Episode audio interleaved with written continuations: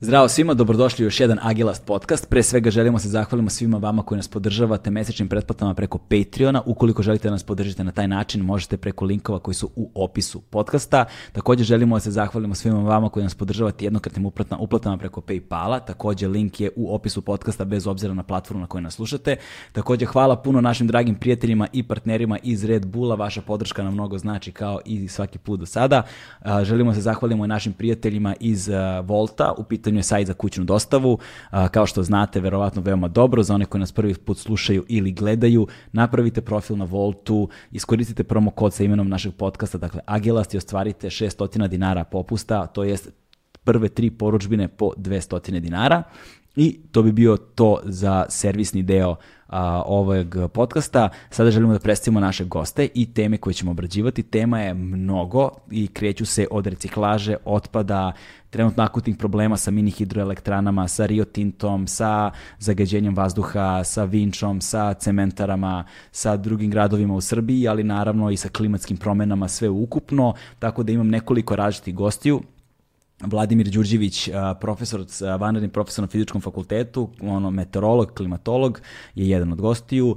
Branka Pilić, profesorka sa profesorka na, na, iz Novog Sada i Jelena Kiš, koja je takođe diplomirani ekolog i koja se bavi reciklažom, povraćima aluminijuma i kružnom ekonomijom i tako dalje. Oni će, razgovar, oni će razgovarati o različitim temama, razbit ćemo mnoge mitove, mnoge predrasude, objasnit ćemo brojne pojmove i probat ćemo da ispunimo rupe tamo gde postoje. Pokušali smo da budemo opširni, ali konkretni i jezgroviti. Nadamo se da smo uspeli o tome. Čeka vas dobra četiri sata razgovora. Uživajte.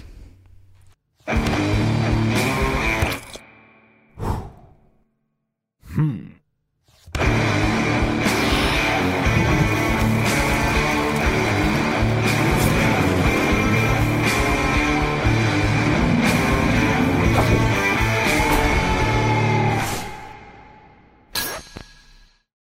E super, možemo da počnemo.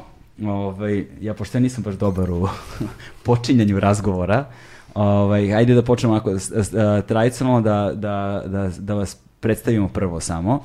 Ovaj, Vladimir Đurđević sa fizičkog fakulteta, vanredni profesor, je li meteorolog ili klimatolog? Pa formalno meteorolog, zato što kod nas ta, to što je diploma, na toj diplomi piše doktor meteoroloških nauka. Ali Aha. pošto se dosta bavim klimom, onda me ljudi prepoznaju kao klimatologa, ja se ne bunim u principu da ne bi ljudi sad zbunjivo oko tih Aha. naziva. Onda šta im je lakše, ja ih pustim da, da to kažu. E, ovaj, a, a, Branka Piljić. Pilić. Pilić, Pilić, pardon. A, vi ste profesorka, doktorka, profesorka na da. tehn...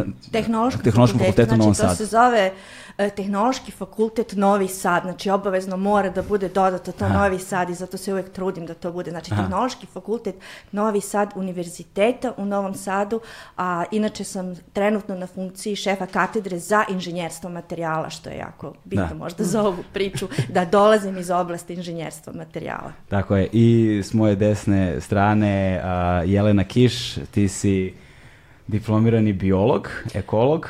Jeste, diplomirani biolog, ekolog na PMF u Zagrebu. Sam završila fakultet, bavim se životnom sredinom Pa, skoro 20 godina, da. Prvo sam radila u međunarodnoj organizaciji koja se bavila projektima zaštite životne sredine, nakon toga um, pre, prelazim da radim za kompaniju Boli, za aktivnosti vezane za reciklažu limenki u okviru kampanje Svaka limenka se računa. Mm -hmm. E, Ovaj, okupili smo se sad ovde, kako kaže, uh, je li Đura ili Vlada? Može Đura, slobodno. Đura. Većina me ljudi zna kao Đura, posebno ovi koji me znaju iz o, privatnog života, aha, aha. a formalno sam Vlada, mada Đura mi je skroz okej. Okay. Okay. ovaj, kao, kao što Đura kaže, napravili smo okrugli sto ovde, ali bi bilo lepo da nekako budemo fokusirani na uh, određene oblasti, ali je važno da ste iz tako različitih oblasti zato što želim da pokrijemo što širi spektar tema i da damo jedno opšte znanje i da s jedne strane osno, obresnimo neke osnovne pojmove, s druge strane demistifikujemo brojne, ovaj, e, brojne uverenja, da se pozabavimo onime što su ovaj, najveće zablude, da na kraju dajemo možda neke praktične savete, ali da negde postavimo jasan okvir da se razume celokupan problematika, pošto je negde sad već sasvim jasno s obzirom na to čime se bavite, o čemu ćemo da govorimo, od klimatskih promena, gde ćeš i istorije klimatskih promena i tako dalje, gde ćeš najveći deo, najveću ulogu ti da odigraš, pa preko otpada, reciklaže, um, uh, kružne ekonomije, pot, pogubnih ugovora da Republike Srbije energetskih sa, sa drugim zemljama i tako dalje. I naravno, Branka je tu da govori o svemu onome što zapravo niko ne razume. Dakle, i meni je jako drago što sam ovde, moram da priznam, upravo zbog toga. Tako da, ako, ako vas zanima šta se desi kada plastiku izložite toploti ili slično, ili slične stvari, kao kako, kako ono antibiotici završavaju u zemlji, šta se s time dešava, šta je problem sa plastikom, šta nije problem sa plastikom, ono civilizacijski jedan odgovor, plastika kao odgovor jedan civilizacija, kao civilizacijske tekovine, koliko je pomogla našem društvu, pored toga što je svi stalno samo ocrnjujemo, tako da sve ima svoje mesto, stvari nisu tako jasne, tako crno-bele. Ovaj, pa da počnemo odmah, imamo ono, there's a lot of ground to cover.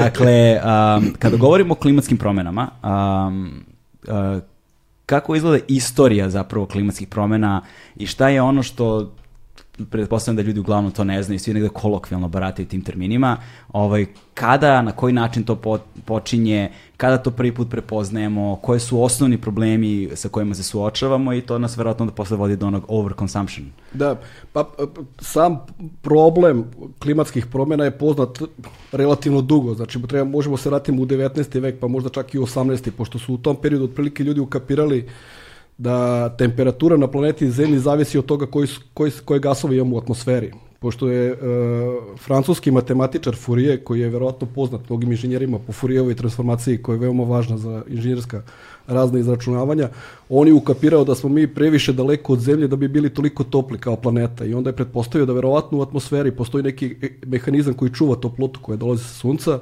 i on to, to nije definisao kao efekt staklene bašte, kasnije to ime se pojavilo, ali je tad postojala prva indicija da verovatno atmosfera na neki način izgleda kao neka barijera za napuštanje toplote sa naše planete. Kasnije, krajem, sredinom u stvari 19. veka su prvi put naučnici shvatili koji su to gasovi koji uspevaju da zadržavaju toplotu i ti gasovi su gasovi sa efektom staklene bašte i shvatili su da su to uglavnom gasovi koji su troatomski i više atomski. Tako, na primjer, e, kiseonik, to je prosto O2, on je gas sa efektom staklene bašte, znači on nema tu sposobnost da zaustavi tu energiju koja pokušava napustiti našu planetu, ali recimo ugljen dioksid koji je CO2, on je gas efektom staklene bašte i molekuli tog gasa u našoj atmosferi privremeno upijaju to zračenje koje pokušava dode sa planete i na taj način se naša atmosfera zagreva. Inače, zbog toga efekta isto naša atmosfera toplija pri dnu, a hladnija je pri vrhu. Što opet kad neko počne onako laički da razmišlja, možda mu deluje kontraintuitivno, jer bi trebalo valjda atmosfera koja je bliže suncu, onaj deo atmosfere koja je bliže sunca bude toplija, u stvari je kontra, znači prizemlje e, naše atmosfere je toplo upravo zato što toplota koju krene da ispušta podloga u stvari bude upijena od tih, od tih gasova i tako e, temperatura na planeti poraste.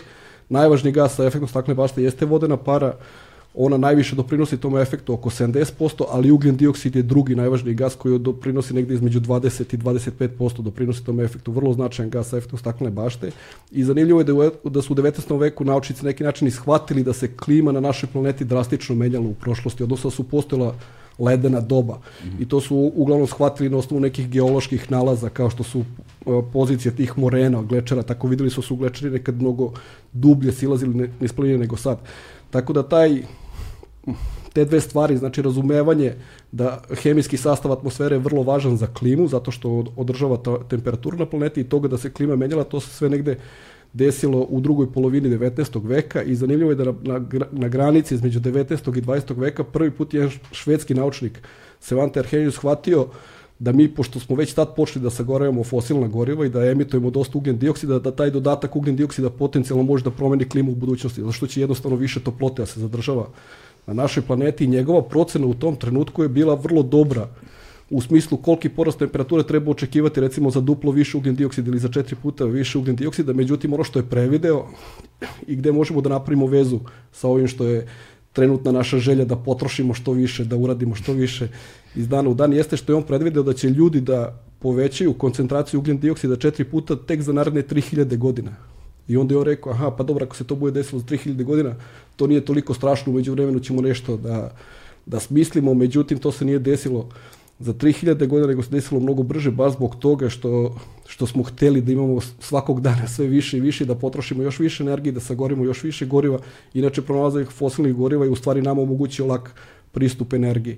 Tako da je, kažem, već, eto, već početkom 20. veka shvatili smo da potencijalno možemo na taj način da promenimo klimu i zanimljivo je da je posle drugog svetskog rata 50. godina početkom 60-ih pojavljuje se prvo upozorenje naučnika jer su shvatili da to neće da traje 3000 godina nego da možda traje 100 godina. Pojavljuje se prvo upozorenje tako da je u Americi prvi put predsjednik Johnson dobio upozorenje naučnika da potencijalno porast ugljen dioksida u atmosferi može da izazove promjene koje su drastične i koje mogu da ugroze naše funkcionisanje na planeti.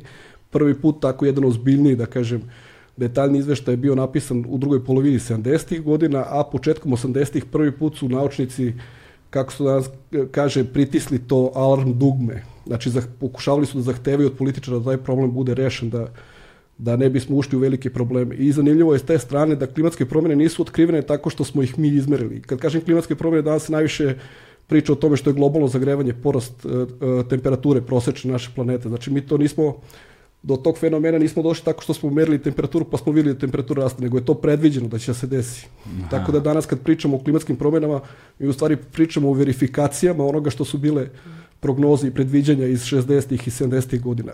I što je opet najzanimljivije, te prognoze i predviđanja su vrlo dobre, zaista se desilo sve ono što je bilo predviđeno. Na primjer, jedna, jedna od najzanimljivijih tih prognoza koje nisu naučne jeste bila da je jedan od danas najpoznatijih e, klimatologa James Hansen rekao da će klimatske promjene da postanu temu javnosti kada taj signal porast temperature bude izašao iz neke prirode variabilnosti, nekog prirodnog opsega u kome se temperatura kreći, da će to se desi krajem 90-ih i početkom 2000-ih, zato što će ta klimatske promjene da postanu vidljive svim ljudima, ne samo naučnicima. I to se zaista desilo. Klimatske promjene postaju centralna tema negde krajem 90-ih i početkom 2000-ih danas su prilično u fokusu u svetu. Kod nas ne ne toliko i dalje, ali u svetu su prilično u fokusu, tako da je to bilo jedno predviđenje koje, da kažem, nije naučno, ali je jasno, jasno pokazuje koliko je naučnicima čak i tad početkom 80-ih bilo jasno šta se dešava. Tako da mi kažemo opet danas proživljavamo sve to što su predviđanja i ta predviđanja su uglavnom ostvarila. Danas je koncentracija ugljen dioksida u atmosferi 50% veća nego što je bila pre početka industrijske revolucije i tog masovno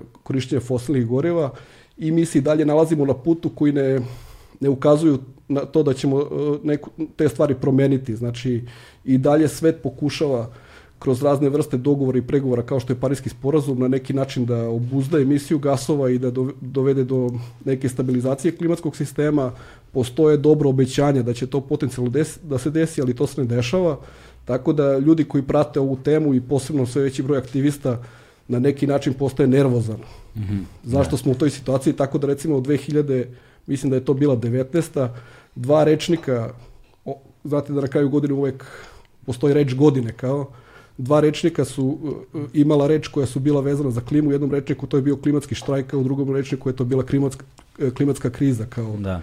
kao tema. Tako da je to neka, neka kratka istorija ono, kažem opet što je važno u nauci, ceo problem i razumevanje problema je poznato jako dugo. Šira javnost je tek skoro relativno skoro počela se interesuje taj problem, a ono što je rešenje, to je tek na pomolu da se, da se dogodi. Znači, problem klimatskih promjena potencijalno može da bude, da kažem, neki način rešen ili obuzdan u budućnosti, ali trenutno mi ne vidimo da mi kao globalno društvo radimo nešto što će zaista da, da dovede do, do tog rešenja, ali je važno da znamo da rešenja postoji, da nismo osuđeni na jedan jedini mogući put, a to je da naša planeta postane toplija za 4 stepena još do kraja, do kraja ovog veka. Šta znači te, te, četiri stepena u ovom slučaju?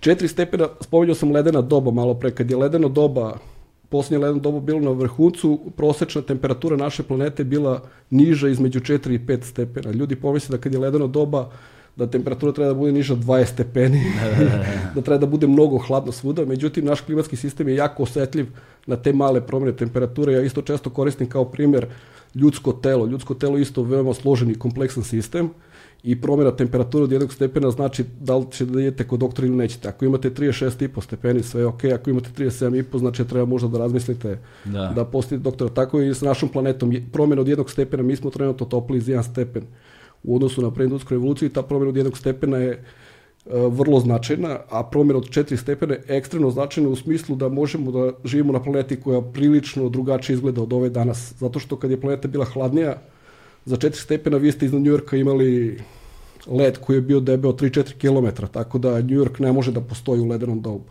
Da. A u, tom, u toj situaciji je planeta topli, hladnija za samo 4 stepena.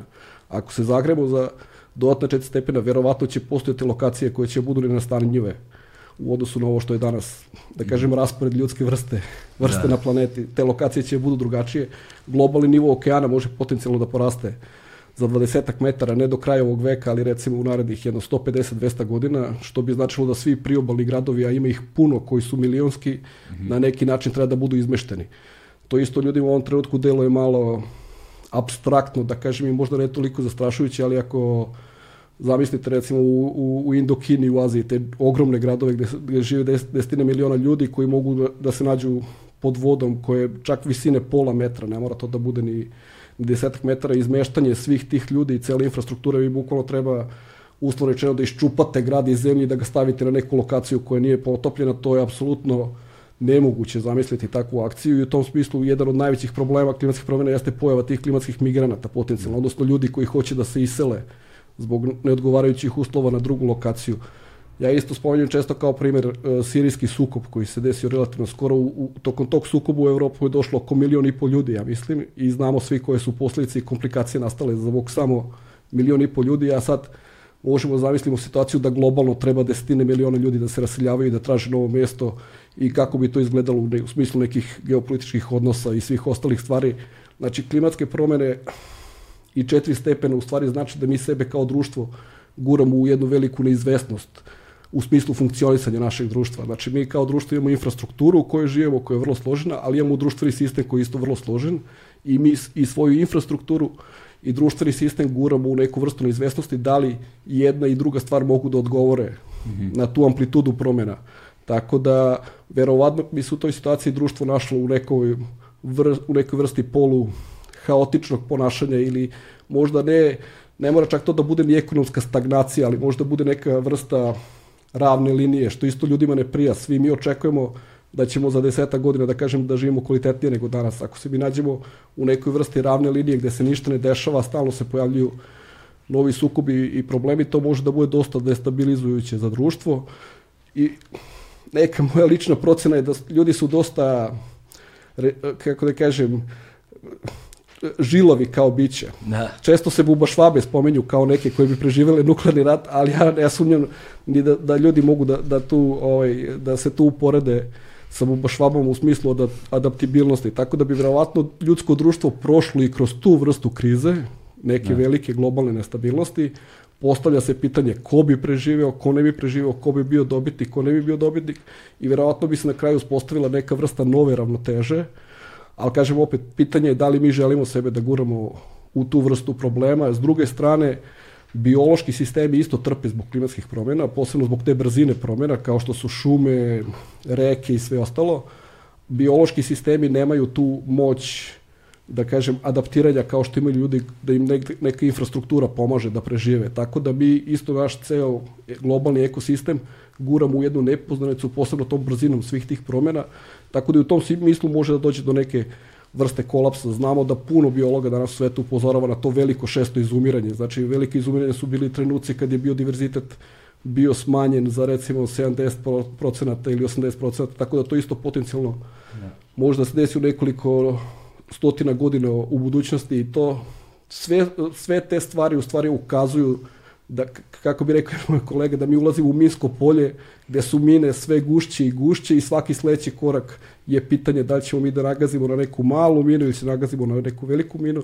I ono što treba da uradimo jeste da prestanemo da, da šetamo kroz to minsko polje i sad je trenutak kad dolazi optimizam, a to je da opet naučnici na isti način kao što su razumeli šta nam se dešava i šta će se desiti, znaju da i ako promenimo neke svoje navike i ako promenimo naš odnos prema određenim stvarima, da ceo taj proces može da zaustavimo i mo, da možemo da ostanemo u nekoj sigurnoj zoni. Tako da mi kao klimatolozi izrađujemo takozvana klimatska scenarija i postoje scenarija koje su, u, u kojima je je svet topli za 4 stepena, ali postoji scenarija u kojem je svet topli za samo još jedan stepen i taj svet koji je topli za samo jedan stepen je moguć u smislu implementacije, da kažem, i razvoja tih tehnologija koje bi nam to omogućile, a to je na prvom mjestu proizvodnje energije iz obnovljivih izvora, Ako to budemo uradili, onda ćemo ostati u toj sigurnoj zoni, imat ćemo vremena i da se prilagodimo i da odgovorimo određenim izazovima, priroda će imati vremena na neki način da se obnovi i stabilizuje. Mm -hmm. Tako da ono što treba da uradimo jeste da težimo tim scenarijima koji, za koje znamo da su ostvarljivi. Znači ne, ne radi se ni o kakvoj naučnoj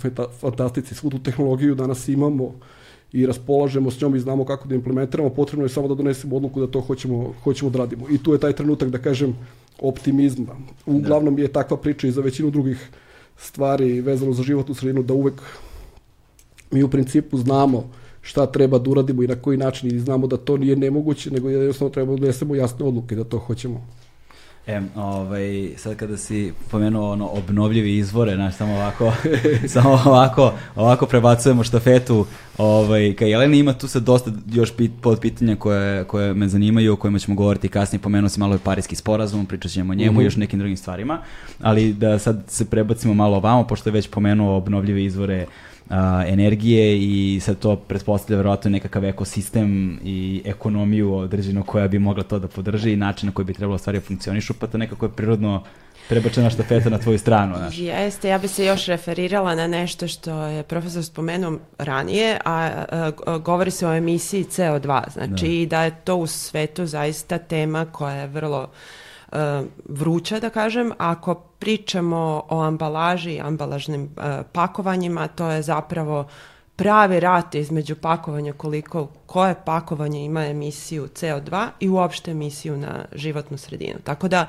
svakoj od kompanija koja stavljaju proizvod na tržište izuzetno stalo znači da se ta emisija iz, smanji zato što su kompanije prosto uvezane i imaju ciljeve vezane za smanjenje emisije CO2, da li su to uh, E, programe kao što je Science Based Targets ili nešto slično, ali ideja je da kad se taj proizvod stavi na tržište da je ta emisija što manje. I to, tu postoji pravo takmičenje. E sad mi kao uh, proizvođač limenki uh, smo uh, i tako smo i počeli saradnju sa, mm. sa profesorom. Zapravo um, smo 100% naše proizvodnje u Evropi i u Americi imamo na obnovljive izvore energije.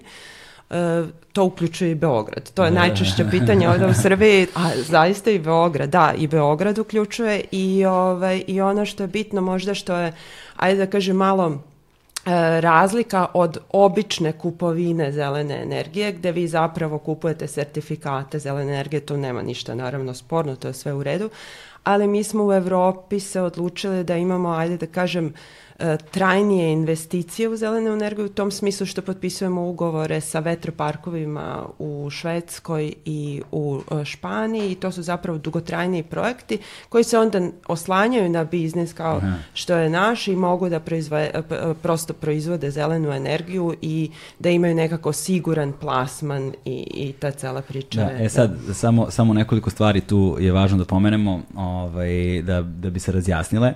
Ovaj, dakle, prva stvar, ti je zapravo radiš za ball packaging, ovaj, mnogi ljudi nemaju pojma kakva je firma u pitanju. Druga važna stvar, sad ko, ko gledaju, znači, ovo nije plaćeno gostovanje, dakle, nije, nije, nije sponsorisano, nego zaista ovaj, je Jelena stručnjak u, toj, u tim oblastima, a i, a i relevantno je da neko ispred bola govori ovde, prosto zato što to ni ja nisam znao dok nismo počeli da radimo nekada davno, primjer desetak yes. i više godina, ovaj, da, da, da kao, ako odeš u Nemačku, ne znam, i kupiš uh, limenku bilo čega, limenka je najverovatnije proizvedena u Beogradu. Ono. To, je, to je kao, znaš, koliko ono limena, limenki vi godišnje proizvedete u bolu? U, to je jako meni teško sad.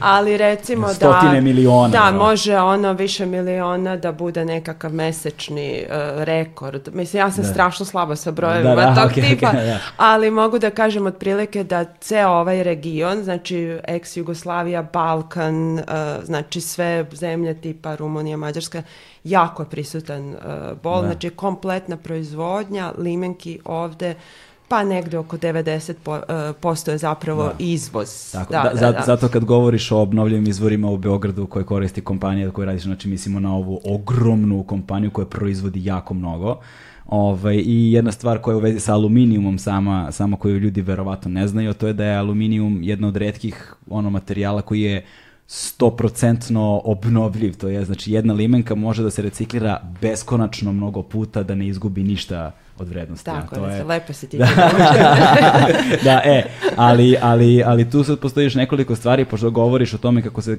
takmiče proizvođači ambalaža da ovaj oko emisije ovaj um, emisije CO2 i to da postoji problem u razumevanju ambalaža, znaš, to je sada, gledam ali u tebe tamo, postoji problem u tome, znaš, a, meni je najfascinantnije, možda zvuči glupo, ali zaista mislim, zaista je, je tako, znaš, znaš, stoji kontejner na kontejneru piše pet, Znaš, koliko ljudi zna šta je pet ambalaža? Znaš, ajde da samo prođemo kroz osnovne...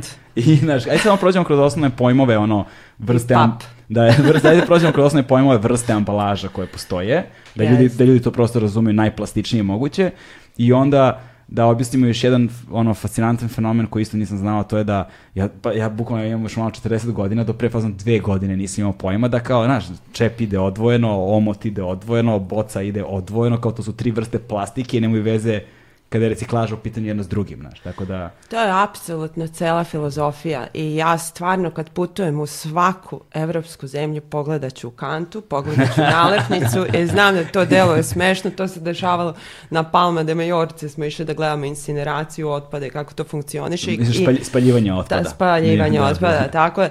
Ove, ovaj, to je zaista cela filozofija kako da se pristupi potrošaču da razume e, i, i na jednostavan način da se prosto iskomunicira komunicira po, poruka e, šta i kako da se reciklira, ali ono što je tendencija u Europi, a to je eko dizajn tog proizvoda, o, o, čemu se to radi? To, to nije neki science fiction, znači mm -hmm. eko dizajn, kad čuješ ti sad misliš moraš neku inovaciju, smišliš novu ili tako nešto, ne radi se o tome. Taj proizvod koji se stavlja na tržište mora da bude jednostavan za potrošača da ga reciklira. Zaista ne očekujemo od tebe da dođeš do kontejnera i onda jednu nalepnicu papirnu staviš u papirnu, a čep staviš u tvrdu plastiku, a pet u uh, kontejner za pet. Aha, znači to ona već pla... počinje da po, postaje zaista da. ovaj, ono doktorske nauke da znači, napišeš, mislim, se, nije da. u redu da, očekivati. Od... I danas mi, mi, mi smo radile neka istraživanja, kao svaka limenka se računa, to je zapravo inicijativa u 19 zemalja i onda smo radili jedno E, onako široko istraživanje vezano kako ljudi gledaju prema e, reciklaži i prosto sva istraživanja potvrđuju da jedno 83% ljudi do 86% ljudi očekuje od kompanija da pojednostave taj proces, da daju ambalažu ili ti pakovanje koje je prosto reciklabilno, koje je jednostavno za reciklažu i tu, i tu priča staje. Mislim, da, to da tako samo mora uzmeš da i da ga baciš i da, ne rad, da, i, da, i da te ne grize savjest. Tako, da. ne baš na ulicu, ali znaš, ono... Pa zato što ljudi nisu svesni, pa dobro, uh, uh, vi ćete više objasniti o tome, ali zbog nekog dizajna, zato da bi potrošači primetili tu ambalažu na polici, dođe do nekog stavi se na pet flašu, se stavi peveca nalepnica i to preko cele flaše. Ta, e, to se dešavalo i sa limenkama, čak isto u nekim tržištima potpuno uh, Zašto? Zato da bi potrošač video šarenu nalepnicu, a ta PVC nalepnica toliko smeta dalje u procesu reciklaže, recimo peta može da onečisti čitav, uh, čitav ajde da kažem, ta, tu isporuku koja je trenutno ušla u proces reciklaže, da uh, obezvredi samu sirovinu i do 3 do 4 puta, zato što on taj pet, prosto on se... Tako da je to, ovaj, a... Uh, negde to treba da bude primat kompanijama koje stavljaju taj proizvod, a onda imate da ovi koji rade taj dizajn pojma nemaju o tome. Da, da, da. I, i e, e, zaista ne znaju i kad pričate sa, sa nekim od tih e, e, e proizvođača e, oni su potpuno nesvesni toga i nekako ta, upravo ti delovi u kompanijama od marketinga do onih koji rade prodaju treba da se uvežu po tom pitanju. Kako se to radi? Najčešće to ide kroz nekakav pritisak javnosti zašto ste nam stavili ovaj proizvod koji je ono, kompletno neekološki uopšte uh, na tržište. Eto, to je ta neka suština da, je to bitno da, da postoji. Da, dakle, u celom proizvodnom procesu postoji veliki broj ljudi koji ne razumeju u suštini tako da... Tako, ovaj, tako sad, da je jako dakle, dobro da radiš tu emisiju. Da, da, dakle, dakle, dakle, pet je, a ovde veliki broj dizajnera sluša, znaš, pošto ono, to im je, puste podcast i ono, rade i kao ono, da, da. ovaj, koji, jo, hvala ti, brate, prođi mi, proleti mi radno vreme, ne, ovaj, ajde sad i da nauče nešto, Di, posebno dizajneri. Dakle, a, a pet je plastična boca. Jeste, to pet je uh, polijetilen tetraftalat. Ne, polijetilen teraftalat. Teraftalat. teraftalat. E, ok, ajde da napravimo malo sad pauzu kod tebe. Ovaj, Branka, uh, već smo, ve, nekako smo već stigli do plastike, ali ćemo se mi širiti na druge, na druge stvari i vraćat ćemo se nazad na klimatske promene i ćemo tako u krug i u krug i u krug. ovaj, uh, plastika, ono, verovatno najrasprostranjeniji broj mitova je u vezi sa plastikom. Dakle, odakle da počnemo sa plastikom? Pa ne znam, možemo isto od 19. veka. Može, možemo. od, od, od, od etimologije reči plastika. Pa plastika je u stvari grčka reč. E. e, to je interesantno, da. Plastika, Eto, Vlado. Da.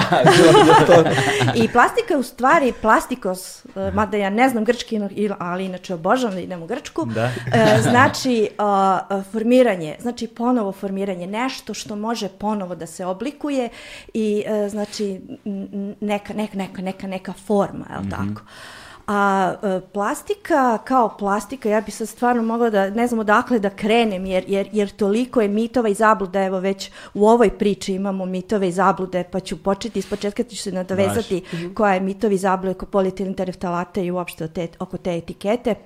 Znači, e, plastični materijali su relativno novi materijali i uopšte ako gledamo kroz istoriju i industrijske revolucije su vezane za materijale, ali ja ne znam koliko je to nama ovako svesno i koliko smo mi svesni toga, ali smo jako svesni da ćemo kazati kameno doba, metalno doba, bronzano doba. A za čega je u stvari vezano? Pa vezano je za otkriće nekog materijala. Šta je u stvari materijal? Pa materijal je neka sirovina koju mi prerađujemo da bismo dobili proizvod. Jer drvo raste, je tako, u prirodi, ali on nije materijal onog momenta dok mi ne dođemo da ga prerađujemo i dobijemo nekakav drvo, neku dasku od koji ćemo nešto napraviti. Tako je isto i sa plastikom, znači tako isto i sa metalom. Znači, to je neka osnovna definicija materijala pa su industrijske revolucije vezane za otkriće ovaj materijala, tako da je 20. vek definitivno industrijska revolucija, ali zbog uh, ovaj otkrića i uh, korišćenja u sve većem obimu uh, plastičnih materijala. Inače, uh, kad kažemo sad ti plastici, plastika i plastični materijali, uh, možda prvo da se nadovežem, znači to su oni spadaju u grupu sa aspekta nauke, polimerne materijale i oni su samo jedan deo polimernih materijala i to su ti takozvani termoplasti. Jer sa aspekte primene ti polimerni materijali se e, dele na nešto što je u narodu sve poznato, to su plastične mase i to je ovo što mi nazivamo plastika, ali tu spadaju i gume, i boje, i lakovi, i veziva, i lepkovi, sve su to u stvari polimerni materijali sa nekim sličnim hemijskim formulama. Ja volim da kažem da sve što nas okružuje u stvari je hemijska formula. Da, da, da. I sve negde stoji u pozadini nekakva hemijska a 20, formula. A 20. vek će pamtiti kao početak plastičnog doba. e, pa, sredina 20. sredina 20. veka. Naime, tu postoji jedna interesantna priča. Znači, uh, u stvari ti polimerni materijali su i deo nas. Oni smo, mi smo prirodni polimeri i sintetski polimeri. Znači, mi, u nama postoji polimer. Znači, kolagen je polimer, da. uh, DNK je polimer, aminokiselina je polimer, kosa je, znači, sve je to polimer, što se tiče sa neke hemijske hemijske strukture, ali da, da ne ulazimo sad u hemijsku strukturu. I u stvari tu postoji jedna interesantna priča kako su se prvi put pojavili sintetski polimeri, a u stvari radi se uopšte o kuglama za bilijar jer su se oni pravili od slonovače, te kugle za bilijar i to je sad bilo jel da pitanje i opstanka slonova i uopšte u Engleskoj i se je to pokrenulo. I onda su uh, prve te kugle za bilijar i ovaj, tipke za klavir su napravljene od celuloze i tako u stvari, mada je i to celuloza spada u prirodne polimere, ali je onda sintetskim putem je nešto tamo sintetisano i onda smo eto dobili te da. kugle za za uh, bilijar. A uh, sledeća priča, znači to je bilo negde krajem 19. veka, onda idemo na početak 20. veka, gde je 1927. godine, znači pre toga ide otkriće bakelit Bakelit je opet termoreaktivni neki materijal, znači ne, ne spada ove termoplaste koje možemo ponovo da obnavljujemo, a od bakelita su se pravile prvo utičnice, to je u narodu svima poznato. Znači sad se ove utičnice više ne prave od bakelita, nego od polibutilen tereftalata, ali nekada su bile od bakelita. Nakon toga nas priča vodi e, da 1927. godine se otkriva najlon, je li tako? I sad... Uh, ne, ne, ne znam, ja prvi put čujem najlon, to. znači prvi put čujete najlon. Osjećam se kada je trebalo da znam odgovor na ovo pitanje. da, ali mislim, e, najlon, ne, mislim, najlon si morao da čuješ kao pojam. Ne, ne, najlon kao pojam, a ne da je 1927. Da, godine da, otkriven da, znači, to kao... To, a to je u stvari, odmah da definišemo, znači svaka plastika je slično kao i lekove. Ima svoj trgovački naziv, kao neka fabrika koja je pronašla, a ima i svoj hemijski naziv, kao što imamo i kod lekova, ne znam, paracetamol, paracet i tako prodaje se. E, tako je najlon, u stvari da. trgovački naziv uh, Diponove fabrike za poliamid. I tu se nekako u isto vreme otkrio poliamid ovaj, 6.6 u, u Americi i posle toga poliamid 6 u Nemačkoj. E sad, to vam je jako bitno, govorimo o 27. godini, 30. godini, znači ne, neposredno pre drugog svetskog rata, jer je upravo drugi svetski rat doprinao da se ti polimerni materijali počinju više razvijati, ali zašto poliamid, zašto najlon? Pa tada se otkrivaju najlon čarape i tada je bila glavna ona svakoj ženi da dobije za poklon najlon čarapu, što smo mogli videti, ali nismo obraćali pažnju u filmovima i razno raznim serijama iz toga da. doba. Uh, poliamid 6 je izuzetno jedan materijal i onda se on razvija u toku drugog svetskog rata i on ima uticaj na tog drugog svetskog rata.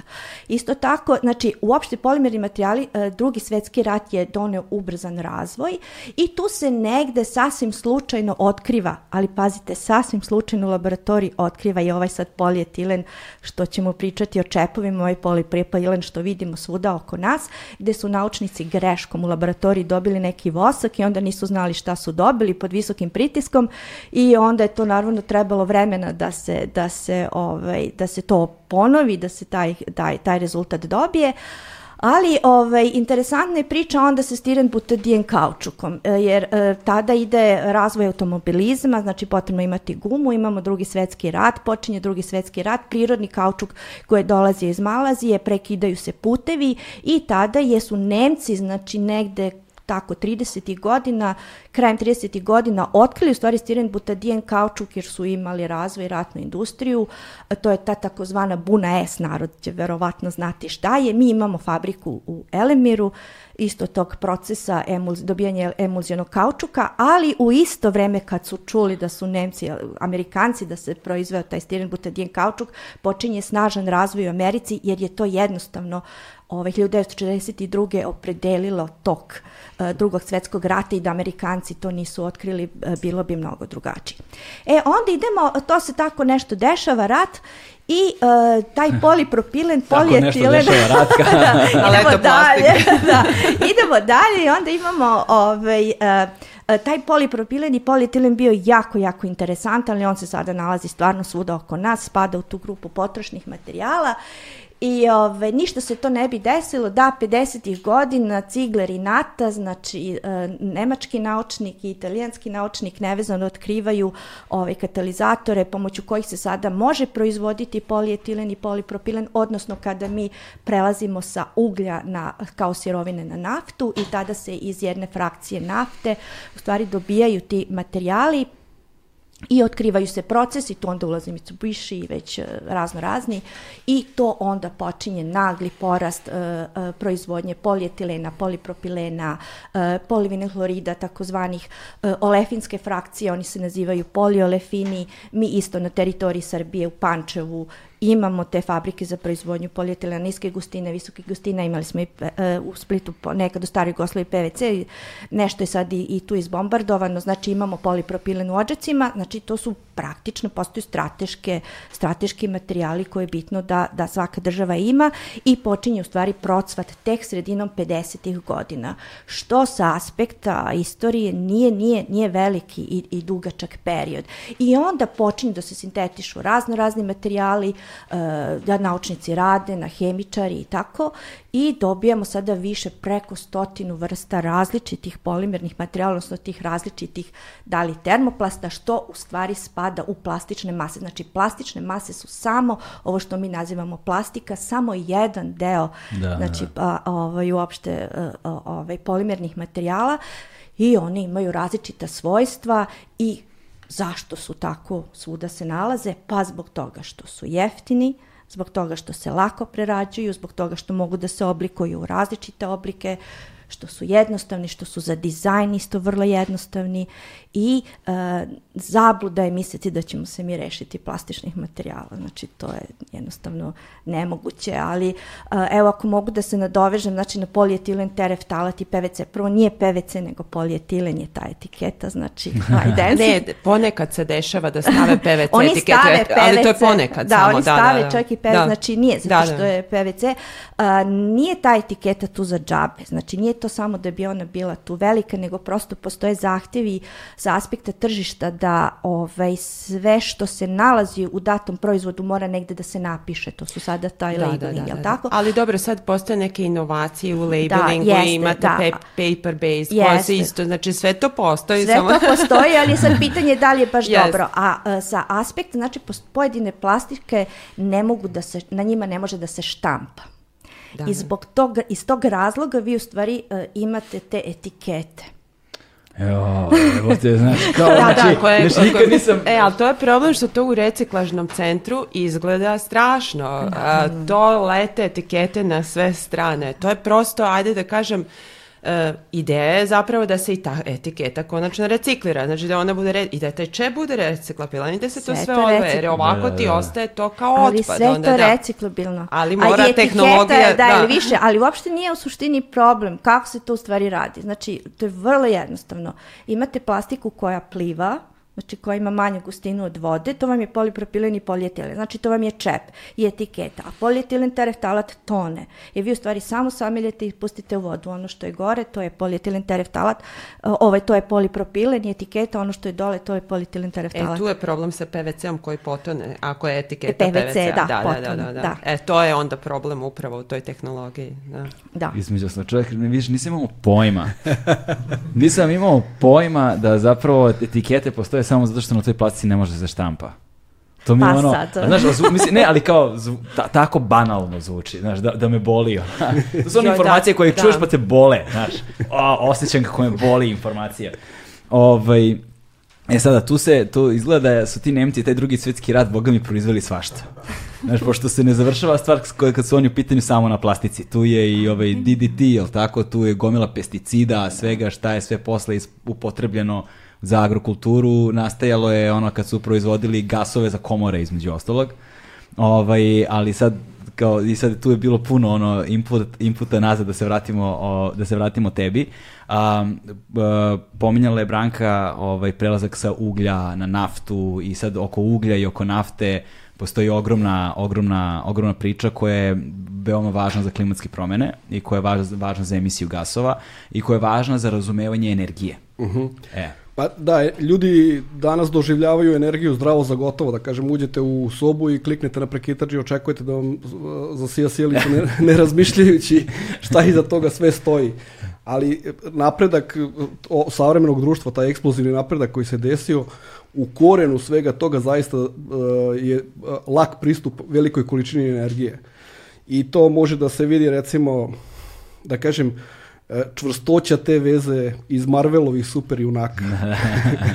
što, što je junak, znači oni uvijek često imaju neki izvor energije, da u nečemu malom ima puno energije ili, kako da kažem, što je čovek energičniji ili taj super junak što je energičniji, on je moćniji u smislu da može da, da uradi sve i svašta. Tako i da i ljudi danas sve ovo što rade i, i sav komfor koji mi osjećamo i sve čime smo okruženi je u stvari zato što imamo lak pristup energiji i nama energije u stvari završava veći deo tog komfora koji, koji mi danas imamo kao što je to paljenje, paljenje svetla, svetla ovaj, u sobi svaki dan ili u, nekom, u, u nekoj drugoj prostoriji ili šta već. Tako da gledajući s te energetske strane na, naša ekspanzija kao društva i opet kažem stvaranje i te ogromne infrastrukture i svog komfora koje, koje mi danas imamo je povezano sa time što je pronalazak fosilnih goriva, odnosno kreiranje mašina koje iz tih fosilnih goriva crpe veliku količinu energije za naše potrebe. I primjer koji ja često navodim je transport automobilom i to transport samog sebe. Znači vi danas u jedan manji auto stavite, sipate 5 litra benzina i za sat vremena možete da pređete, pređete 100 km. Znači sa 5 litara nečega što nije velika zapremina, je tako, napravite jedan poduhvat koji je u principu bio nezamisliv pre stoji nešto godina, a posebno je bio nezamisliv zato što vi u tom trenutku kad se prevozite 100 km za jedan sat, vi u stvari prevozite jednu tonu gvožđa, pošto naj, najlakši automobili danas su u stvari teški oko jedne tone. E sad zamislite pre 150 godina da je neko trebao za sat vremena da prenese tonu gvožđa 100 km, kako bi izgledao taj poduhvat. Aluminijuma. Aluminijuma tek ono, kao ono to koliko da, bi, da ga proizvede za početak, a? koliko bi trebalo konja, koliko bi trebalo ljudi, šta bi sve trebalo se napravi, a danas vam je to sve spakovano u 5 u pet litara goriva. Tako da mi u stvari svu tu energiju koju svaki dan koristimo za sve što malte ne radimo u toku dana. Ja isto često dajem ljudima izov da zamisle kako bi im izgledao dan ako ne žele da po, po, potroše ni malo energije, e, nekog spoljnog izvora energije. Znači vi ujutru prvo kad odvorite česmu, voda curi zato što opet postoji negde struja koja se pravi jer u tim cevima treba da postoji pritisak. Da bi postojao pritisak mora da radi pumpa koja nabija taj pritisak. Uhvatite se za mobilni telefon, vi ste ga punili u toku noći. Upalite televizor, opet trošite struju. Skuvate kafu, trošite struju. Uđete u gradski prevoz ili u auto, opet trošite struju ili neku energiju, ne struju, nego energiju koja dolazi, dolazi iz fosilnih goriva. Tako da velika količina energije koja se danas koristi i koje ljudi tako opet uzimaju zdravo za gotovo dolazi iz fosilnih goriva koje su u stvari zipovana energija. E sad zašto kažemo opet da, da su zipovane? Zato što su fosilna goriva nastala od mrtvih biljaka i životinja koje su rasle i umirale milionima godina i taložila se ispod zemlje. Znači, ugalj, da bi, da bi napravili metar uglja ispod zemlje, vama treba 10 metara svežih drva, da kažem. Tako da ste vi imali ogromne šume u prošlosti pre više miliona godina koje su umirale, ta umrla stabla su se, da kažem, ređala jedna na drugo i onda kroz razne geološke procese to je nekako najčešće u močvarama završavalo ispod površine i onda ste vi svu tu biomasu u stvari zipovali, zipovali, zipovali, zipovali ste u malu zapreminu i mi danas tu zipovanu energiju koja opet, ako malo razmislimo, to je energija koja je došla sa sunca, zato što, je, što ta stabla rasla kroz proces fotosinteze i oni su uzimali energiju od sunca da bi proces fotosinteze ovaj, funkcionisao. Tu zipovanu sunčevu energiju u, u fosilnim gorivama mi danas iskopavamo i pre, pre, pretvaramo u neki drugi, drugi oblik energije e, koji, je nama, koji je nama potreban. Tako da mi taj, kako da kažem, više milionsko godišnji proces na planeti Zemlji zipovanja te energije smo preokrenuli i sad radimo potpuno drugu stvar. Znači mi oslobađamo tu energiju koja je zipovana i u tom procesu oslobađanja, odnosno sagorevanja fosilnih goriva, mi emitujemo velike količine ugljen dioksida koji isto bio zarobljen u tom trenutku kad se dešavao proces fotosinteze, pošto su biljke, u stvari veći deo biljaka je napravljen od, od ugljenika, jel tako njihova tela se grade od ugljenika koji oni uzimaju iz atmosfere i grade, grade svoje tela. E sad, ni to sve ne bi bio problem da mi opet svu tu energiju koju koristimo danas u svetu, 80% sve energije koja se potroši u toku dana u stvari dolazi iz fosilnih goriva, znači sagorevanjem nafte, gasa, i uglja i mi smo na neki način postali ne, na, o, o, tako da kažem čvrsto povezani, hard linkovani sa, sa time što su fosilna goriva. Znači opet kažem svaki sav komfor koji vi zamislite u toku dana koji, ko, ko, u kome živite u Srbiji 70% tog komfora je obezbeđeno tako što sagorevamo uglj u Srbiji. Tako da 70% naše komfora mi bismo se odrekli na neki način da kažemo ako bismo pozatvarali termoelektrane u Srbiji u kojima se pro, proizvodi sva ta energija. I još jedno poređenje, da bi opet ljudi shvatili koji smo mi potrošači osnovnih goriva, pošto pričamo i o otpadu. Znači, prosečan stanovnik Srbije u toku godine napravi različiti su procene, ali verovatno napravi negde, ajde da kažemo oko 300 kg, između 300 i 400 kg čvrstog otpada, to, su, to je ovaj kontejnerski otpad, da kažemo. A svu energiju koju prošli građani Srbije u toku godine potroši za sjelicu, za punjenje mobilnog, za laptop, za putovanje, za tuširanje, za, za podcast, za, podcast za grejanje vode u pojleru. Sva ta energija koja se potroši za proizvodnju te energije emitovano je oko 4 tone ugljen dioksida. Tako da s jedne strane imamo 4 po osobi. Po osobi. 4 tone ugljen dioksida da, po osobi. Po osobi. Tako wow. da s jedne strane imamo 4 tone ugljen dioksida koji je emitovan i s druge strane imamo 300-400 kg čvrstog otpada. I taj ta, taj podatak u stvari pokazuje koliko smo mi energetsko zavisna bića i ukoliko tu energiju dobijamo iz fosilnih goriva, onda u stvari emitujemo puno ugljen dioksida. Sa, samo završim još jedna stvar. I tu je jedan problem zašto ljudi, mislim nije problem, nego sad ilustrativno je dobar primjer zašto ljudi, da kažem, ne vide klimatske promjene. Prvo, ugljen dioksid je nevidljiv gas, emitujemo u atmosferu bez ikakve kontrole, efekat staklene bašte mi ne vidimo, znači to nije neka stvar koja je intuitivna, mi ne vidimo ćebe koje stoji na nebu i koje nas greje, pa to ćebe postaje sve deblje, znači ceo taj proces je nevidljiv, ali ako bi kojim slučajem ta stvar postala vidljiva i ako bi svake godine vi ispred vaše kuće videli 4 tone ugljen dioksida pored 400 kg kesa za đubre, onda bi ljudi možda rekli, e pa možda mi stvarno ne radimo nešto kako treba, daj da razmislimo da li treba da emitujemo stvarno ovoliko ugljen dioksid i ne treba. I zbog toga je teško pokrenuti ljude na priču o klimatskim promjenama i razmišljanju o tome da pređemo na obnovljive izvore energije i da smanjimo naše, naše emisije ugljen dioksida. Ali kažem, ta proporcija je disproporcija u stvari u odnosu na to šta mi radimo, šta dobijemo uzvrat je danas uh, ogromna i kažemo opet da bismo rešavali klimatske promjene treba da smislimo i to je Jelena pričala kako se kompanije danas takmiče, kako da smanje svoj taj ugljenični otisak, kako da smanje svoje emisije. Trebamo svi da se trudimo da smanjimo naše emisije ugljen dioksida da budu što manje i opet ono što je najbolje, znači ako se gledaju analize kako to može da se uradi, da li može da se uradi, može da se uradi do nivoa da ljudi više ne emituju uopšte ugljen dioksida i da svu energiju koju proizvodimo, proizvodimo i sunca, vetra i vode, znači iz obnovljivih izvora. Znači te tehnologije postoje, samo se postavlja pitanje da li mi hoćemo da mhm. implementiramo Na, te tu, tehnologije. Kad budemo raščivijavali, kad budemo raščivijavali taj deo razgovora, tu ćemo se nužno dotaći ovaj, i mini hidroelektrana, i Vinče, i Rio Tinta, i ostalih stvari, a to će biti ono najteži deo razgovora, verovatno sve dok smo ono u okvirima teorije koje se predaje istorije. na... Istorije. ovaj, lako je, znaš, kad dođemo od današnjeg dana, bit će problem. Ovaj, lepo si rekao kada smo se videli pre neki dan, um, rekao si, kaže, uh, to je kao da se krećemo na autoputu ovaj, i uh, nema rikverca, možemo samo da kočimo. Klimatske promjene su takav problem. Postoje problemi koji su reverzibilni. Znači, uh, kad vi napravite problem, pa posle na neki način poništite efekte tog tog problema. To mm. često se u životnoj sredini priča o tome, znači remedacija nekog terena, recimo negde kao naprave uh, rudnik, rudnici su inače industrija koja je ekstremno agresivna prema životnoj sredini. Znači prva stvar kad, kad, kad se kaže rudnik treba ljudi da shvate da ne postoji rudnik koji je ekološki uh, prihvatljiv, da kažem. Pitanje je samo nivo nivo koji vi hoćete da prihvatite štete koju pravite. Ali često kada se, kada se radi recimo u rudarskoj industriji, onda se kompanije koje su, rudarske kompanije često hvale tome da su izvršile remedaciju terena, znači pokušali su stvari koliko toliko da vrate u neko pređašnje stanje.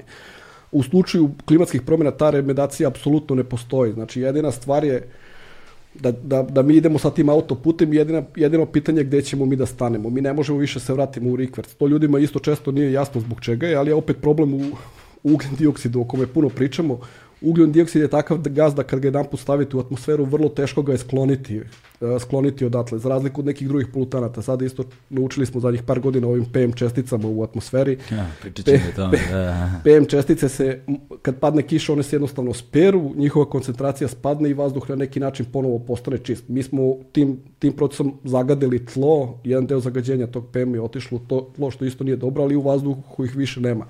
Kad jedan put emitujete ugljen dioksid i kad ga stavite u atmosferu, on će tu da ostane stotinama, verovatno i hiljadama godina. I da bi opet ljudi intuitivno shvatili zašto je to tako, treba se vratimo na proces formiranja fosilnih goriva koji je trajao milionima godina. Znači biljkama isto su trebali milioni godina da izvuku ugljen dioksid iz atmosfere i da ga stave u zemlju. I trenutno ne postoji brz proces koji sklanja ugljen dioksid iz atmosfere i stavlja ga, kako mi kažemo, neki drugi rezervoar ugljenika na planeti. Tako da mi, sad kad bismo prestali da emitujemo ugljen dioksid, mi bi trebali da sačekamo u stvari biosferu da nam ukloni sav taj višak ugljen dioksida, trebali bi da čekamo ne, narednih nekoliko hiljada pa i miliona godina da bi se stvar, stvar stabilizovala. I u tom smislu su i ugljen dioksid i klimatske promjene na neki način dosadne. Znači, ne, ne možete lako da ih se otarasite. Jednostavno treba da, da gledate samo što pre da stanete i kad stanete znaćete da ćete tu verovatno ostati zaovek na toj crti. Naravno, postoje neki spori procesi koji znače da čak i ako emisije stavimo na nulu, da ćemo i dalje još neko vreme da se krećemo u tom nepovoljnom pravcu, ali to neće biti toliko drastično kao, kao, kao da ništa, ništa ne uradimo. I, I na taj način jeste,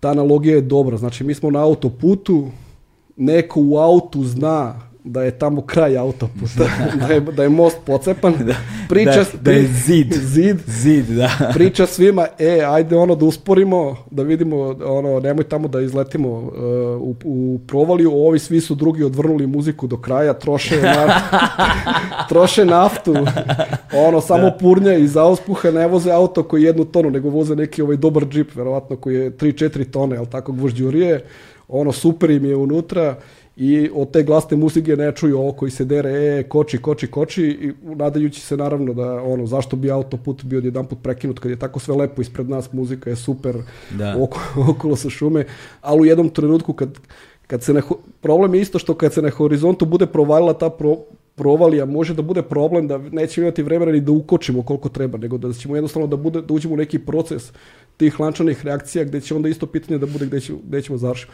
Tako da mi treba, to je opet isto priča da je sad, zašto je problem rešavati klimatske promjene, zato što je dosta stvari intuiti, e, kontraintuitivna, znači stvari su nevidljive, znači mi ne vidimo i dalje baš taj kraj puta. Znači mi treba zamislimo da postoji kraj puta. Trebamo da kažemo ok, možda ovo u čemu, kako se trenutno ponašamo nije dobro. Možda treba promenimo neke stvari da ne bismo došli u tu, u tu vrlo kritičnu situaciju, ali u svakom trenutku kad budemo zakočili, to će biti to. Znači, naći ćemo se na tom mestu i vrlo je teško posle vratiti se i vratiti stvar u neko, neko pređašnje stanje i po tome su klimatske promjene, da kažem, vrlo problematične, mada ni plastika nije mnogo bolje, imamo sad taj problem plastike u okeanima, znamo da većina te mikroplastike koja se trenutno nalazi u okeanima da će isto hiljadama godina da ostane tamo i da neće jednostavno hteti da se razgrade ili, ili šta mi da se desi.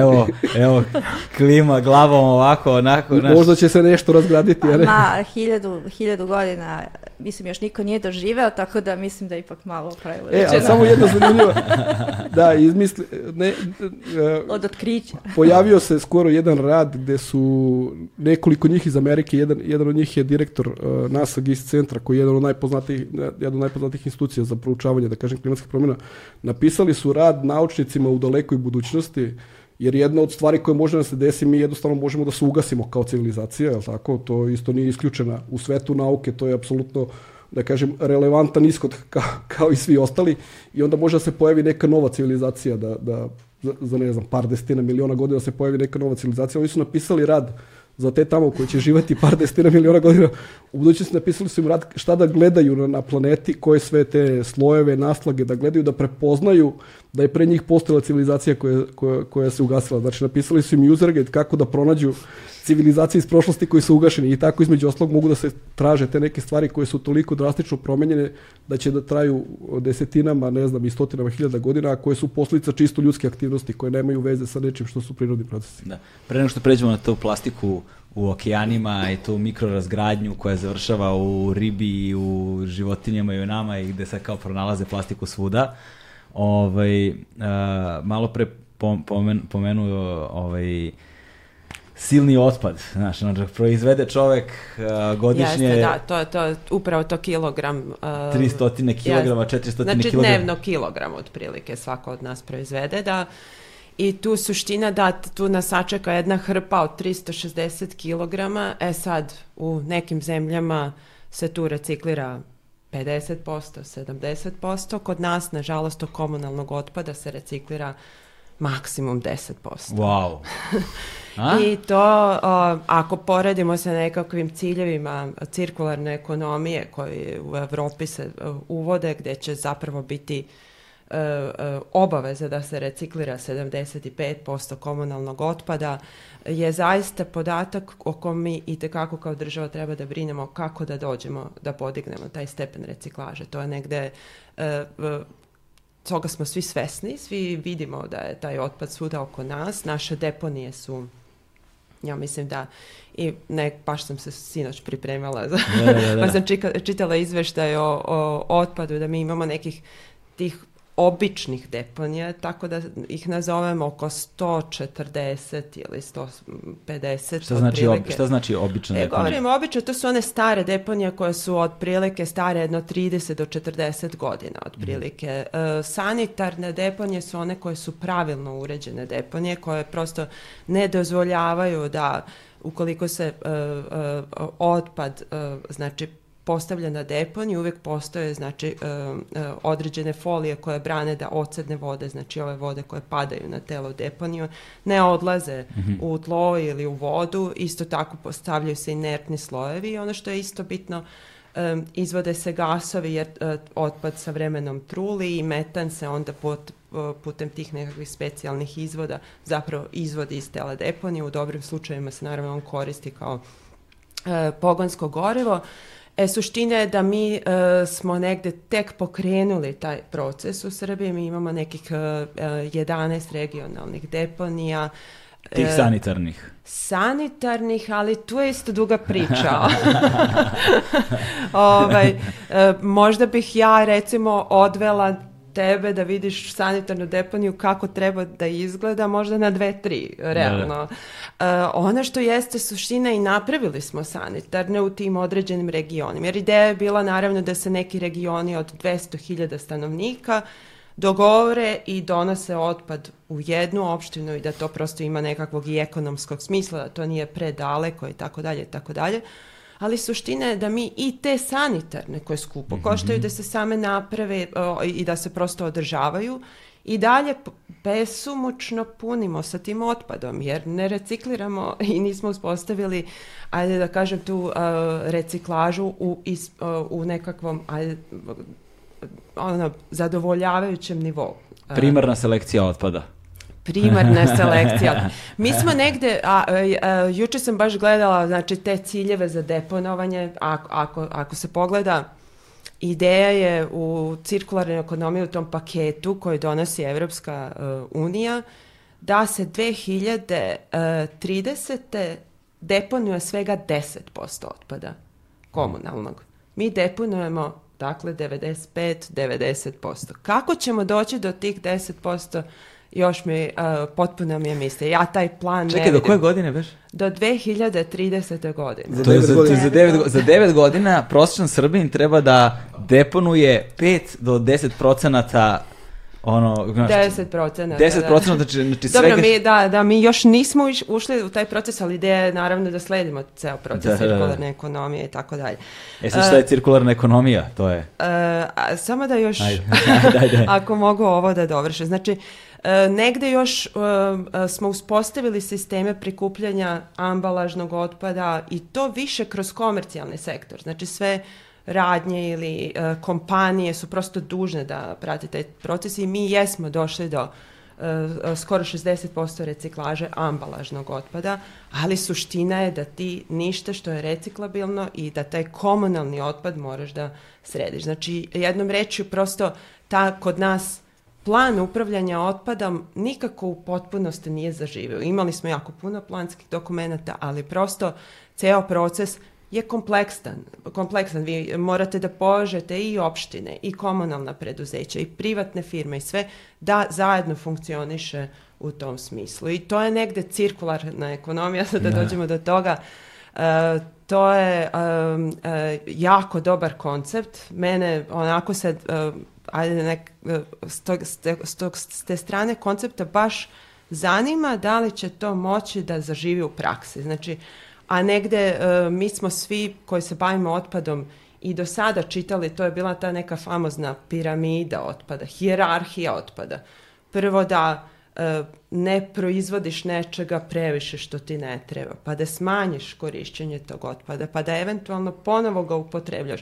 I to u tim svim dokumentima, planovima postojala kao neka piramidica. Ja sam se uvijek pitala, pa to niko zapravo da, da. ne implementira. Tu je negde cirkularna ekonomija došla u momentu kada je Evropa zapravo shvatila da ovisi o spoljnim resursima jako puno, znači o uvozu svih resursa I onda su oni zaključili, opet s druge strane imamo ogromnu potrošnju. Mi danas od tog nekakvog 19. veka trošimo i 10 puta više resursa. Nama će trebati do 2050. tri planete da bi nas obskrbile. O Evropi ovaj, ovaj, da, da ne govorim, prosto ta, ta potrošnja je jako velika. Evo, ako poredimo recimo zapadnoevropske zemlje sa Srbijom, vezano za uh, količinu generisanja komunalnog otpada. Mi smo znači nekih 360 kila danci su na 800 kila. I znači to je, to je velika potrošnja koju prosto nekako treba rešiti. E sad... Šta bre to danci rade? Jedu čips. Ne znam. Šta rade to danci? Ono? Možda raportiraju kako treba, ni to nikad. a, misliš da se kod nas lažiraju brojke, a? Pa ne verujem. Mislim da ta brojka je negde, što, što se tiče komunalnog otpada, ona nikako, tu se negde stalno ovaj, u tom nekom ovaj, ali prosto kako društvo naprednije i bruto domaći proizvod e, veći, veći prosto je ta, te kilo po osobi e, veća i suština... Ka, ovaj, kako, što bi narod rekao, čovjek se pruža koliko je dug. E, tako je. znači, to je ono, znaš, to što imaš ne znači da, da treba, znaš, da, to, da, je, da. to je, taj koncept nam je poznato. Tako da je ovaj, onda se shvatilo u suštini da kompletna privreda funkcioniše u smislu uzmem resurs, proizvedem, i stavim na, tržište i to se zove linearna privreda. Jel? Prosto to je tu i nikog više ne brine šta se e, tu dalje dešava. Cirkularna ekonomija nastoji da taj proizvod kad je postao otpad ili je negdje, da se prosto vrati ponovo u proces. Mm. I to je suština da se ti materijali ne gube koje smo proizve, e, proizveli, nego da oni cirkulišu. To je, uh, cirkularna ekonomija je preuzeta kao koncept od prirode zapravo, od, mm. od nekog hranitbenog lanca ili kruženja vode, ja to uvek... Voda se nikad ne gubi, ona prelazi u paru ili u neka druga agregatna stanja, ali znači prolazi razno razne jel, slojeve, da kažem, ali je uvek tu. Na, ideja da mi probamo veštački da to napravimo. Veštački, kad govorim, to najviše govorim da se uvedu neku, neki ekonomski parametri. Vi ste pomenuli plastika je jeftina. Da. I to je ključna stvar. Znači, cirkularna ekonomija nastoji da napravi to, da kad vi stavite ovaj proizvod na tržište, Uh, on ne može da ima samo cenu proizvodnje. Koliko košta nafta, koliko košta neka fabrika, koliko tada, da, ovaj, dan radnika i tada. Či ideja je da ti snosiš i ovaj deo, znači koji nakon uh, prestanka upotrebe tvog proizvoda šta je to, da li je to deponovanje, da li je to sakupljanje, da li je to reciklaža, ponovna prerada, ta cifra mora da bude u ceni proizvoda. Tako je to prosto ekonomskim e, nekim mehanizmima se uvodi, to se zove ekomodulacija.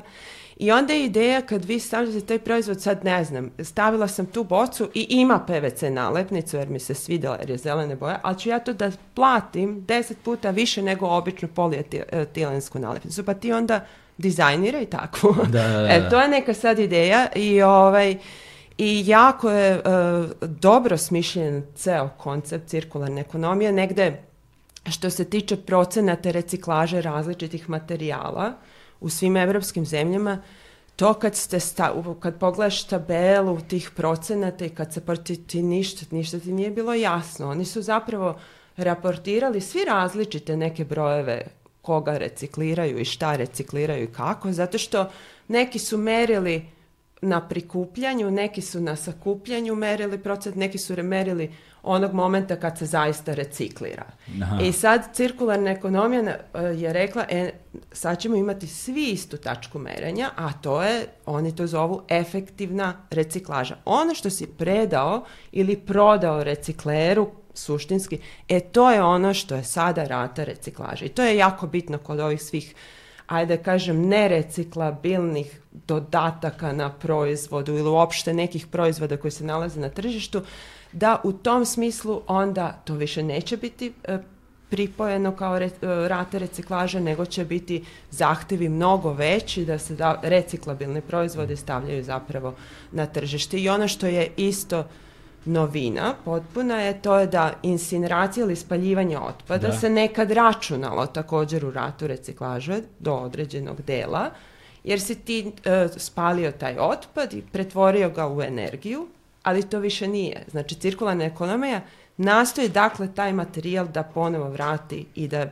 ponovo ga koristiti iznova uh, i ako je moguće da bude iste kvalitete ili da. da. bude u nekim drugim aplikacijama. Da, s tim spaljivanjima tu je ono vinča ogroman problem jer zapravo mi dobijemo gomilu neke energije upravo te toplotne od tog spaljivanja i onda su problem kapaciteta između ostalog, pa onda problem onih kolektora, ne kolektora, kako se zove, ovih prerađivača čestica i tako dalje, ali stići ćemo. stići ćemo. Sada prebacimo štafetu uh, Branki, pošto je nekoliko stavki ovde bilo koje, koje se direktno tiču uh, uh, direktno tiču tebe. Dakle, s jedne strane, uh, Đorđe govorio o, o, o plastici koja, koja to je mikro... Pluta. Koja pluta, pluta da. koja se mikro razgrađuje, koja završava da. u živom svetu ekosistemu. Dakle, uh, šta se tu dešava? I druga stvar je um, ovo, ovi procesi neki koje, koje, pominjala, koje pominjala Jelena i onda negde a, da se da sad adresiramo posle toga malo da. tu plastiku u svakodnevnoj da, upotrebi. Da, svakodnevno. Pa ovako, ajde uh, da i ja isto krenem od linearne ekonomije, uh, jer u suštini ovo što sad pluta po okeanima je stvari direktna posledica linearne ekonomije. Jer kad smo mi uh, krenuli i kada smo otkrili, kada smo počeli da koristimo plastiku, nismo razmišljali šta će biti sa njom na kraju. I onda smo rekli uh, jedini problem, kažem, jedini problem te plastike što ona teško razgradio i što se ona sporo razgrađuje. Ona uglavnom nije ni otrovna. Sem ona kada vidite flaša, ona nije otrovna.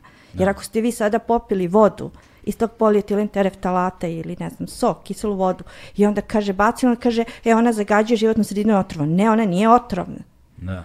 Znači, jedini problem je što je to što se ona sporo razgrađuje, što je to vidljivi otpad, i što no jednostavno je nemar čovekov što se vidi. Tako i ta mikroplastika je sada nama dolazi u stvari na naplatu ono što nismo razmišljali jer je to počelo nekih 50 godina pa sve u stvari spore razgradnja, nije se vodilo računa o tome šta će biti na kraju tog proizvoda i u stvari smo sada dobili neki otpad ovaj koji se vidi. Samo da kažem sa tehnološkog aspekta uh, linearna ekonomija znači da mi imamo sirovinu i imamo proizvod i da nas u stvari zanima samo optimizacija tehnološkog procesa i samo znači ne vodimo računa šta će biti na kraju sa tim proizvodom, ali da je on optimalno dobijen sa najmogućom naj mogućom e, nižom cenom.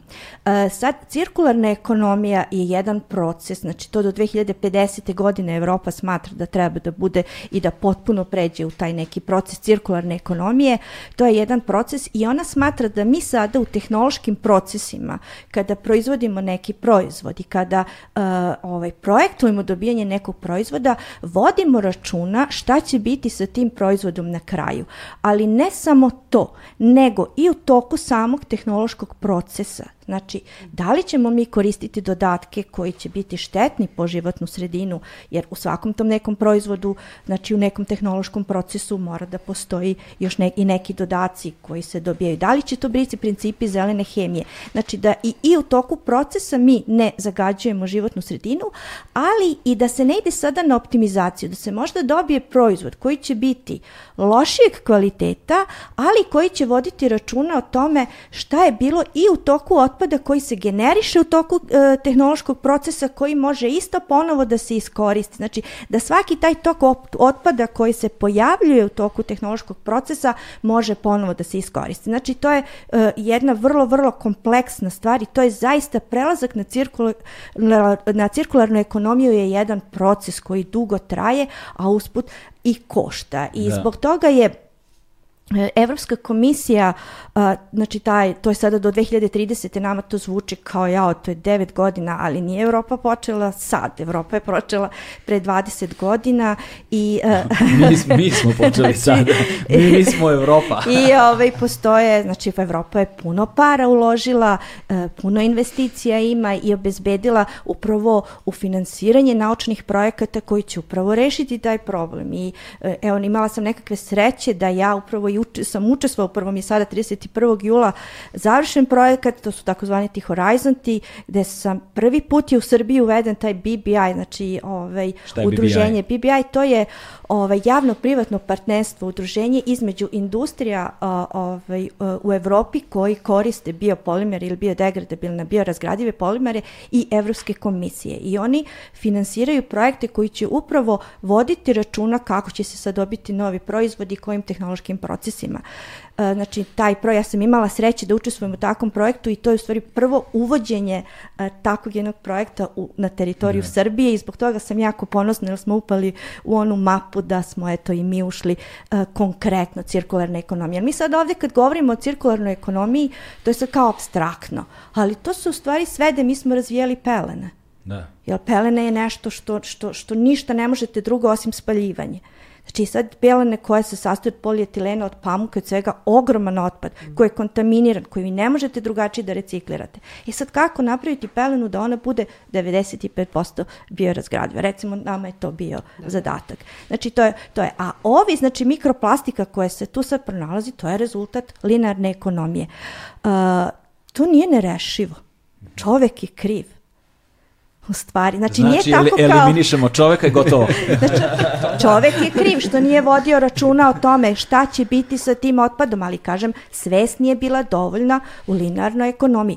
Ona se, plastika se sporo razgrađuje mm -hmm. i sad treba voditi računa. Da li će sad to biti, sad kad govorimo o reciklaži, malo da pojasnimo, znači nije reciklaža samo ponovna upotreba i ne znam, reciklaža da mi sad taj materijal ponovo potrebimo za tu istu stvar ili za neku drugu stvar. To može da se desi kod ovih termoplasta, polipropilena, polietilena, znači da mi možemo osam puta, nije baš ko kao kod aluminijuma, ali da. osam puta da prerađujemo taj jedan te isti proizvod i da kažemo, e, ajde nije izgubio svojstva, ali je jako bitno sortiranje. Ja ne, mogu da, ne možemo da mešamo polietilen sa poliamidom ili, ili ukoliko ga mešamo mora da se dodaju neki dodaci, ali postoji i druge vrste reciklaže, to da. je uh, hemijska reciklaža gde se od tog polietilen tereftalata sada nekim hemijskim procesima uh, vraćamo uh, na uh, glikol, znači na, po, na polazne substance koje će se sad ponovo iskoristiti da li za dobijanje polietilen tereftalata ili, ili, ili i nečega drugoga ili će, da, sad je to pet, ili ćemo koristiti polipropilen i polietilen Polietilen i polipropilen su napravljeni ugljenika i vodonika. Ne to je sastav zemlje, to je zamrznuta nafta, to je isto to.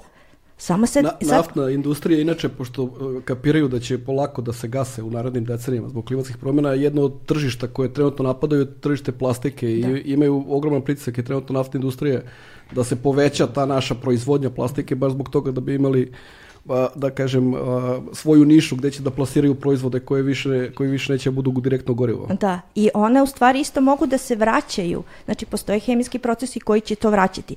Ili ćemo sad, što je Evropa dala jako puno para da, se, da bi se u stvari ušlo u cirkularnu ekonomiju, to je da pređemo na tu znači, biorazgradivu neku iz obnovljivih izvora, znači to su sad ti biopolimeri, pa onda biorazgradivi, koji isto imaju, pogotovo kod ambalaže koja je uh, a, koja je a, kontaminirana, koju vi ne, koji, koji je puno sredstava je neophodno, uh, to košta, cirkularna da. ekonomija košta, košta da vi to sakupljate, košta da razvrstavate, ona je kontaminirana, recimo jedna folija za sladoled, šta je, uzmete sladoled, pojedete sladoled, koliko koristite vi tu foliju?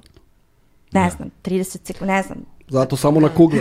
da, znači, ali ima i ušteda sa druge strane. Da. Ako pričamo o aluminijumu, to su tolike uštede da je to, za, zato je nama izuzetno bitno da i jako smo ambiciozni da rata reciklaža bude u Evropi iznad 95. Da, ali što se e, tiče plastike... Da, da, jer tu su uštede ogromne jer mi jeste. ne trošimo znači, prirodne Seš, resurse, jeste. ne trošimo boksit, ne trošimo ogromne količine energije.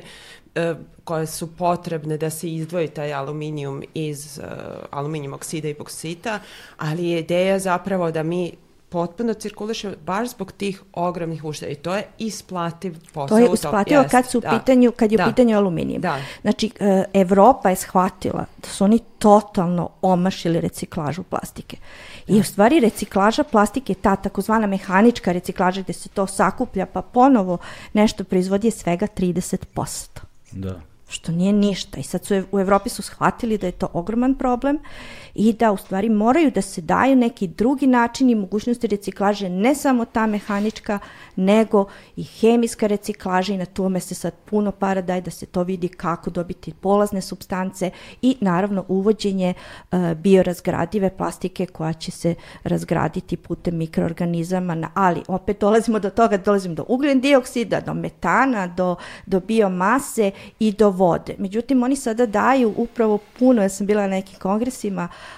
ove, uh, uh, ideja je da se sada uh, pronalaze tehnologije koje će u stvari hvatati taj ugljen dioksid i, i, i vraćati ga, ne čekati no. da ga ove, da ga biljka da ga biljka sredi, nego da, da tehnologija koja će hvatati ugljen dioksid koji je izašao e da, to, napolje. To sam zapravo čuo da već da postoji, da su da. Kini tipa napravili celu zgradu koja je... Pa znaš, sad, ja kad pričam o optimizmu, o klimatskim promenama i da je to nešto moguće uraditi, znači sve te tehnologije koje meni ulivaju optimizam, da kažem, ili daju mi za pravo da budem optimista, postoje i ne samo da postoje, nego na, na industrijskom nivou kaže se da je to da su to tehnologije koje mogu da se large scale implementiraju.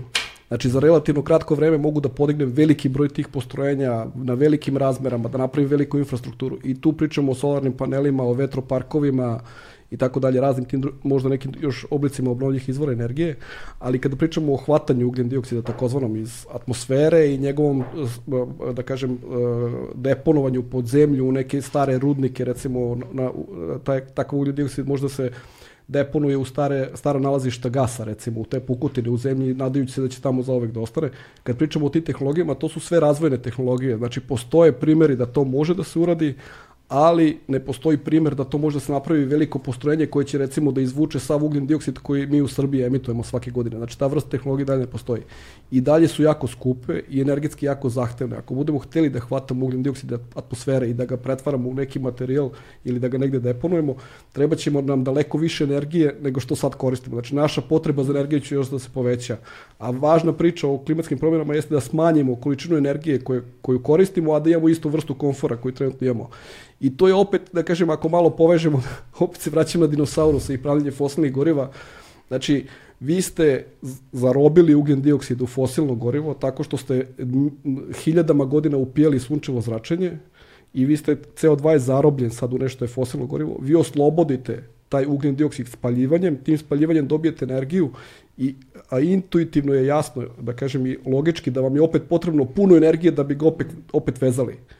Znači, ne možete vi sad sa malo energije, da kažem, vi dobijete taj prevoz 100 km za sat vremena dobijete, da kažem, tu količinu energije dobijete iz 5 litra goriva i ne možete da očekujete sad da će da, da ono, sa pet puta manje energije da taj ugljen dioksid ponovo vežete i da ga napravite da, bu, da bude on stabilan. Da, neće se sa jednim litrom da se vratiš nazad. ne, neće s jednim litrom da se vratiš.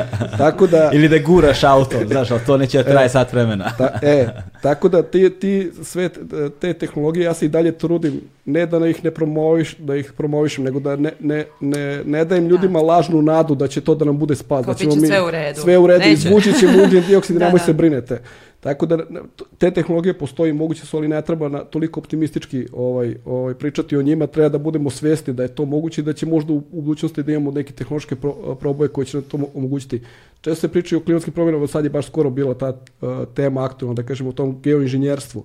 Bill Gates promoviše trenutno da treba da zasipamo našu atmosferu sa česticama koje će da reflektuju deo sunčevog zračenja i na taj način, pošto će dolaziti manje energije, mi možemo da spustimo malo, da ne odemo na 4 stepen, nego da odemo na 3 te tehnologije isto već postoje decenijama unazad, znači postoje, da kažem, prve ideje su razvijane jako davno, pre stotina godina, ali opet ne postoji dalje način da, to, da, da nam je jasno da to može efikasno se uradi i da ćemo da budemo sigurni šta će da se desi. Mm -hmm. Znači jedna od ideje je da se ubacuju te sumporne čestice u stratosferu. Stratosfera je sloj atmosfere iznad ovih prvih 10 km u kojim mi živimo i koji se zove troposfera taj deo atmosfere je dosta stabilan. Tamo kad stavite neku česticu, na primjer PM, ona će da ostane jako dugo tamo jer nema kiše, vetrovi su vrlo, da kažemo, onako kontrolisani. Samo jedna stvar, šta znači PM? To, to, znaš, to svi viđeno, PM čestice, PM znaš ka. Particle, particulate matter, znači čestična materija. Aha. Radi se o mikronskoj prašini, znači u ultrafinoj prašini koja ne može da se vidi golim okom. Da. Može da se vidi. Mili, mikro, nano, piku, da. Jeste. ja sam skoro našao sad... Ovaj, ja tako računam, znaš, da, veličine, znam PM, koji su samo da ih poređam prvo. PM10 su čestice koje su nešto manjeg diametra od krvnog zrnca u, u našoj krvi. Tako da radi se o vrlo finoj stvari i zbog toga sad isto kad se kaže o PM4 na taj način onda, je, onda postaje jasnije zašto kada udahnemo te ultra male, koje nisu samo 10 mikrometra, nego su još manje 1 i 0,1, znači one su mnogo, čak ono 10 puta su manje od našeg krvnog zrnca i onda, onda mo, one mogu da probijaju te ćelijske barijere. Znači vi u organizmu imate čvrstu česticu, koja je čvrsta i koja je jednostavno krvotokom kruži kroz vaš organizam i može da uđe u neki organ i tamo da se deponuje zaovek. I to je najveća opasnost PM zagađenja, to deponovanje zagađenja. Jo, našem, a to nas čeka, boga mi. E, da se... ne, ne, pa ne, pa zato što jeste loše. Znaš, yes. ono, ima neka mapa va, zagađanja vazduha kao u Evropi i ono, Srbija cela ljubičasta. E, ali ima isto mapu Evrope na kojoj su iscrtane termoelektrane koje koriste ugalj da bi se proizvodila energija i na toj mapi žute termoelektrane su ove koje rade punom parom, koje ono kuljaju na sve strane uh, svu tu dimčugu i postoje termoelektrane koje su u, u procesu gašenja i koje se trenutno, uh, trenutno gase ili će da budu ugašene ili, ili je smanjena proizvodnja iz njih. Sve te koje su sive i koje su u procesu gašenja nalaze se istočno od linije negde tamo od sredine Poljske prema Srbiji, znači cela zapadna Evropa je sve svoje elektrane stavila u status gašenja i polako ih gas ili ih je prevela na gas, dok u istočnoj Evropi gde se puno crvenimo, a posebno se mi puno crvenimo, tu sve termoelektrane i dalje ne samo da rade, nego se planira proširenje njihovih kapaciteta. Tako da ta mapa zagađenja je jedan na jedan preslikavanje sa sa mapom korišćenja uglja kao energenta i opet posebno kod nas, pošto kod nas te tehnologije koje jedan deo tog zagađenja iz termoelektrana zaustavljaju na samom odžaku, te tehnologije ne postoje, a zakonski su obavezne u celoj Evropskoj uniji, pa tako i u ovim ostalim e, zemljama istočnog bloka, znači kod njih je to bolje. Samo da, da se, ali pazi, do, doći ćemo do toga, toga, kako se zaustavlja veliki deo tog zagađenja u, u, u, u, u, u ovim dimnjacima, Jest. ovaj, odžacima zapravo, Uh, jer tu nešto kao tipa 80% može da se zadrži tim postrojenjem dodatnim, ali koje bi opet uzimalo procenat energije koji mi koristimo za profit jer izvozimo, ali do, to ćemo, sve sam naučio. ovaj, uh, vrati se na teo, hteo sam se vratiti na ovo geoinženjerstvo.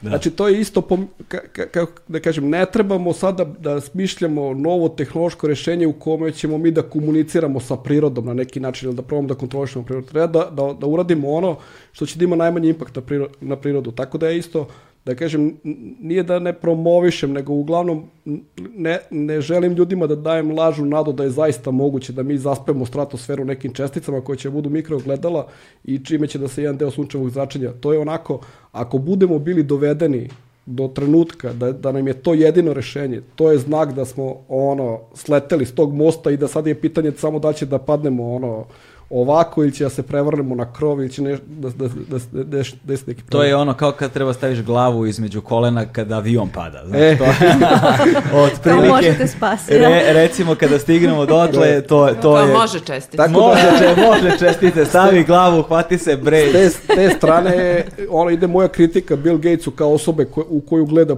veliki deo sveta i, i ono sluša njegove ideje. Mislim da bi mogao da ima mnogo pozitivniju ulogu u cel, celoj priči promovišući neke stvari stvari koje su, da kažem, sigurnije, nego opet stvarati neku vrstu iluzije da sad, ono, super tehnologijom ćemo mi da se zaštitimo, da nešto uradimo, a to i dalje, kažem, niko ne može da bude siguran kako će to Šta da funkcioniše i kako će da izgleda. Da, meni je jedini problem, meni naj, ne jedini, nego najveći problem kod tih super tehnologija što se opet odgovornost uh, deflektuje ono sa nekoga na Znaš, na neku tamo tehnologiju koja će to sve da reši umesto nas. Tako, znaš, ukol... treba koren problema u suštini pa, da, rešavati. Jer ukoliko ne rešimo koren problema, čak i da ta super tehnologija nama pomogne, čak i da se eto nekim čudom to desi, onda mi ostajemo nepromenjeni kao ljudi. Znaš, znači neka sledeća generacija, aha, sad mogu ovo, pa će još više, znaš, tako da ćemo se... To se, izvini, to se dovezuje dobro, na, te, u jednom trenutku si ti rekao, ja, ljudi su, znači mi smo glavni problem, mi pravimo haos na planeti, najbolje nas počistiti, sve će, sve da. će da bude super. I, I tu ima dosta istine, ovaj, u. Eto, znao sam ja. E, ali ne na taj način. Što duže traje ovaj razgovor, znaš, sve sam ima, zabrinuti. Ima dosta istine u, u vezi svega ovoga što pričam. Mislim, nije, nije da ima dosta istine, nego gađe nekako u centar. Sad, ovo je malo filozofsko sad, no. što, što ću ja da ispričam, ali, ali, ali dobro razmišljate na taj način. Mi smo isto kroz ovaj proces industrijske revolucije i ovog, ove eksponencijalne ekspanzije, mi smo promenili naš odnos sa prirodom i to je vrlo vidljivo. Znači, ljudi su hiljadama godina živeli uglavnom plašeći se prirode. Znači, priroda je bila neki naš, naš neprijatelj.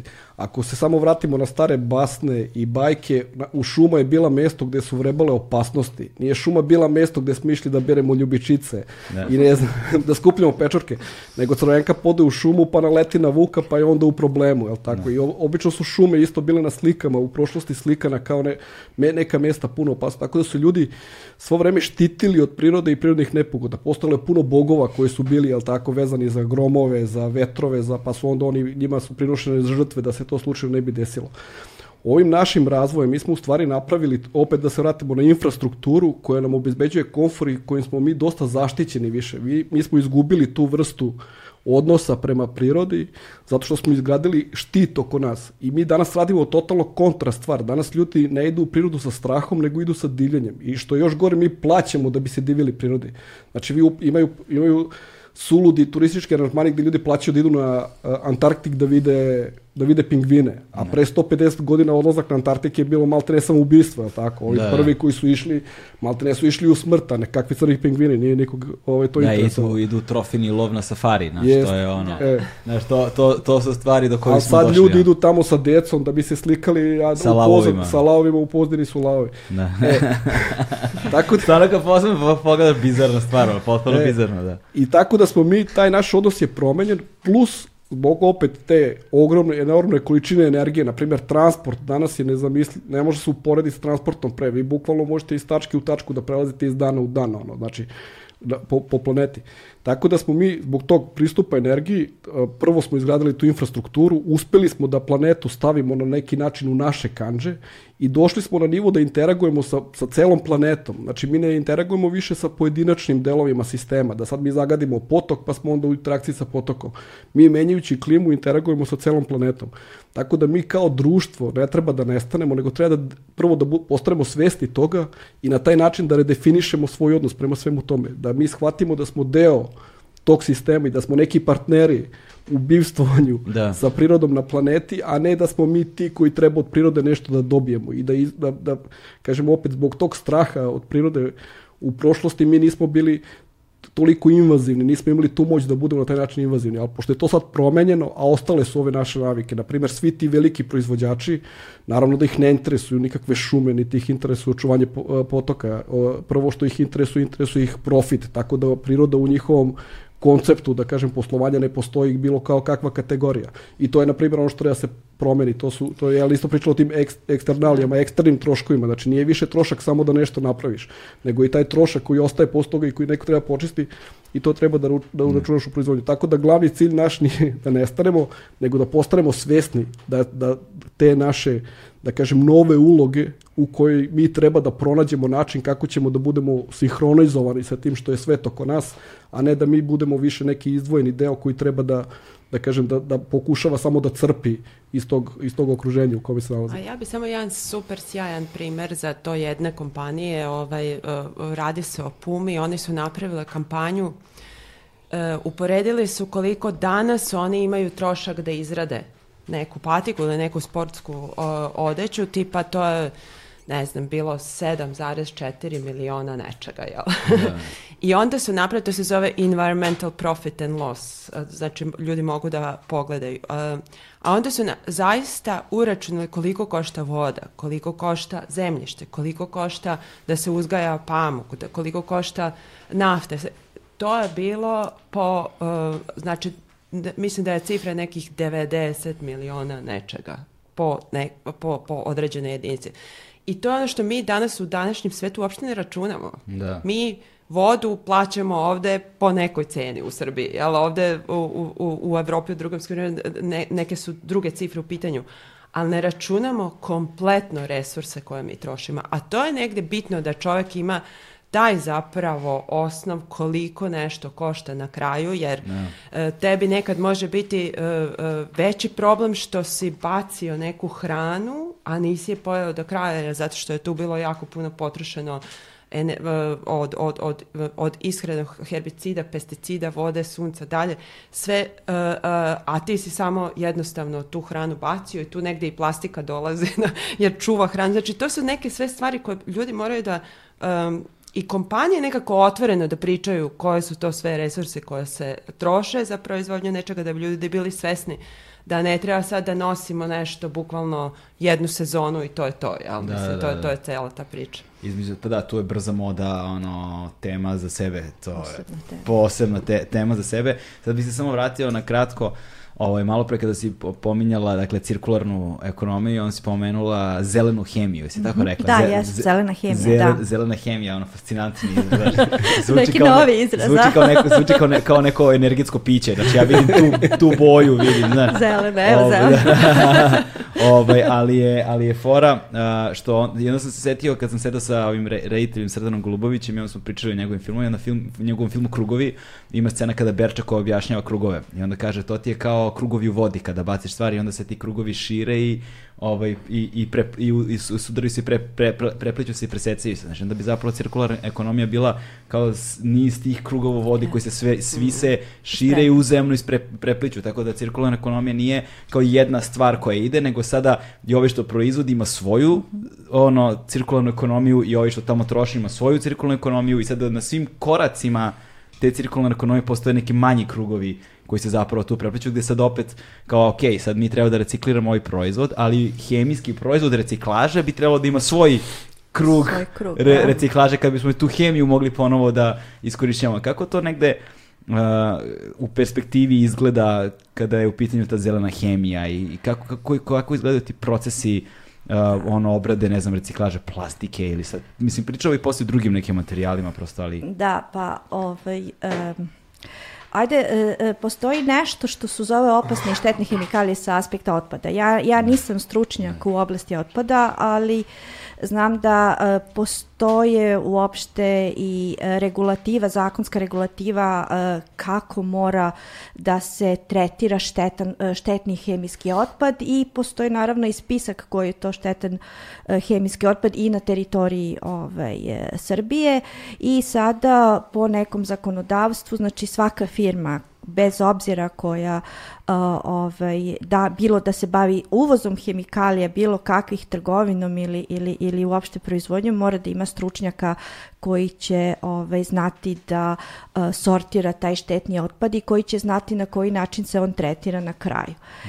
E sad, znači, to su neke hemikalije koje su koje se koriste u procesu i koje su otrovne po čoveka recimo i uh, to je ono što, što nas u stvari zbunjuje kada su u pitanju plastični materijali, ali ja sad kažem, aha, plastička nije štetna, a onda ćete vi negde pročitati pa kako nije štetna kad imamo mi te ftalate, pa ti ftalati ne znam ulaze u organizam, pa se onda kaže polietilen tereftalat je znači taj uh, ovaj, koji je sad štetan, uh, ovaj, koji sigurno tu vodu nešto ulazi iz te vode, iz te flaše u tu vodu i on sad, uh, znači, on je otrovan i utiče, znači, na, na organizam. Znači, principi zelene hemije znači da se i u procesu proizvodnje ovaj, koriste hemikalije koje nisu, ovaj, koje su ili biorazgradive ili koje neće zagađivati životnu sredinu i koji neće imati štetnog uticaja uopšte na zemljište i uh, životne tokove. Ali uh, to, je,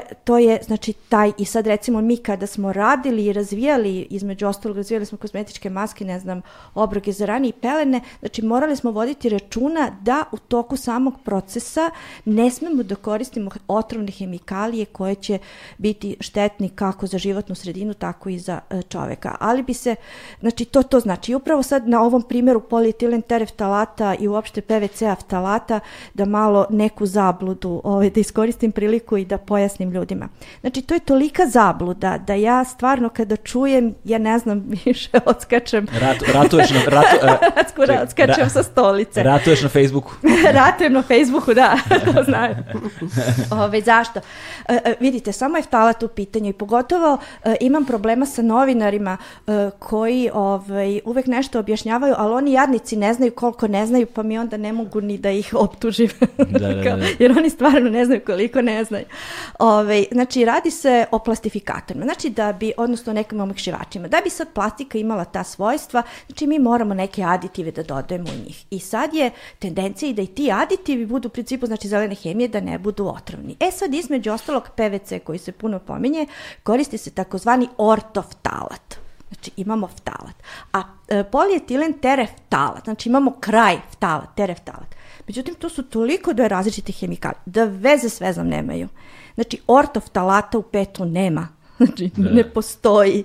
Znači, hoću da kažem da su, to, da su to neke zablude, pri čemu je taj ortoftalac sada u Evropi i zabranjen i on se mora zameniti sa nekim plastifikatorom koji će sad opet doći iz obnovljivih sirovina. I onda mi e, ne samo cirkularnoj ekonomiji, što kažeš ti krugovi, mm. mi dolazimo i u preklapanje sektora, jer, jer, jer uh, mora da se deluje um, zajedno da bi se došlo da bi se došlo do nekih proizvoda. Pa možda nešto što je otpad bio pri proizvodnji hrane može da se iskoristi upravo za dobijanje neke hemikalije koja će biti na prirodnoj osnovi iz obnovljivih sirovina koja će moći da se koristi kao plastifikator. Znači to je između ostalog znači ta kružna ekonomija. To je kao kad se razmišljalo da kad su, kad su provali da možemo da dobijemo protein iz insekata, sad smo u fazonu najbali ste insekti, znači kao vi ste, vi ste sledeći ono, vi ste znači- sledeći skakavcima da nestanu s lica zemlje. To su ti principi zelene hemije gde mi svu, svuda pokušavamo da nađemo mm. i proizvedemo nekakvu hemikaliju koja neće biti otrovna, da. Kako ni po čoveka, U kom trenutku je čovek prvi put primetio problem sa plastikom? Pošto mi smo je vjerojatno prvo smislili, pa smo ne, tek... pa smo onda kasnije bili fazonu, ok, ovde možda je postoji neki problem. pa ja mislim da to nije tako dugačak period. Aha. Mislim da je to nekih unazad možda deseta godina, ako ne i manje. Pa i jeste, da, to tad su recimo, ajde da kažem, ti programi reciklaže postoje tipa 30-40 godine, mm. u zadnjih 15 godina se shvatilo da su procenti yes. reciklaže plastike izuzetno niski u poređenju sa drugim materijalima mm. i onda je došlo Mislim i onda su došla ta famozna avionska nesreća i onda su pronašli e, gomilu plastike u okeanu i onda se shvatilo Čekaj, koja, zapravo... E, ne, ne znam, avionska nesreća? Ja isto ne znam tačno koja je naziv, ali u suštini oni su tražili uh, avion i onda su vidjeli zapravo more plastike i o čemu se tu radi. Su počeli ljudi da proučavaju šta se dešava. I to je isto povezano sa ratom reciklaža, između ostalog posebno, ajde da kažem, razvijenih zapadnoevropskih zemalja koje toliko hvalimo da imaju dobar procenat reciklaža, ali što se tu dešavalo? Oni su uh, raportirali da recikliraju mnoge plastične aplikacije koje su prosto trenutno ne postoji tehnologija da se recikliraju, ali su zapravo sve izvozili. Da li su to, da li je to Kina, da li je, su to... Malezija sada. Malezija, pa dešavalo se čak i u istočnoj Europe da se nađe, nađe taj otpad. Znači oni su raportirali da recikliraju, ne znam, 70% plastika, od tog su 45 posto izvozili. I to nije bilo konačno ni reciklirano, nego se zapravo kroz jel, um, loše upravljanje otpadom, um, deponije koje se nalaze uz vodotokove, tu su glavne reke koje onda kao recipijenti dovode to do mora. Mislim, opet je sve povezano. To je suština. To je, meni se jako sviđa taj autoput i auto i, i vozimo. Jer šta je tu suština? Ti moraš da budeš u komunikaciji sa svima. Jer ne možeš ti da izvezeš otpad u, u Kinu ili u, i, ne znam, bilo koju istočnu. To se vraća. To se da. konačno sve u prirodi vraća. I dakle, za sve te stvari potrebni su nekako globalni dogovori. Jer ja mogu da uredim u svom dvorištu odlično stvari, mogu da imam 99% recikliranog svega, ali se to sve opet sa druge strane mm. vraća, znači kroz neke globalne probleme. Ima, to je suština. Da. Znači moramo s tim kolima da komuniciramo da, da, da, da. U kolima. Ima jedan podatak za plastiku kojem ja ono, kad sam čuo bio sam frapiran, znači kad sabere sva plastika na svetu koja je proizvedena i kad se uporedi s onim što je na kraju se zna da je otprilike završeno na deponiji ili da je reciklirano, između 80 i 90% ne znamo gde je. I tako da trenutno otprilike ima gomila plastike koju ne znamo i sumnja se da je veliki Čekaj, broj... bre, 80-90% mi ne znamo gde, gde je, je plastike, da. I veliki deo te plastike je ta mikroplastika koja je već u neku, nekoj fazi raspada i pre, pretvorila se u, u male čestice koje više ne možeš ni da pokupiš. Ovo što hoće da skupljaju po površini okeana sa raznim spravama i ta plastika koja pluta i koja pravi ta ostrva đubreta, to je opet samo mali procenat onoga što je verovatno ušlo u okean. Veći procenat toga je ta mikroplastika za koju ne, to ne pomaže. Znači ti ne možeš da skupljaš mikroplastiku uz pomoć nekih, nekih mreža. Tako da trenutno jedan od ogromnih problema u svetu plastike i posebno te mikroplastike jeste što se, da kažem, i dalje se traga da. gde je potencijalno, da li je na dnu okeana ili je možda ta mikroplastika isto, vi kad imate plaže, one najlepše. Mm. Možda jedan deo dobar tih plaža je u stvari mikroplastika koju ti ne vidiš, a koja je u stvari pomešana sa, sa peskom na plaži. Pesku, tako da, da, da, da, se mi ono sunčamo u stvari... Ležimo na plastici. Peš, peščano plastičnim... Na izolatoru. Da, peščano plastičnim plažama, da. Oh, je, do, da, a, da, kad, smo, kad već govorimo o tim, um, o, o, o, kad govoriš o tom džubretu, toj blizini reka, recimo baš sam snimao podcast sa Jovanom Medovićem, pa smo pominjali tu ogromnu deponiju kod Prijepolja. Da, na Limu, da. Na, li, na, li, na, li, na Limu. Kao to je moj stari, stari projekat. ja sam 2003. godine radila na to je jezero Peručec. Ove, ovaj, tu smo tada kao međunarodna organizacija pokušali da, um, pošto je to, ajde da kažem, međunarodni problem u smislu da se uh, reka Drina nalazi na granici, tu je i nekako u tom slivu se nalazi i Crna Gora i Bosna i Srbija i negde je ideja bila da probamo da nađemo rešenje. E, ja se sećam, ja sam te, tek tada doselila u Srbiju, možda sam živjela svega dve, tri godine i dobili smo taj poziv da odem u Bajnu baštu i slika jezera je bila puna plastike, znači ja sam bio mislila gde ja idem, ono, kako nikad čula za Bajnu baštu, niti jezero Peruđac. Da, da, da. I, ove, ovaj, i, I onda kad sam došla sam bila potpuno oduševljena, mislim, taj, ti ljudi tamo, taj nacionalni park koji je fantastičan, kanjon reke Drine, ja od tad do, idem tamo svake godine, već znam jako puno ljudi divnih. Ali radi se o tome da smo mi tada pokušali da nađemo neko rešenje. I šta smo shvatili? Angažovali smo eksperte koji su onda išli gledali su po tim opštinama koje se nalaze u slivu reke Drine gde se nalaze deponije. Te deponije su mahom bile na obalama reka. To je tako nekad bilo. To, to, to je ovih deponija što sam ja rekla što se zovu deponije, ali nisu sanite. To su te deponije koje se samo... 120, 140. Da, su se samo, znači, otpad, dakle, prosto e, stavi na, znači, na zemlju, čak ta deponija na obali reke Lim je toliko blizu i većina tih deponija koje smo mi tad mapirali i tačno znali smo gde se nalaze, se nalaze do 50 metara od obale reke ili do 500 metara. Znači sve su To je ništa, to je dakle i plavno da. i šta ti I ja znam. čim je voda uh, više, ona poplavi taj deo, odnese uh, uh, ovaj otpad i često ljudi misle sad da je stvar tamo u turizmu ili stanovništvu da tamo ljudi dođe i bacaju ono, da ono je nemoguće toliko baciti otpad, znači radi se o kompletno o problemu upravljanja otpadom, onom zvaničnim delom se tu, mm. najvi, naj, najveći problem je upravo tu i ono što vi, evo danas, posle ja se koliko bavim tim otpadom, možda jedno 14-15 godina, mi smo, uh,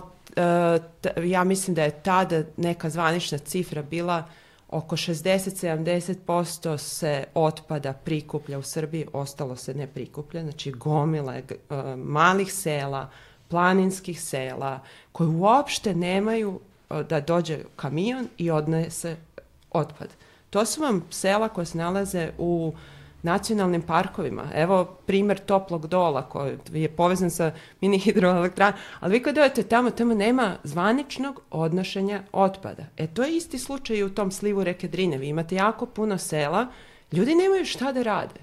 Mislim, uh, ja, da, ja bi da, verovatno da. nosila u bajnu baštu i stavila mm. bi u kola jer sam entuzijasta, ali ovi ljudi dolaze i na prvom čošku i stresu. To je to najčešće kako nastaju divlje deponije, evo ga, e, to je baš i u tom izveštaju, najčešće baš ljudi istresaju taj otpad, prosto i stvaraju tu divlju deponiju na nekim strmim terenima, nekim uh, vrtačama, znači nešto što ti ne možeš ni da očistiš posle, ni da hoćeš helikopterom, verovatno moraš da čistiš. Znači, uh, mi mora da shvatimo da mi taj deo moramo dobro da upravljamo otpadom, da tim ljudima damo mogućnost da otpad stavljaju na ispravno mesto. Moramo da izmestimo deponije i to je suština problema. Da. Ne kažem ja, turisti da. bacaju, znam, gledala sam i ovo, ovo olete, znači ima otpada na sve strane, ali to je nekako, kako da kažem, ovo je suštinski taj problem što zna, a, a ja sam, mi sad samo pričamo o plastici koja pluta, jel? Da, da. Mislim, šta je samo na to? Samo jedna vrsta, mislim dve vrste, polietilen da. i polipropilena. Šta, šta je u toj deponi bilo? Da li je bila baterija sa živom? Da li je bila, ne znam... Kompjuter. Kompjuter, da, da, da. Mislim, Lekovi. To, Ovako, ceo kompjuter, da. Zoom. Da, da, da. To je veliki problem. Jo, čekaj, ja da. sad se ovdje otvorilo... Elektronski otak. A sad, sad, me vodi, sad se ovdje otvorilo 170.000 tema, ono. E, ovdje... e, ali moram još nešto da napomenem, to je jako interesantno. I sad mi smo tu uh, imali sve te opštine, imali smo okrugle stolove i smišljali smo kako šta da uradimo. Deponije se očito nisu pomerile, niti očistile, ali tad smo mi sa stanovništvom tamo odlučili da kupimo brod čistač, jel? I taj brod čistač je nešto u početku radio, pa ne, neke tehnički problemi, pa su ga izmenili, nije bitno. Taj brod čistač je, ja sam ga vidjela ovo leto, parkiran.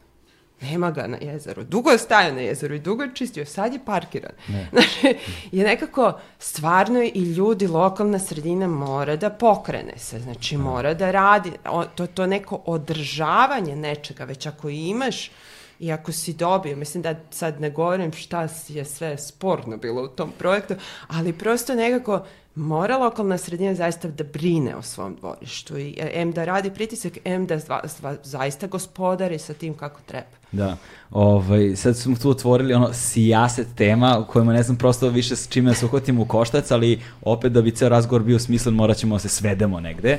Ovaj, jer s jedne strane tu je, sada na primjer govorimo o programima edukacije, pa onda kad govorimo o programima edukacije govorimo o problemu, jedna stvar je vaspitavati nekoga od 30 godina, druga stvar je kada implementiraš te programe deci u osnovnim školama, ono, znaš, kad, u, u, u nižim razredima osnovne škole, koje onda nauče od malih nogu, pa je njima reciklaža svest o đubretu i tako dalje, jedna sasvim drugačija priča mm. i važno je da postane deo njihovog identiteta, gde onda oni to doživljavaju zaista emotivno. I to je ono što ćemo sada pomenemo malo kao temu, jer mi je, jer mi je zanimljivo. S druge strane, od toga pa do, do, do, do toga šta se završava u zemlji.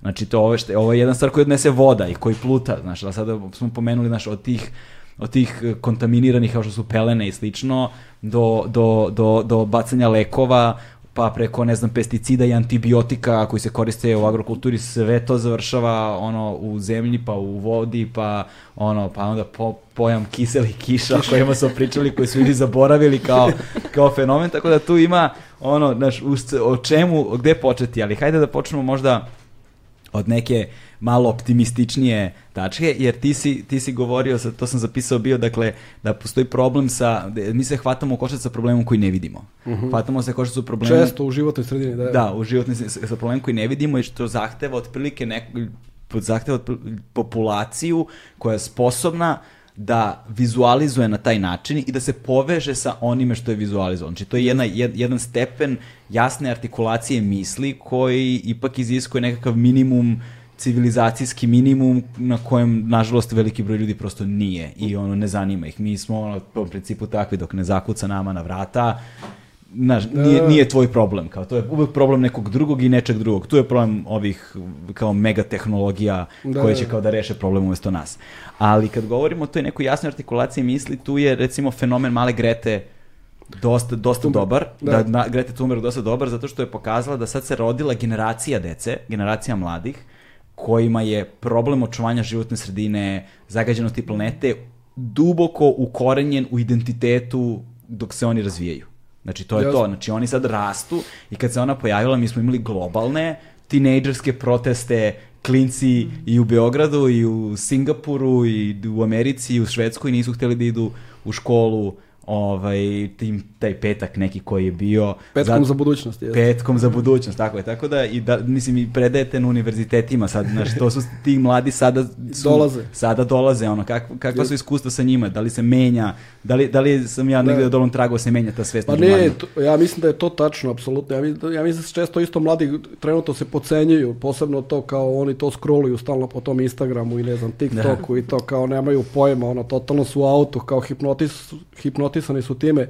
Ja mislim da to u dobroj meri nije tačno i da su ma, mladi prilično dobro informisani po pitanju uh, životne sredine i kod nas i, i u inostranstvu posebno i da dobro razumeju o čemu se radi problem i na, najbolje što su, da kažem, već ovladali mehanizmima kako mogu da utiču na donosioce odluka. I ovaj trenutak isto zanimljiv što je možda će prvi put u istoriji da se desi da oni, oni koji nemaju pravo glasa, koji treba da budu van toga što je politički sistem i što je opet ta sistem našeg savremenog društva, oni koji su van će uticati na ove koje treba da donose odluku i to će imati duboki uticaj. I to se pokazalo recimo i na ovim izborima, posljedno u Europskoj uniji da su zeleni recimo osvojili jako puno glasova i da su imali ogroman skok u odnosu na prethodne izbore, to je vjerojatno stranka koja je najviše napredovala. Jedan deo toga verovatno potiče od tog ehoa koji se čuje od mladih, znači kako kažem, i ta politička scena se polako preoblikuje na to. Najbolji primjer je taj sastanak uh, zemalja uh, ovih koje su veliki proizvođači nafte, na tom sastanku generalni sekretar ili neko od tih čermena koji je vodio sastanak u toku njegovog govora je ispričao da je Greta Thunberg najveća pretnja trenutno za industriju nafte na svetu, ali ne zato što je mislio da će Greta Thunberg da povede male drugare na naftne bušotine, da im zapuše rupe, nego zato što je Greta Thunberg opet kroz taj način komunikacije koji je potpuno prirodan toj generaciji, vrlo dobro komunicira taj problem sa, sa njenim vršnjacima. Njeni vršnjaci verovatno u njoj prepoznaju tu neophodnu dozu iskrenosti o svemu što priča, tako da oni postaju malo inficirani tim problemom, spremni su da nauče i na kraju šta se dešava? Deca imaju uticaj na svoje roditelje. Tako da ono što je bilo objašnjenje te rečenice da je Greta Thunberg e, opasno za naftnu industriju, industriju je u stvari da se naftaši plaše, da će klinci da pritiskaju svoje roditelje da ne kupuju više auta na benzin, nego da kupuju električne automobili, da će na taj način njima da počne da opada tržište. Znači ne direktnom pretnjom na njihovu proizvodnju, nego indirektnom.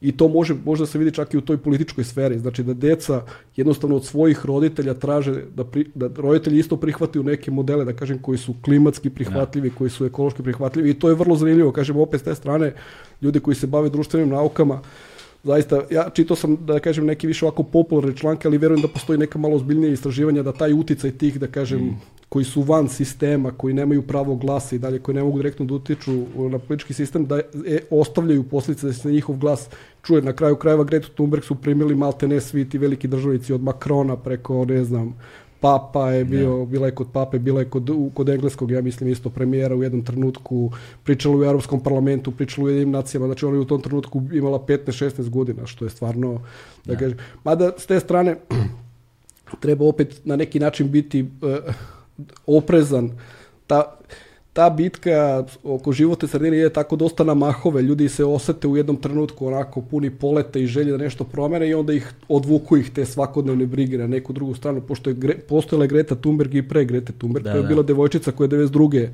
u Rio de Janeiro na velikom samitu o planeti Zemlji održala govor koji je vrlo sličan govoru Grete Thunberg i u tom trenutku kad gledate taj govor vi pomislite ova, ova devojčica će stvarno da probudi sve te državnike i svi će da se vrate kući i reći će ajde da uradimo nešto dobro za prirodu, naravno to se nije desilo. Tako da ta, ta borba, da kažem, za životnu sredinu treba na neki način da postane a, malo čvršća. Mm. Ljudi se teško vezuju, ja to isto ispričao sam ti kad smo se vidjeli pre emisije, e, teme životne sredine nažalost i dalje nisu, kod nas se stvar se, da kažem, popravlja i postaje vidljivija posljednjih godina da ljude to interesuje, a ta, to, to interesovanje je ključno za rešavanje problema. Sve dok ljudi ne budu postali zainteresovani za to i ne budu htjeli da se informišu ne, ne, ne budu zahtevali da se ti problemi, problemi rešavaju, neće se rešavati stvar. Ali ilustrativni primjer te nezainteresovanosti, ja sam, na primjer, pre par nedelja Zvezda igrala neku važnu tu međunarodnu utakmicu, ne znam u kom, u kom već takmičenju. Tog dana u Beogradu je kvalitet vazduha bio ljubičast. Probio je bukvalno sve plafone koje mogu da pro, pro, probije. Da, po... bili smo taj dan najzagađeniji grad na planeti. Tako da. nešto recimo i tog dana kad odete na Google Trends koji prati šta ljudi srčuju u Google tog dana iz odgovarajuće zemlje, kad odete na Srbiju, vidjet ćete da je odnos 1 prema 1000 koliko ljudi je tražilo crvenu zvezdu, a koliko ljudi je tražilo mhm. zagađenje vazduha. E sad ne očekujem ja da isti broj ljudi googla zagađenje vazduha kao što googla crvenu zvezdu, ali recimo bar da je to jedan prema deset ili ne znam, jedan prema tri, da tri da, puta da, više. ja kažem samo broj ljudi koji pokazuje entuzijazam na stadionu, da taj broj, isti broj ljudi pokaže delić tog entuzijazma ispred Vinče, Vinče. mislim da bi problem bio rešen istog dana. to je, Znaš, da, to. Tako da. da je veliki je posao, da kažem, uh, probuditi ljude po tom pitanju i trenutno isto moj, moj lični utisak je da, da, da su mladi na neki način probuđeni i samo se nadam da će ta njihova probuđenost da, da ostane sa njima, da kažem, mm. i u tom periodu njihovog rastanja i ulaska u svet u, u ovaj u svet odraslih. Mislim, mislim da, je, da, je, da je to vrlo važno. Ali... Imam još jedno isto, na primjer, lično iskustvo, pošto ja često držim javna predavanja o klimatskim promjenama. Zvali su me na hiljadu mesta, znači od osnovnih škola preko srednjih, onda ne znam raznih tih uh, tribina, pričao sam čak i za poslanike u parlamentu, tako ono, imam široki spektar tih ljudi kojima sam ispričao priču o klimatskim promjenama I zanimljivo je da uvek kada pričate starijim generacijama, pitanja koje vas sačekaju su ta neka koji bi mladi nazvali ono ok boomer, kao. ono, javi se i kao, e, dečko, ali si pročito ti nešto o Milankoviću, kao. e, a onda kad... Kako je Palma reagovao? a kad ispričaš, kad mlađim ispričaš priču, onda ti se javi ono student koji je recimo tek na početku i on te pitao kao karbonskom budžetu, koji je vrlo stručan pojam i na kojem se stvarno priča na nekom globalnom globalnom nivou i koji treba malo čovjek da se zamisli čemu se radi. I onda pita još kao, ali dobro sad ako je Amerika napustila Parijski sporazum, da li to znači da ćemo mi karbonski budžet da potrošimo potrošimo 10 godina ranije, znači postavi vrlo stručno pitanje koje ne bi očekivao, na primjer, studenta koji je na početnim godinama studija da ti postavi tako pitanje. I tu se vidi ta razlika između tih generacija koji su kao ono majde, manime, ti sa ono šumama ili lefterićima, kao i ovih mlađih koji u stvari kapiraju da je životna sredina, to je isto i dalje kod nas lome se stvari, ali jeste životna sredina opet ta neka, da kažem, ljubav prema prirodi, da mi želimo da imamo lepo okruženje i sve. Ali s druge strane, priča o životnoj sredini je vrlo tehnička. Znači, o kvalitetu vazduha, vi kad gledate, kad pogledate u, ove pravilnike Europske unije za, oč, za ču, očuvanje kvaliteta vazduha, znači to je bukvalno kao upustvo za let space shuttle, ono. Mm. Znači, to su tabele, konkretni brojevi, ko, kad, šta, koliko, koje substance, da li može ovako ili ne može onako, koja je tehnologija, gomila šifara, EC 29836 kroz 1, Znači, to je taj nivo detaljnosti koji zahteva zaista jedno ekspertsko znanje i duboko razumevanje toga. I bez toga nema priče o životnoj sredini. Možemo mi da volimo prirodu koliko hoćemo i da uživamo u sunčanom danu i da pokupimo đubre posle piknika, da budemo svesni, ali dok nemamo tu implementaciju ono dubinskog znanja, da razumemo sve te probleme i znamo, da znamo prema njima da se odnosimo, toga nema. Ja mislim da to isto mladi kod nas su da kažem počeli da kapiraju, doživljavaju tu celu priču, da kažem na taj s te stručne strane. Znači nije samo poenta ja sam cool zato što volim prirodu i što ću ne znam da postojem leptiriće na cvetu, nego ja sam cool zato što razumem šta je karbonski budžet, ja sam cool zato što razumem kako funkcioniše parijski sporazum, ja sam cool zato što znam koliko je to kad potrošim litar nafte, a koliko je kad instaliram solarni panel, ko, koja razlika u emisijama i takve stvari. Da, dakle, ja definitivno u vikinicu stavljam solarne panele. znači, da, samo što solarni paneli bez plastike ne idu. Ne idu, da, ali to je plastika koja neće da... Dugotrajna, nije jednokratna. da, ali to nije jednokratna, nije, nije to baš ovaj, kako se zove, uh, kesica od sladoleda, znaš, tako nije, da, nije. Ta, tako da, bože, bože nije, moj. Nije, samo boli karbon. Evo, ovaj, hajde da se još malo vratimo na plastiku, pa bih onda polako prešao na poslovne modele koji su tako tragični, pa da najzad objasnimo taj parijski sporazum koji je pomenut 20 puta do sada, a onda posle parijskog sporazuma da pređemo malo i na ovaj, kako zovu i ugovori, PPA, ne? A za uh, obnovljive izvore Tako energije, je, da, da uh, zovu se... Uh, Pre-Parish Agreement, ja mislim da je. Pre-Parish, da, pre da, da, PPA, PPA, jeste, PPA da, da. to. I da pominjemo, i onda, i onda ćemo preći malo i na, na problem, šta je problem sa tim energijom, u tom proizvodnjom energije u Vinči, pa da pomenemo cementare, ovaj, dakle, šta je tu problem i da pomenemo malo mini hidroelektrane. Jo, jo, jo. Pa, čisto, čisto, čisto malo, čisto, čisto malo, zato što mislim da smo dužni da pomenemo, jer ono što smo pričali o katastri, meni ono frapantan podatak, ja to na primjer nisam imao pojma, ovaj, koliko to banalizuje celu stvar, kao ovo što, što je Branka pominjala da kao proizvodimo nalepnice zato što ne možemo da štampamo na plastici. Znaš, ja ću to u grobću da donosim sa sobom. Da sam juče umro, to ne bih znao, znaš. Tako da, tako da, ovaj, ali, ali, ali, hajde da, uh, koji su uh, najčešći uh, mitovi uh, i najčešće pogreške uh, kada je plastika u svakodnevnoj upotrebi u pitanju i sa čime je to što se najviše srećeš uh, kada, kod, kod, kod, kod svakodnevne populacije, da. kod opšte pa, populacije? Prvo da je otrovna. Da. Znači da zagađuje životnu sredinu. Uh, plastika ne zagađuje, ona je naružuje. Da, da, okay. znači, i u suštini se taj, taj problem najviše e, sreće upravo kod jednokratne, kod ambalaže, znači kod jednokratne ambalaže, ambalaže i pakovanje i naravno kod kesa. No. I to je po ovih plastičnih kesa. Biorazgradive kese. Da, Molim biorazgradive te, kese, da. Ove, i, i, I tu je negde gde, gde je, zato što se to koristi u velikim količinama zbog toga što i onda je vidljivo Mm -hmm. Prosto tu je, tu je najveći mit. Znači, kod, kad kažem kod polietilen tereftalata, sve misli da je otrovan. Da kad baciš, on je otrovan. Nije otrovan, on se ne razgrađuje. Pa ne znam, kod polietilen tereftalata da ta sada voda se zagađuje zato što je upakovana u, u, ovaj, u tu flašicu. Uh, što je isto nonsens, jel da voda, razg, da, da je moguće da to nešto razgradi, taj polietilen tereftalat, odnosno da voda može da razgradi taj polietilen tereftalat, pa mi ne bi imali problema sa tom flašom, da. usta bacili u a vodu, kada, a kada, ne bi je bilo više. A kada, flaši, a kada voda ostane u flašici, ono, plastičnoj flašici nekoliko dana, Ništa. pa je popiješ posle Ništa. u kolima na suncu, e, To, e, to, je, to je drugi mit, jedan isto od mitova. E, znači, polietilen tereftalat i ta tehnologija e, proizvodnje, e, takozvana biakselna orijentacija i zašto se, zašto se, da li se iko pitao zašto se ta flaša ne, ne pakuje, zašto se uh, ti sokovi gazirana pića ne pakuju recimo u neku drugu, recimo polietilen, zašto baš u polietilen tereftalat? Pa zbog tehnologije gde ona može biakselno da orijentiše ta neka unutrašnje molekule i zbog barijernih svojstava, zato što uh, ne sme da se dopusti da ugljen dioksid koji se nalazi unutra da izađe napolje, jer tada bismo izgubili ovaj, znači e, koncentraciju toga gaziranog pića, tako kad imam Coca-Cola, ne znam, Fantu i dobro, znači ta gazirana pića. A ove, i isto tako da štiti uh, ulazak znači kiselnika spoljne sredine i kontaminanta spoljne sredine u zapakovani sadržaj. I zbog toga se koristi polietilen tereftalat jer on posjeduje ta barijerna svojstva. E sad, uh, kada se proizvodi, on se prvo proizvodi, prvo se radi nekom tehnologijom brizganja, pa se onda proizvede onaj navoj na, na, na flaši, to svi znate. Zašto? I onda se on prvo brizga, tako da ne kažem, neka tehnologija brizganja i onda se to duva posle. I onda se ovo zove proveta, a ono se posle tako orijentiše. A zašto se pravi? Pa zato da bi mogao taj čep da se navrne. A čep je od polietilena visoke gustine, koji se sastoji samo od njegova hemijska formula je samo vodonik i kiseonik. I šta je u stvari problem?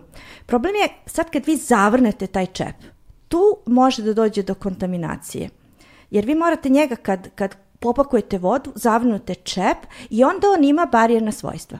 Ali plastika zbog toga što se sastoji od velikih molekula uh, ima jedan problem da se ti molekuli kreću pod uticajem nekog uh, stajanja, pod uticajem neke sile, gravitacije. U ovom, slučaju mi smo to zavrnuli pa smo neki napon ovaj, primenili, a to vam je recimo primjer kao kad uzmete gumicu teglaru, znate gumicu nabišnju, pa je recimo zategnete i koliko će ona dugo tako zategnuta da traje pre nego što se otpusti.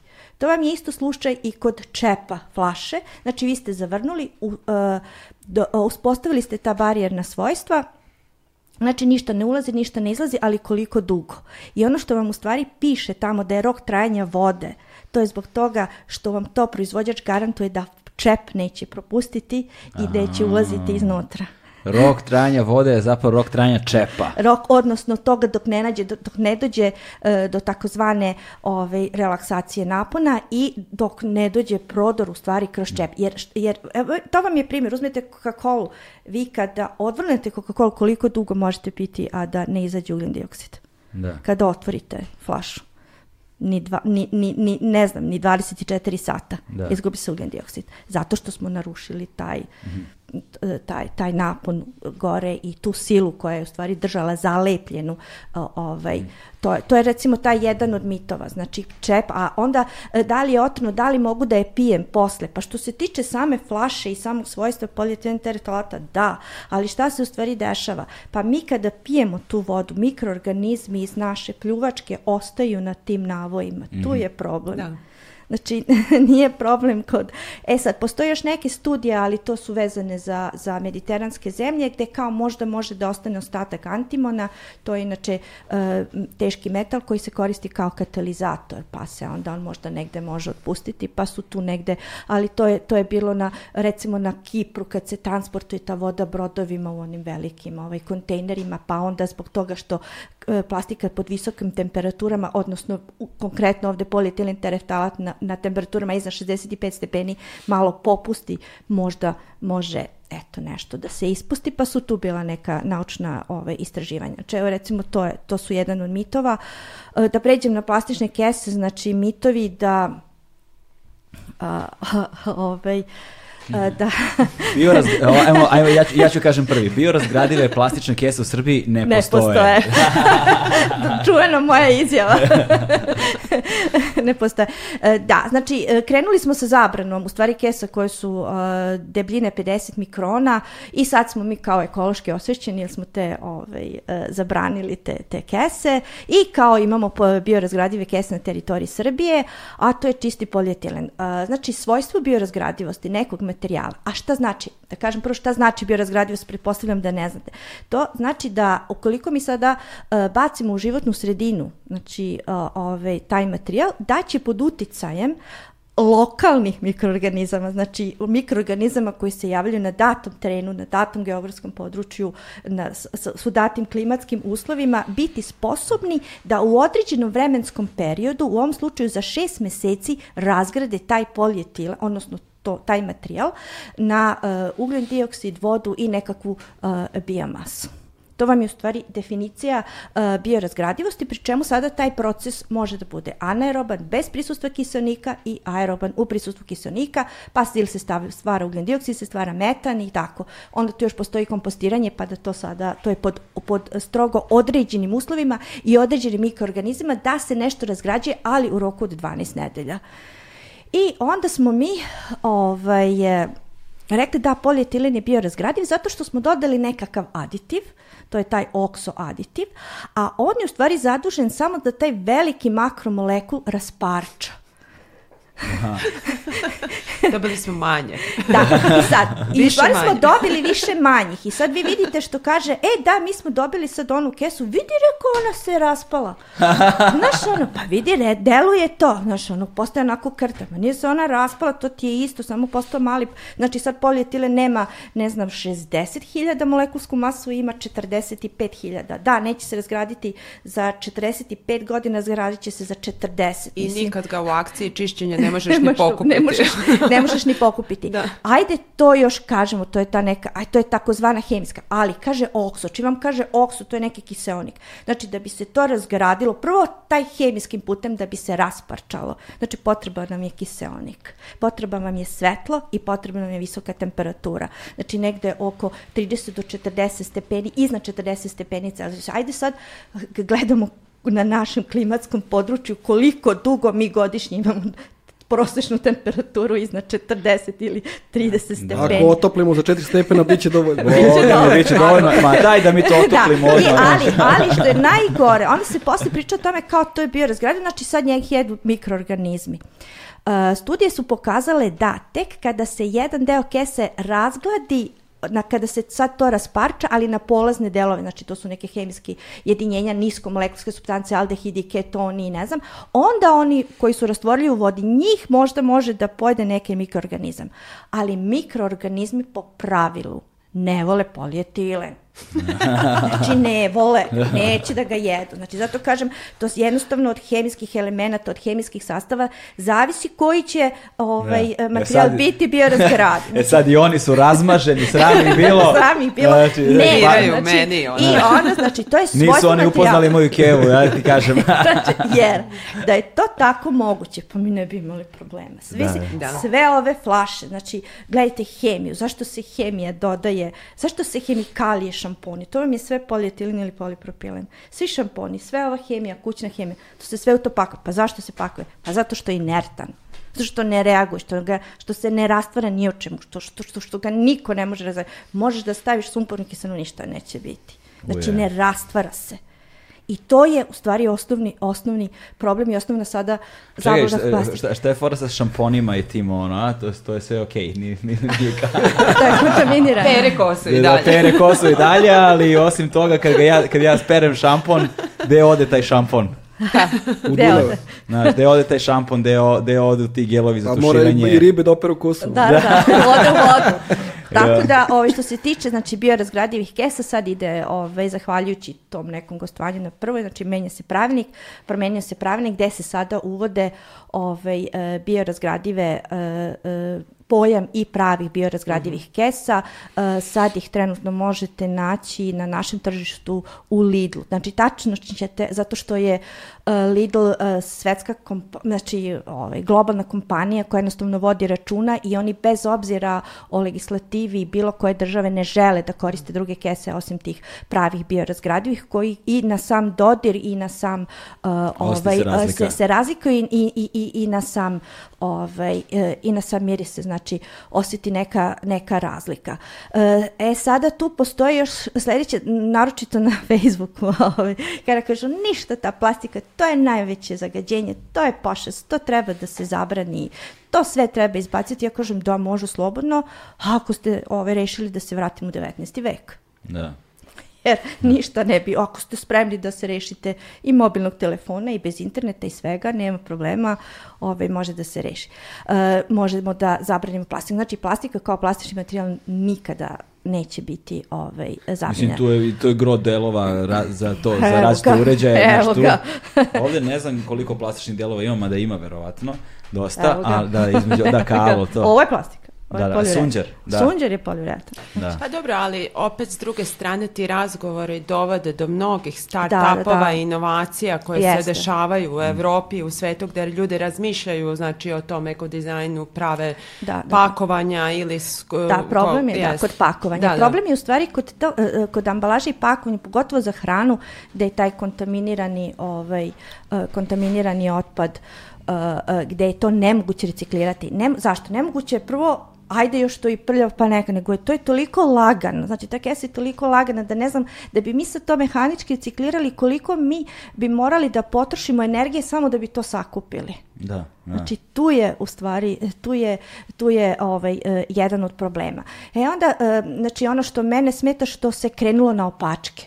U suštini nije rešenje zabraniti polietilenske kese i kažemo, ne, mi ćemo sad zabraniti od 50 mikrona, pa ćemo one ispod 50 mikrona ovaj, uh, ovaj, uh, dozvoliti. Ovde je upravo rešenje ona piramida što je Jelena uh, pričala, znači prvo ajde da ih manje upotrebljavamo i zato sam ja uopšte zagovornik uh, samih taksi. Uh, hajde da uvedemo, znači da ta kesa mora da plati, znači ako ja hoću da je koristim, da moram da ju platim, da se ona ne deli za džabe, ali da se onda taj novac iskoristi za pravljanje deponija, za organizaciju odlaganja otpada. Znači, a ne, a šta se sad u stvari dešava? Mi smo sad proglasili da je to okso razgradiva, biorazgradiva kesa kojom treba kiseonik da se razradi, a onda dođe na našu deponiju, bude zatrpana i nema prisustva ni kiseonika ni temperaturi. Da, da, da. Znači, praktično praktično ništa, a košta više. Ja. Mm. Znači, košta, neko što više, ne znam, 50 para, jedan dinar košta 2,5 dinara ili 8 dinara koliko u stvari košta prava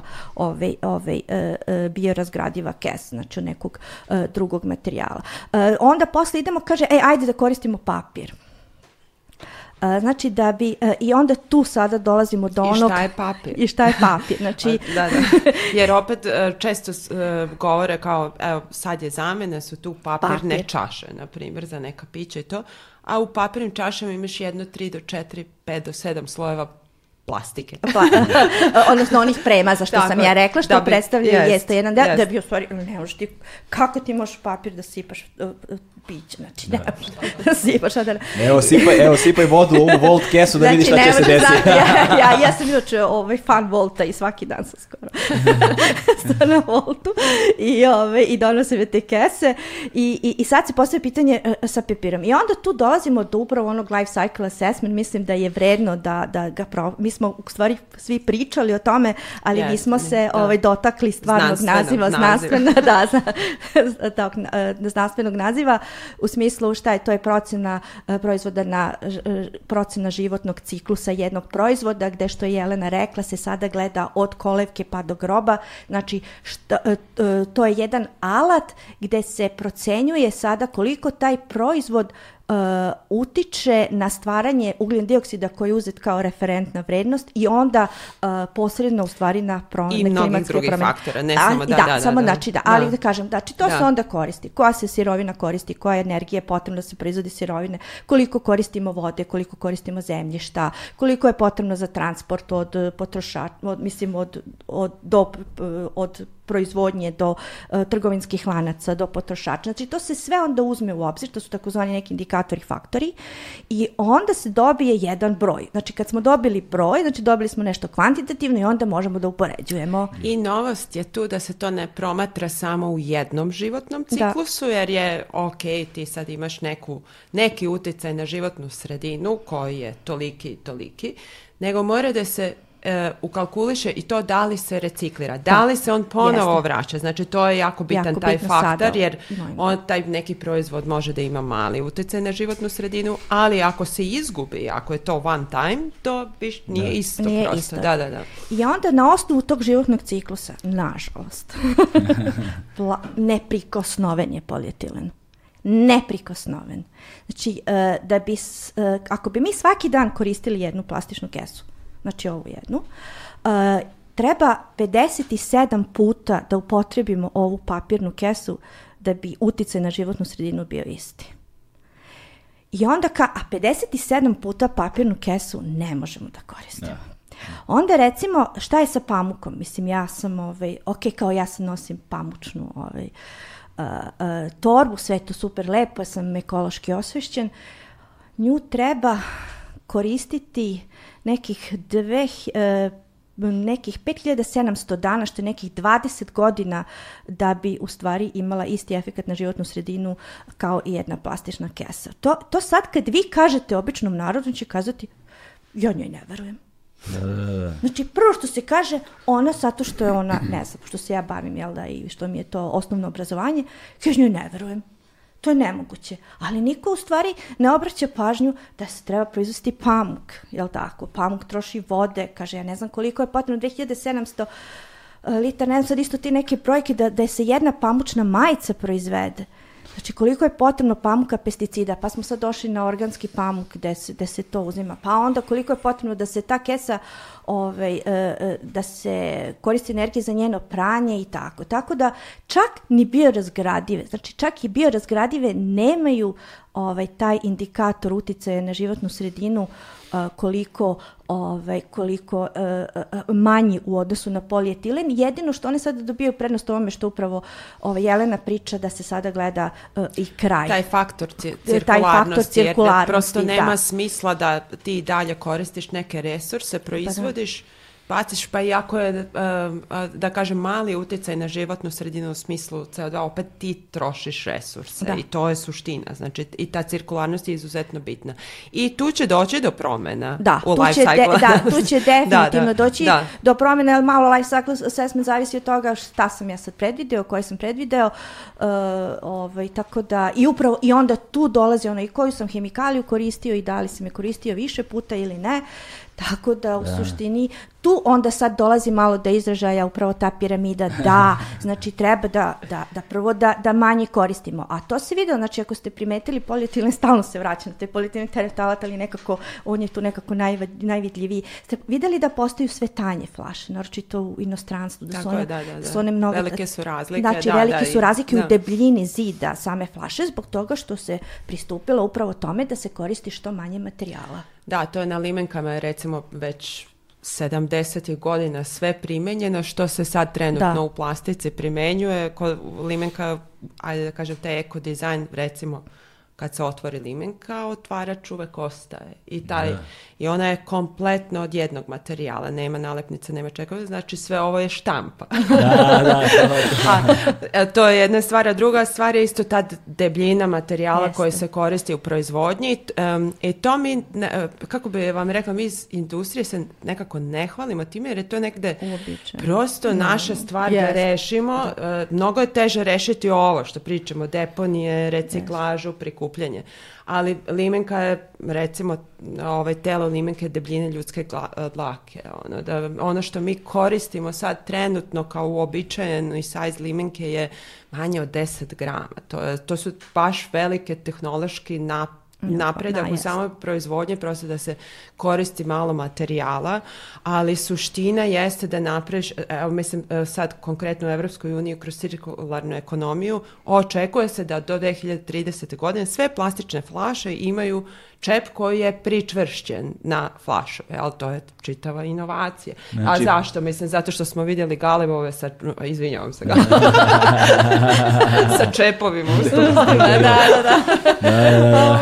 a, I to je sad, a, mislim, na limenkama to postoji od 70 godina. Isto, isto su, je pritisak, uh, uh, ajde da kažem, aktivista životne sredine bio da se ta inovacija uvede. I to je prosto ta, ta, ta da. saradnja, mm. ajde da kažem, javnosti i ljudi koji su zainteresovani za tu priču da se te tehnologije implementiraju. Jeste. Ja, parijski sporazum. Ove, ovaj, mislim, sve ovo, sve, sve, ovo što, sve ovo što ste pominjale vas da je sada vrlo jasno ovaj, oslikava i nešto što smo pominjali više puta u toku razgovora, to je da dok se ne svede na ekonomiju i dok se ne svede na trošak i sve dok se ne svede na budžet svakodnevnog života, ovaj, ne možemo da ne možemo da osetimo toliko jer bismo morali da ono metafizički jel te, vizualizujemo celokupan problem i da se onda odnosimo prema njemu na osnovu naših zamisli, ovako ih osetimo vrlo direktno ove, vrlo direktne posledice svega toga, ove, s time da država mora da bude nekakav medijator, organizator, da sada nekakav kapital mora da se odnosi prema tome na jedan dobar način. Zato i postoji, da. Država je naš konsenzus kako hoćemo da funkcionišemo i država treba se baviti tim problemima zato što je država i osnovana sa da idejom bi da bi nas organizovala kao ljudi, a ne da mi sad mislimo da ću ovo da bacim ovde ili ću ovo da bacim I, ove, ovaj, I kad kažemo da je nešto problem države, zaista jeste. Ove, ovaj, nije, nije neki kolokvijalizam kojim se samo gađamo bez veze. I tu nailazimo kada je Srbija u pitanju na tonu problema, ovaj, doslovno tonu problema. Ovaj, hajde da počnemo za početak od tog Parijskog sporazuma. I onda bila je ta zanimljiva priča o tome šta se sa raspadom Jugoslavije desilo s tim s Parijskim sporazumom. ovaj, da, ovaj, pa da onda dođemo polako i do onoga što su akutne, dakle, savremene teme, ovaj, kao jednom pretposlednji deo razgovora. pa, Parijski sporazum je dogovor u ovom trenutku bukvalno svih zemalja sveta i od, od tih svih zemalja sveta ja mislim da je to u stvari 198 potpisnica tog sporazuma. Od tih 198 možda je ostalo 7-8 koji nisu ratifikovali taj sporazum u svom parlamentu. Ratifikacija znači da vi taj e, dokument stavljate na nivo nacionalnog zakona. Znači da ono što piše u tom dokumentu da se obavezujete da će da implementirate kao da je u pitanju zakon nacionalni. Tako da sve države prihvatile sporazum, duboko ga implementirali, da kažem, u, to, u taj svoj e, zakonodavstvo, da kažem, ili već kako parlamentarni sistem. I ovaj, ali nažalost taj da bi se došlo do tog papira koji se zove Parijski sporazum prošlo je bilo više od 20 godina. Prvi pregovori o klimi su počeli recimo ti međunarodni, pre toga su postojali neki bilateralni pregovori i razmišljanja, ali prvi ti uh, međunarodni okvir UN-a su započeti 92. na sastanku u Riju, to je bio taj čuveni sastanak koji je posvećen prvi po, globalni pokušaj spasa planete Rio 92. godine Tad su počeli ti pregovori i nažalost trebalo je do 2015. usvojen Parijski sporazum. Sve što se dešavalo između je bilo pregovaranje. Da li mi kao društvo treba da spasimo klimu, kako da je spasimo i koji su mehanizmi za spašavanje prirode. Najpoznatiji mehanizam koji je propao je bio Kyoto protokol koji je propao pre Parijskog sporazuma. U okviru Kyoto protokola priča je bilo otprilike da će neko da se dogovori za nekim stolom ko koliko treba da smanjuje svoje emisije narednih deseta godina i da će onda posebno ove razvijene države da to prihvate da će se ponašati u tom smislu da će nerazvijene države, takozvane, ka, kako su tamo zvali ne, ne aneks 1 države, da će one usput nekako da se priključe, a da će ovi razvijeni da im pomažu. Tako da je nekako bila više priča, e, ajde da vidimo kao šta, šta su nam mogućnosti i ko hoće da preuzme koju obavezu i, i, i na neki način da, da da, da se stvori neka vrsta pritiska da ti nešto mora da uradiš. I onda, je, pošto ti je to propalo, onda je međunarodna zajednica usvojila novi model, a to je bila, e, ajde da se skupimo, da prihvatimo prvo, da svi, svi da prihvatimo mm. da mhm. problem postoji, da smo svjesni problema, da želimo da ga rešimo i da znamo šta nam je cilj u smislu rešavanja tog problema, a onda kao inicijalni korak dobre volje, ajde da kažemo koliko svako od nas kao država može da uradi da bismo to ostvarili. Tako da je Parijski sporazum potpisan sa ciljem da se porast globalne temperature zaustavi na 2 stepena. Mi smo trenutno kao planeta topli na 1 stepen i Parijskim sporazumom sve zemlje su dogovorile da nećemo nikad kao planeta preći tu granicu od 2 stepena, da bismo to uradili, šta to implicitno sad znači?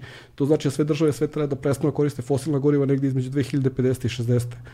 I to je taj karbonski budžet. Karbonski budžet je u stvari gomila fosilnih goriva koje nam je ostala na stolu i koje smemo da potrošimo i onda kad to budemo potrošili, bit ćemo na toj granici 2 stepena.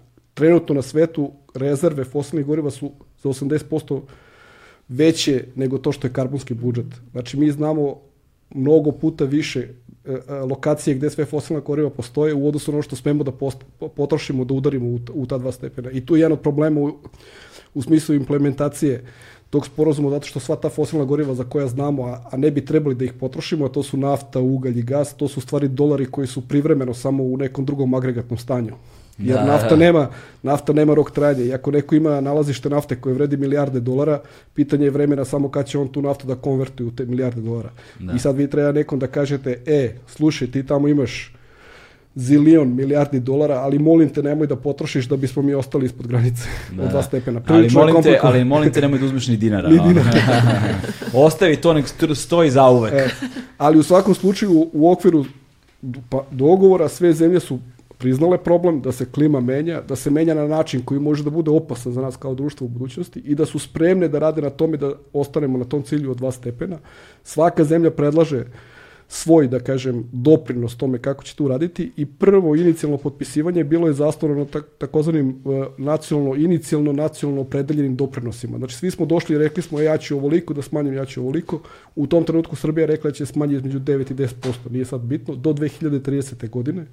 Ali smo onda rekli, za pet godina ćemo ponovo da se vidimo i doći ćemo, pošto znamo da ovo što smo trenutno stavili na sto nije dovoljno i da nećemo da pogodimo taj cilj od dva stepena koji gađamo, ajde da mi krenemo da radimo, da vidimo kako nam idu stvari, pa ćemo za pet godina ponovo da dođemo sa ambicioznim ciljevima. I svakih pet godina ćemo povećavati naše ambicije sve do trenutka dok ne uspemo da zaustavimo, zaustavimo taj problem. I trenutno petogodišnja revizija trebala da bude prošle godine u Glazgovu, ali je odložena zbog korone, pošto revidiranje sporazuma i update je vrlo složen međunarodni proces koji zahteva super organizaciju i nemoguće skoro online održati. Tako da je odložen sastanak za ove godine i vjerojatno će ove godine da bude hibridni. Mm -hmm. Jer isto ja isto često ljudima pričam, pa su začuđeni. Vi kad imate 198 zemalja koja pregovara u nečemu, svaka zemlja je suverena, ne možete nikom ništa da naradite da uradi i svako ima pravo da digne ruku i da kaže meni se ne sviđa ova reč.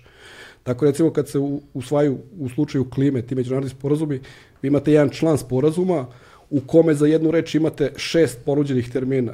Znači mi se obavezujemo, mi smo spremni, mi, mi ćemo vrlo rado, mi ćemo i za, onda glasanje ide u pravcu da se, da se odabere koju ćemo reći. I svih 198 mora da budu jednoglasni u smislu koja reč se odabire i treba tako da prođete kroz sve članove jednog sporazuma. Tako da je to vrlo intenzivan proces Brat. i ne može Ne može. Posjeća me, ima onaj film Terija Gilijama, Brazil, znaš, to da. ono, birokratija do smrti. E. Ono. Ne, to treba Al... zatvoriti u manju prostoriju bez da. ali, ali, da viš kako će se dogovore, da, da, da. ali, ali to je jedini način da vi 198 njih da svi 198 izađu na kraju i da kažu ok, mi smo se to dogovorili i mi zaista to želimo. U suprotnom, ako se jedan kaže da, da nešto nije kako mu treba, znači nastaće haos. To je jedan moj kolega, to najbolje kaže, ovaj, e, kad igramo neki sport, ako je dvoje, troje sve u redu, čim se pojavi četvrti, sigurno će da ispadne neka frka u narednih pola sata, jer će neko da bude ono što si mi gurno, tu ovaj skoči.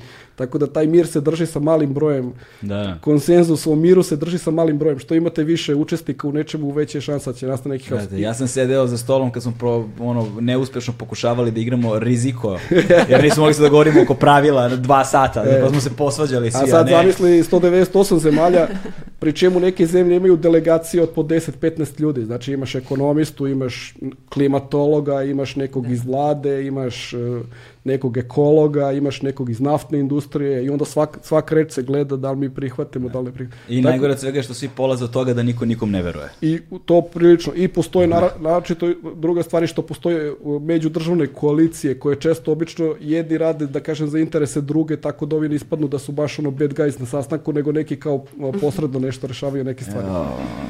I zbog toga je to sve trajalo 25 godina, ali na kraju... Vidim, stići ćemo mi to do 2050. lagano. ali, ali je na kraju usvojeno i dobro je što je usvojeno. Postoje jedan ogroman talas optimizma posle usvajanja tog sporazuma. pa ko prošli da. su čovječe kroz sve stavke, ono, za početak javi plakotre. da. Ne, ja se sećam kad je to bilo e. na dnevniku, ja sam zaplakala. Da, da. ne, to je jako velika jeste, stvar, jeste. Da, da, da, da, tako da prosto... Da, I sad treba da se desi... Kad, izvini, kad se desilo to? 2015. godine. Okej. Okay sad treba u Glazgovu da se desi taj hibridni koji treba da bude update. Na, ovoj, na ovom sastanku treba da se pojave zemlje da kažu, e, mi ćemo da uradimo mnogo više nego što smo inicijalno mm -hmm. planirali da bismo postigli ta dva stepena i zaista puno zemalja se pojavljuje sa ambicioznim promjenama koje su vrlo ozbiljne, tipa Evropa je rekla 2050. godine nećemo da imamo više emisije ugljen dioksida, Japan je rekao 2050. Južna Koreja je rekla 2050. Kina je rekla 2060. Biden je poništio Trumpov izlazak iz Parijskog sporazuma, rekao isto 2050. i od tih velikih emitera ostaju još Australija, Indija, Rusija i Brazil. Znači, ove zemlje koje sam ja sad nabrao, otprilike koje su najveće ekonomije i još ovih par koji se još uvek kolebaju, su ključne da li ćemo mi moći da pogodimo taj target ili nećemo. I mi smo kao Srbija, jako malo emitujemo, vrlo važni, ali nismo toliko važni kao te velike ekonomije, jer kod njih su stvarno ono, veći deo špile kod njih i oni upravljaju ti veliki špilom. Naša uloga, ja često to isto naglašavam, pošto ljudi kažu, dobro, šta mi ne emitemo puno ugljen dioksida, nije to toliko frka u odnosu na te globalne emisije, koliko se toga emituje godišnje, ali naša uloga može da bude e, vrlo korisna u tim pregovorima kroz razne koalicije koje su proaktivne, znači puno malih zemalja ako se ujedini može da napravi neki pomak u nekom pravcu koji je pozitivan. Najbolji primjer su te male ostarske zemlje koje su 2015. kada je izglasan sporazum, lobirale da u sam sporazum, pored granice od dva stepena, uđu i ambiciozni e, e, cilj od jednog i po stepena. Tako da u sporazumu piše mi ćemo se truditi svim stagama da ostanemo ispod dva stepena, ali ćemo ipak pokušati umeđu vremenu da vidimo da li je jedan i po stepen realan cilj, zato što hoćemo da probamo jedan i po stepen. A što su tražile male ostarske zemlje, zato što ako klima postane toplija za više jedan i po stepen, oni će budu potopljeni. Na Uru, Tuvalu i svi ostali u Pacifiku jednostavno neće postojati. Ali puno njih kad se skupilo, uspeli su i to je isto bila neka vrsta presedana u svim tim dogovorima da tako neka mala zanica, da kažem, da uspe da napravi pritisak, zato što ljudi koji dolaze i koji su deo delegacija su ozbiljni igrači, tipa Saudijska Arabija koja proizvodi naftu, Rusija, ne, ne popuštaju lako pred tim altruističkim zahtevima kao ajde da spasimo nečiju kuću koja da, je na, na Pacifiku. Ono. Ali moram da kažem da se to jako reflektuje i u biznis sektor, tako da kompanije usvajaju potpuno te iste ciljeve, tako Jeste. da mi kroz naš program Science Based Targets zapravo targetiramo jedan i po Kompanije, stepen. Da. da. da, da, Od kompanija se da. često puno očekuju u tom smislu, kao ajde vi sad ono isto jurite ciljeve, budite što više ekološke. Kompanije isto po moj utisak, ja verujem da možeš jedan potvrdi, moj utisak je da one isto slušaju to šta su ti međunarodni, da kažem, neki pravci razvoja i ciljevi. Znači, neće oni, nisu toliko uvek spremni da sad oni istupi da budu prvi ti koji kažu, e, ono, baš me briga sad šta su, da, propo je parijski sporozum, ali evo mi ćemo sad da srljamo onu zelenu ekonomiju, ali ako oni vide taj pozitivan eho koji se čuje sa takvih sastanaka, oni su onda mnogo spremni. Mada u slučaju Amerike, recimo Amerika je napustila parijski sporazum, ali oni se i dalje, jako su napustili, drže se tog targeta koji im je bio inicijalni, zato što su baš kompanije, recimo i pojedine države, preuzele taj teret. Ono, išle su u transformaciju znajući da Tako centralna da, administracija... Jer to, to toliko nema veze sa granicama koliko ima uh, ljudi kupuju proizvode tih kompanija Kompanija, da, da. i oni gledaju to, e, to je suština i sad to nema veze da li je neko iza, je, da, da. prosto vi morate da I, uh, replicirate ono što se dešava i što je razumno da se slijedi. Jel? Ali na da. kraju pređe se i u taj deo koji je neka vrsta mode, da kažemo, ne u pežurativnom smislu, ali u smislu da neka kompanija kaže, e pa vidi, kao ja sam oborio svoje emisije za 50%, a ovaj drugi kao zašto se time ne baviš, pa nekog možda i bude malo sramota, vidi svi oko mene se menjaju, a ja ne radim ništa, ono možda ću ja da dobijem neku etiketu koju, koju da. možda nisam zaslužio ili ne želim da imam. Pazi, sramota da... je sasvim legitimna ljudska emocija, znaš, e. tako da... E, to je u toj životnoj sri, ja sad čitam jednu jako dobru knjigu, Nađe se zove, uh, uh,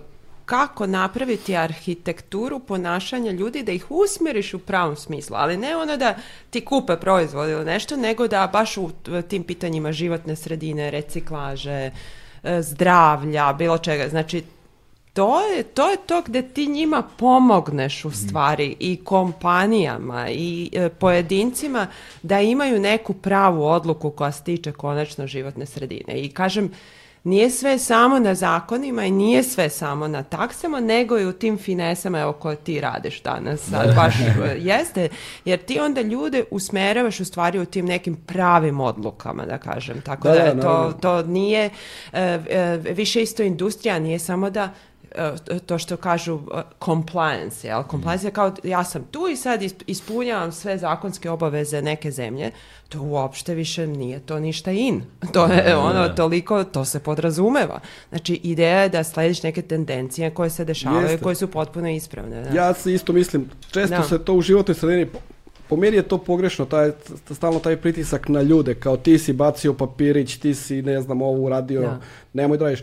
Treba, mislim, opet kažem, mi postojimo kao društvo u smislu neke kompleksne strukture. To društvo treba postavlja okvire u, ko, u kojima ćemo mi da se krećemo bez puno napora da mislimo o svemu tome. Znači, ne da sad ja budem, ne znam, ne mogu da očekujem svakog čovjeka da će bude sad super ekološki osvešćen i da će sad da pazi na svakom koraku šta će da uradi. To je zaj, posebno u našoj zemlji gdje znamo da se ljudi ono, malte ne se bore za egzistenciju, imaju malo placa, vi očekujete od njega da li će on da istovari neku prikolicu đubreta tamo u nekom selu, ko zna gde da li će da istovari za prvog ćoška ili za drugog ćoška. Ako ti njemu obezbediš sistem, dozvola će svake srede da dođe neko da mu uzme to đubre, pa naravno da neće da istovari, stavit će tamo ispred kuće, doći će kamion, pokupit će i odvešće mu, tako. I glupo je sad to pritiskati toliko ljude kako su oni krivi, kako zagađuju gde god stignu i koliko god mogu.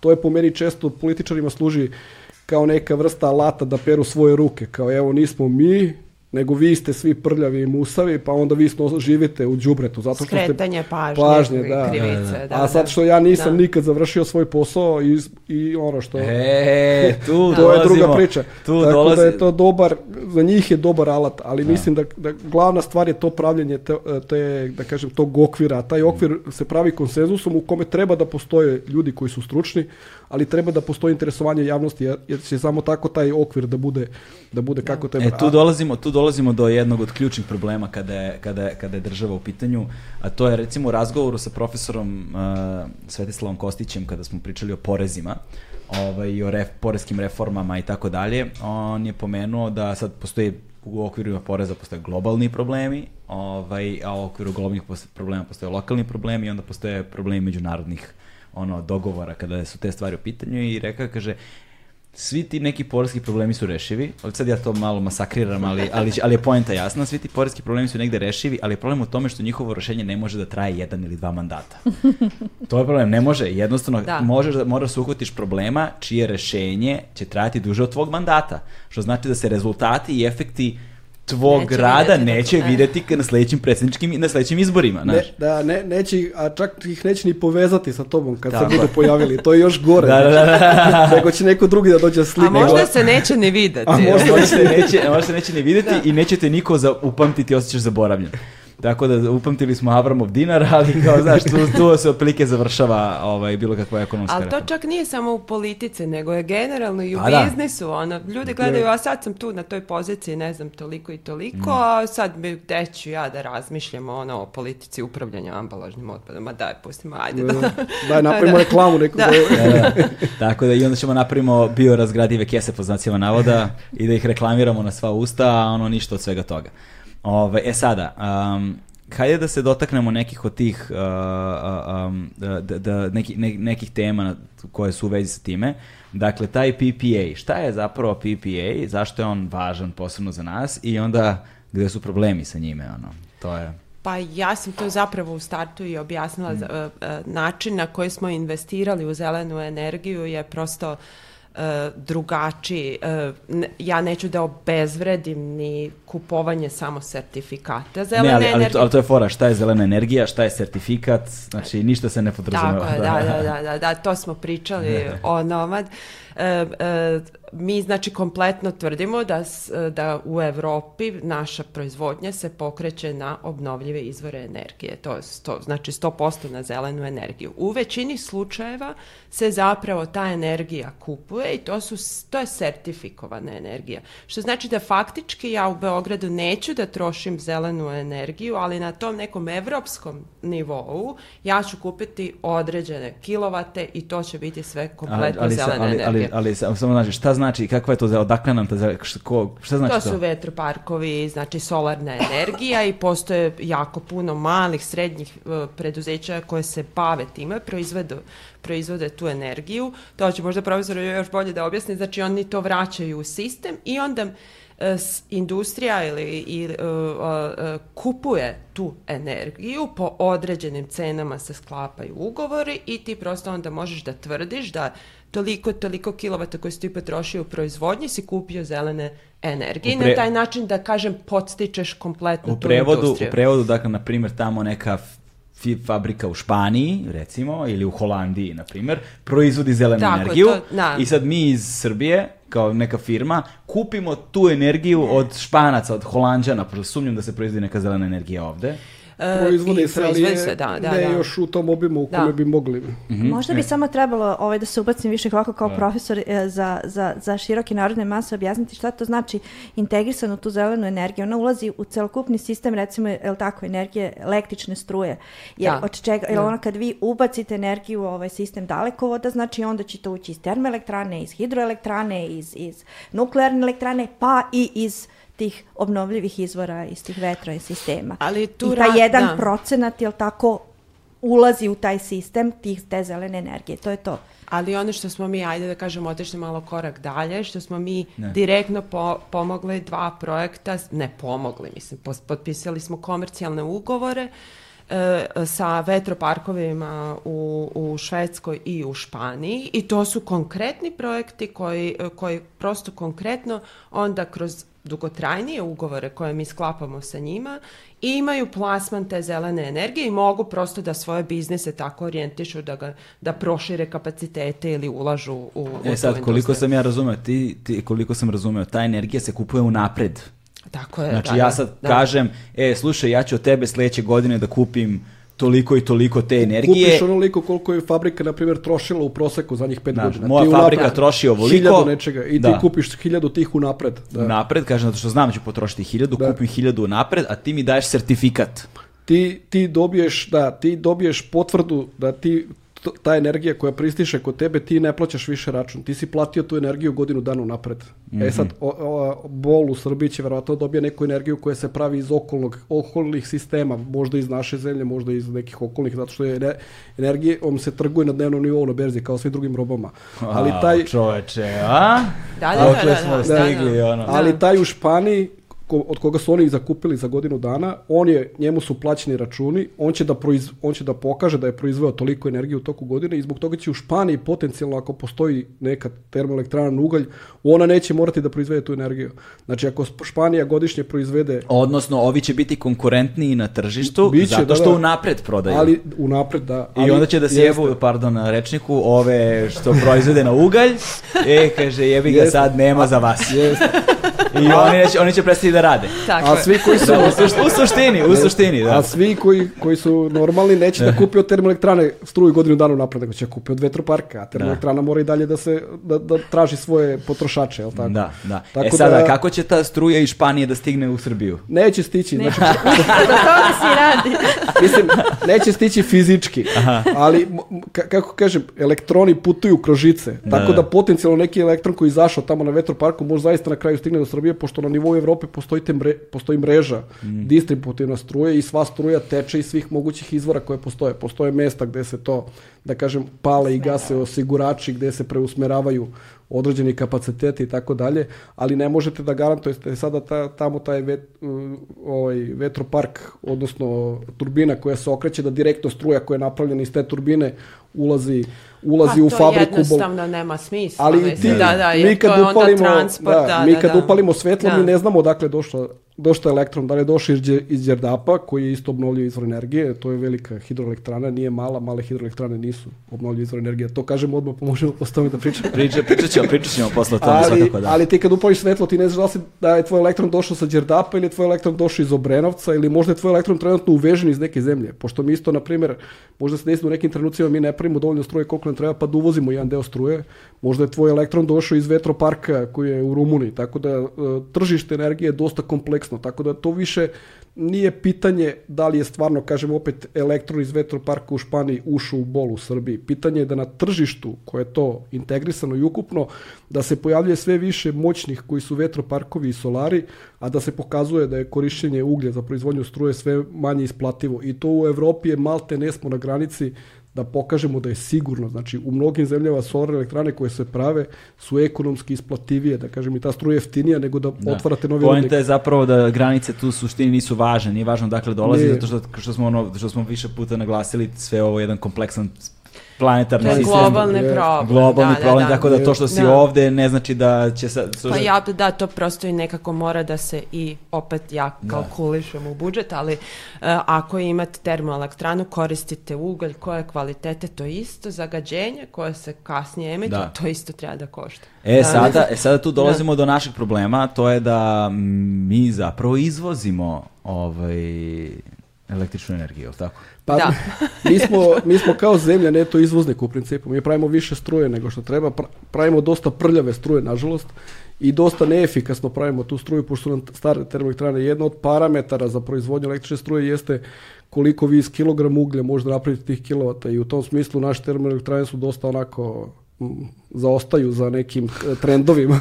Šta znači dosta onako? Pa, mislim, jako su neefikasne u proizvodnji. Znači, to je stara tehnologija, to je jednostavno napravljeno sve pre 34 godina, nije puno ulagano da se te stvari popravljaju. Da kažemo, nije ništa ulagano. Nije ništa. To, ne, mislim, kad pitate EPS, EPS uvijek da kaže, mi smo jedna od najzelenijih kompanija, pa smo isto uložili neke stotine miliona nečega u nešto, a mi nismo ni sigurni baš šta je to i tako dalje ali hoću da kažem, ugalj nam isto postaje sve lošije kvaliteta, pošto te dobre ugljeve, da kažem, na primjer u Kolubari, verovatno su potrošeni i ovaj ugalj koji se novi iskopao i novi kopovi su isto lošiji, što isto dodatno doprinosi zagađenju.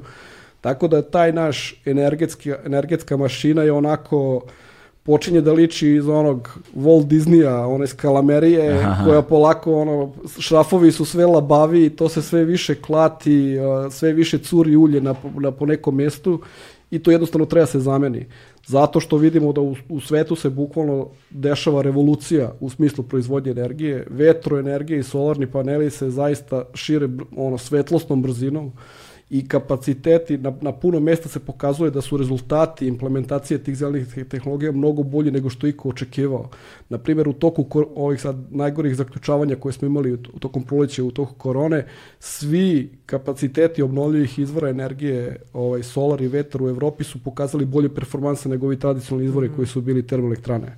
Ono sad recimo u Teksasu je bila velika frka kad su imali ovu oluju, kad je nestala struja u Teksasu, isto je pokazano recimo, iako su na primjer, to je opet stara igra naftnog i, i fosilnog lobija, pošto su oni opasni igrači u, u komunikaciji raznih stvari, oni su napali da je, da je sistem pao zbog vetroparkova, zašto se zaledile ove vetroturbine, pokazano je na kraju u stvari da je mnogo nestabilniji bio sistem koji je bio baziran na gasu zato što su se po, zaledili, zaledilo se puno tih uh, lokacija koje su neki uh, centri za distribuciju gasa i tako da je kolaps energetskog sistema bio više uslovljen time što je bio tradicionalno, da što su bili tradicionalni izvori nego, nego obnovljivi izvori. Da. Tako da je obnovljivi izvori pokazuju u svakom smislu mnogo bolje performanse nego što je iko očekivao i ta uh, dekarbonizacija energetskog sistema u smislu proizvodnje energije verovatno će da se desi lakše i brže nego opet što iko očekivao. Kada pričamo o onom cilju da mi prestanemo da emitujemo ugljen dioksid 2050. Da. godine, veći problem će da bude to često što zove ta poslednja milja. Znači recimo kako da imaš poljoprivrednu proizvodnju, a da u toku u tom procesu poljoprivredne proizvodnje možda ne emituješ neke gasove sa efektom staklene bašte. Kako da transformišeš avio saobraćaj, koja goriva da izmisliš a da nemaš e, emisiju gasova sa ili da imaš neka biogoriva koja su opet na neki način obnovljiva. Kako da transformišeš recimo e, transport tankera, oni su vrlo bitni za današnju globalnu ekonomiju, tako konteneri, ono na milione kontenera putuje svakog dana. Kako tu energiju da napraviš? Znači ima puno tih da kažem manjih sektora u odnosu na taj uh, sektor proizvodnje te primarne električne energije koji su jako mnogo teži za dekarbonizaciju i tu će verovatno se vodi bitka, a ova stvar oko proizvodnje direktne električne energije je nešto što onako moj utisak sa strane da se zaista maltene je počelo da se odvija nekim svojim silama bez ikakvog više upliva države i štete što se kod nas u zemlji to ne vidi dalje. Što e, ali, mi... ali otko sad, na primjer, ovako zagađenje vazduha kod nas? Eto, e, zagađenje, o, da, možda da se raščisti jedan put za svakda. Glavna dva problema, ono, glavne dve glave na ažda i zagađenja kod nas jesu termoelektrane i velike industrijska postrojenja, i s druge strane su ovo rezidencijalno grejanje. To su to što zovemo individualnim ložištima i ovim toplanama koja greju javne zgrade, recimo kao što su bolnice, škole i tako dalje. Tako da još jedan znači ne, na jednoj strani imamo termoelektrane koje emituju ogromne količine nekontrolisano raznih zagađivača i velike industrijska postrojenja i na drugoj strani imamo kuće na kojima se ljudi greju sa šporetima i kuvaju ručak i imamo ove javne objekte. Znači to su dve stvari koje su verovatno u nekoj vrsti, da kažem, podjednake, podjednake kontribucije i povremeno verovatno su jedni gori, a povremeno su uh, drugi gori. Problem sa termoelektranama kod nas je ta bogatstvo sumpora u gorivu, tako da naše elektrane emituju ogromne količine sumpora potpuno nekontrolisano, a ni jedna od njih nema tu tehnologiju za zaustavljanje tih sumporovih oksida. U Evropi ne postoji termoelektrana, jednostavno je to standard, da kad čovjek ima termoelektranu da mora da ima to odsumporavanje. Ti sumporovi oksidi ljudi opet kažu, pa kod nas u PM čestice problem, gde su, sad šta će mi, šta, što me interesuje sumporovi oksidi, problem je što sumporovi oksidi konvertuju u PM čestice, tako da vi emitujete gas, a na kraju, tako da jedan dobar deo čestica u Srbiji PM koji kvare kvalitet vazduha potiču od te konverzije.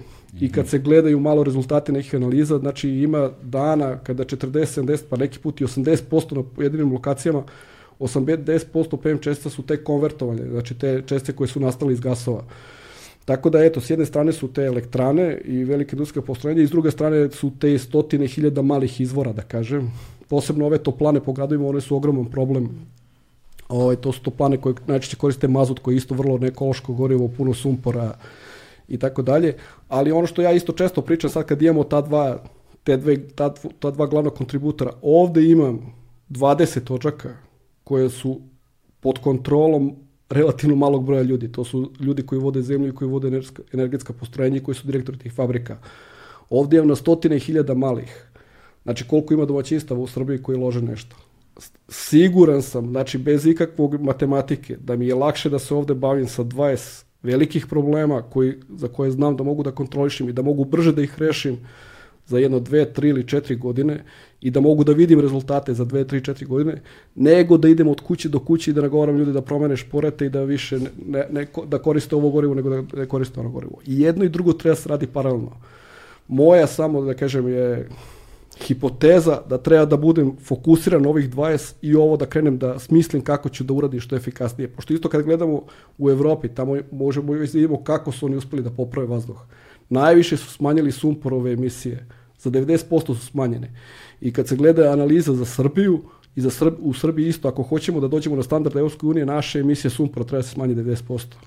Mm. Znači ovde rešenje koje će za tri godine da se vidi da se nešto desilo i da se stvari popravljaju. Mala, ovo individualno ložište je mnogo komplikovana priča. Znači, to je priča gde ja treba da idem, da dižem ljudima svest, da im pomažem, da smišljam subvencije, da vidim da li ova subvencija radi, a možda ova subvencija ne radi, da osmislim kako imaju ovi u gradovima koji imaju ove te toplane na mazu, to može isto relativno lako da se reši. To za par godina mogu sve da pređu na gas, recimo.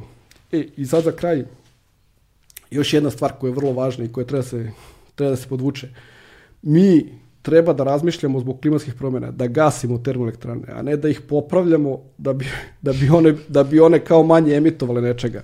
Tako da, ako bi me stvarno neko pitao šta je politika ove zemlje, Ova politika je da pola trenutno tih termoelektrana i tih velikih čuda, da pola smislimo način kako da ih ugasimo u narednih deseta godina. Ovu polovinu drugu koja je relativno dobra, njih treba da modernizujemo i treba da otvorimo prostor za to što su obnovljivi izvori energije, što je sunce i, i vetar. I tu se dolazi do jednog problema koji je vrlo ozbiljan. To otvaranje tržišta mora da bude demokratično. Znači, ne sme to, tržište ne sme da se formira na način da se pojavljuju monopoli, kao što se možda pojavilo u slučaju mini hidroelektrana, da neki mogu to da rade, a da drugi ne mogu i da ti koji mogu da imaju neki povlašćeni status, nego treba da bude dosta otvorena priča, da se postave okviri koji su, da kažem, jasni i gde se ljudima jednostavno dopušta da mogu da razmišljaju na, na pozitivan način. I to je isto moguće, zato što puno zemalja je napravilo ogroman napredak u smislu implementacije obnovljivih izvora energije i postoji puno iskustva kako se to radi i postoji iskustva kako se to radi loše i kako se radi dobro. Tako da je nama volja da, volje da se time bavimo. I sad ću ja još nešto da kažem ne, samo, izvini. Ne, ne, ne, tek, tek, tek Trajeće emisija šest i po sati. Neka traje, brate. Ovo, ovo je sve, pazi, treba da, ja bih samo voleo pre Season, nu, ono, sezona 01 epizoda. da, da, da, ne, ne, ne, nego pre, pre, pre, upamti, upamti šta želiš da kažeš, samo, samo ja hoću da naglasim još jednu stvar ovaj koji nekako, koji nekako mislim da nije dovoljno jasno rečena. Dakle, mi izvozimo... E, to je sad stvar. Mi kao neto izvoznici, jedan deo struje koje napravimo, izvezemo u inostranstvo. Ta struja je napravljena obično od tog jeftinog lošeg lignita, tako da mi smo spremni da udahnemo jedan deo PM čestica zato što smo izvezli neku količinu struje i na taj način zaradili pare. Ukoliko bi, bi samo proizvodili struje koliko nam, da kažem, stvarno treba, ne bi imali taj izvoz, onda bi ovaj da kažem za toliko isto udahnuli manje PM čestica. Ali stvar tome, ali stvar tome ukoliko bismo napravili postrojenja koja To postrojenje troši određenu količinu struje i moguće da bi isto pravljenje tog postrojenja značilo da bi mi imali manje tog izvoznog produkta. Tako da je to jedan od razloga često što je barijera za uvođenje tih postrojenja, zato što se posto, potencijalno otvara se pitanje da će neko na kraju da izgubi profit zato što je jedan deo struje koji umjesto da potroši da, da zaštiti vazduh, u stvari hoće na kraju da, da proda negde kao, kao proizvod.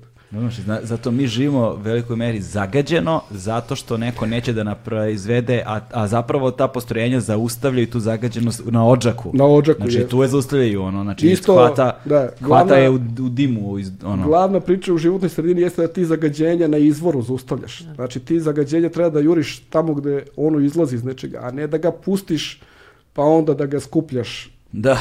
kad je već negde otišlo. Evo, htio sam kažem isto kad smo sedeli pa smo pričali ustoje onaj da kažem, gospodin koji je sedao pored nas. Ja, jeste, bravo, da. Evo, Branka, ne znam, sedeli smo na, na, na sastanku, pošto si ti iz Novog Sada i hvala ti puno na tome što si, što si došla danas ovde. Ovaj, ustao je čovjek koji nas je slušao dok smo razgovarali smetali smo mu, glasno smo pričali, glasno smo pričali pa nije mogu raditi posao pa je ustao i otišao za drugi sto da sedne, ali kad je ustajao od stola prišao je našem i rekao nemojte slučajno da napravite epizodu da ne pomenete Valjevo, pošto, je, pošto, je, pošto je on iz Valjeva, tako da pozdrav za gospodina, ne znam kako se zoveš, ovaj, ali evo da pomenemo Valjevo. I, I ne samo Valjevo, znači u Srbiji jeste, kažem opet kod nas se desila se malo zaista ta refleksija problema kroz to što je interesovanje ljudi za problem zagađenja vazduha i to se zaista zadnjih godinu, godinu i pol, dve dana možda malo podiglo na neki nivo da se sve ljude počelo da interesuje. Dosta se često problem fokusira na Beograd i priča se o Beogradu, često su te slike evo Beogradu u smogu, evo, ali treba stvarno reći, znači u, kada pričamo recimo o Valjevu ili u Užicu, pa sad i u Novom pazaru, pošto je u Novom pazaru postavljena stanica, kada pričamo o ovim centrima koji su pod ogromnim industrijskim pritiskom kao što je Bor ili Smederevo, znači Beograd je uglavnom vazdušna banja za takve lokacije ili ove gradiće koji imaju cementare.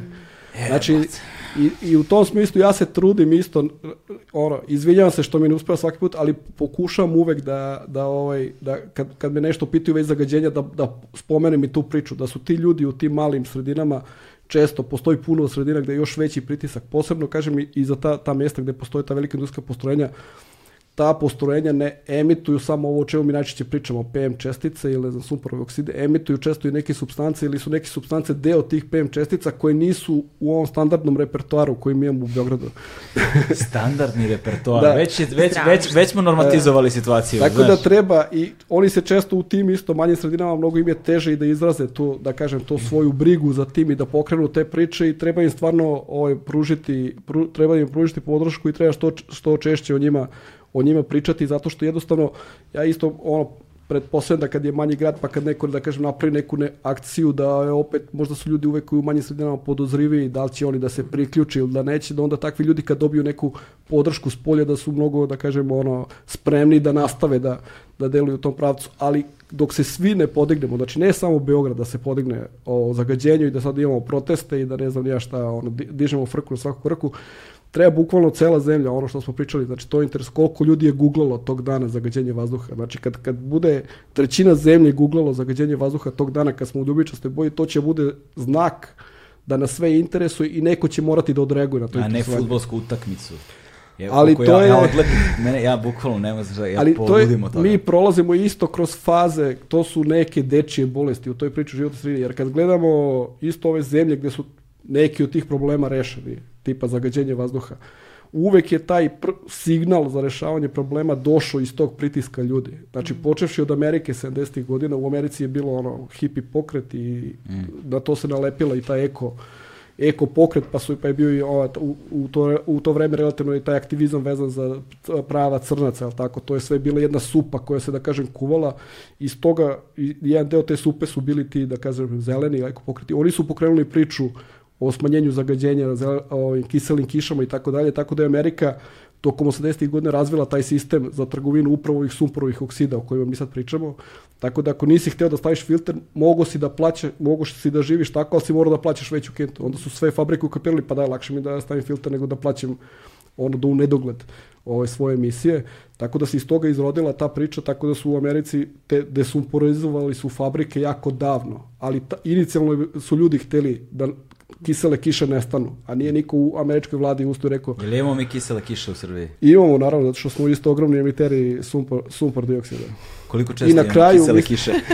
na, Koliko često imamo na kisele kraju, kiše? pitaćemo neke, imaju hemičari koji to isto prate, možemo da ih pitamo, ali mislim da to, kod nas je to isto dosta skrajno problem, trenutno ne priča se toliko o tome. Pa pošto nigde, nas, da, potpuno je više ono nas out. je, više nas brine grebanje u Da. grlu nego zato što se biljke možda negde suše zbog uh, kiselih kiša. Ali na kraju i Kina. Kina je zemlja koja je dosta centralizovana, politički i politički kontrolisana. Zagađenje vazduha u Pekingu se isto nije desilo zato što na centralnom komitetu neko ustoji i rekao ljudi ja se brinem da što naši ljudi udišu ne znam prosečno godišnje 50 mikrograma PMO-a nego zato što su ljudi počeli da se bune. Iako postoje, postoji par dokumentarnih filmova da sad ovaj, ne, ne pričamo baš o naslovima, ali vidjet ćete u Kini su postojale grupe ljudi koji su se umrežavali preko interneta i pokušavali da rade tu vrstu podizanja svesti. E, nije normalno što ne vidimo sunce. E, nije normalno da dišemo ovakav vazduh. Kad se jedan put taj zahtev nagomilo, onda je neko u centralnom komitetu rekao, e, pa vidi, ljudi su uz ovo zainteresovani, ajde da radimo nešto. I što je najzanimljivije, zadnje tri godine Kina beleži isto veliki, mislim, relativno veliki uspeh u poboljšanju kvaliteta vazduha. Prošle godine su recimo imali se, da li, njima se desilo zato što su oni zabranili uvoz đubreta. uvoz, Uz, uvoz obe otpada, oni Pa- ne uvoze više otpada. ali nije samo zbog toga, da, nego da. su isto, počeli su da, Da. gase termoelektrane i velika ta postrojenja su počeli da ovode u red. Njima, prošle godine su imali u Pekingu recimo za trećinu manje tih sumornih dana sa smogom nego što su ih imali recimo pre 3-4 I godine. imaju ogromne investicije u obnovljive, u, obnovljive izvore tehnologiju energije. za obnovljive izvore energije. Da, da. Tako da su na- ono napravili su vidljivi pomak. Ma, to je samo opet- mi da napravimo profit na, na izvozu, a? A čekaj, A pa čekaj, ima uvozimo nešto đubre. pozitivno. Ima- taj, ima pozitivnih stvari. ovaj, ovaj Green Deal, ono u Evrope, valjda U će. Evropi- Da. O, misliš, misliš New Green Deal? A, ali to se... b- To je američki. Da, A U. Evropi je Da. samo Green Deal. Samo Green Deal. Da, da, mi, mi I smo Green prvi Deal za zapadni da. Balkan. I Green Šta, Deal- a šta je Green Deal za zapadni Pa Balkan? zapravo se te, ajde da, da, ja sam to tako shvatila da uh, nije Evropa samo Evrops, zemlje uh, Evropske unije. unije, nego je Evropa kontinent. Znači, uh, mislit će se i na naše zemlje, u tom smislu pomoći prelaska na zelene i obnovljive izvore energije i uopšte uh, čistiju tehnologiju. I na taj način ja mislim da mi u, u neku ruku imamo priliku da iskoristimo tu mogućnost, za- zato što Evropa ima ambiciozan cilj da bude karbon neutralna do 2050. godine, ali misli se na kont računamo kontinent. se i mi. Na kontinent. Da, da. da. E, ali, ovaj, e sad, ja bih sad... ne- Pitao se, jel uvozimo đubre? Da, da, da. Pa za ono, mislim, kao, ti, ti si pomenula da je postrojenje u Vinči možda ono preambiciozno. Da je to uvoznik. Ne, Da. ne, to je da. Pa to je ovo što sam spomenjala. Što ne uzmu sa plima dole. Znaš, Zato što je malo. Da, da, Na kraju ipak dovesti- ispadne malo. Pa ne, suština je uh, uh, upravo što je rečeno. Znači, ne možemo mi sad u potpunosti da promenimo i sva plastična pakovanja, da sve zabranimo, izbja- izbacimo. Normalno je da mi moramo tu, to spaljivanje otpada nekako da isplaniramo i da ono postoji i to je, mislim, u neku ruku barem kontrolisano, nije isto kao kad gori deponija u već, mislim, pazite, uh, požari na deponije su gotovo svakodnevna stvar širom Srbije. Znači, ovo je ipak jedna kontrolisana situacija, ali je suština da se odrede kapaciteti, a ne za sledećih pet godina, nego za sledećih 50 godina. Jer ovo što sam ja pričala oko cirkularne ekonomije, oko onih ciljeva, rate, reciklaže, to, pa sam spomenula da se spaljivanje otpada neće kalkulisati.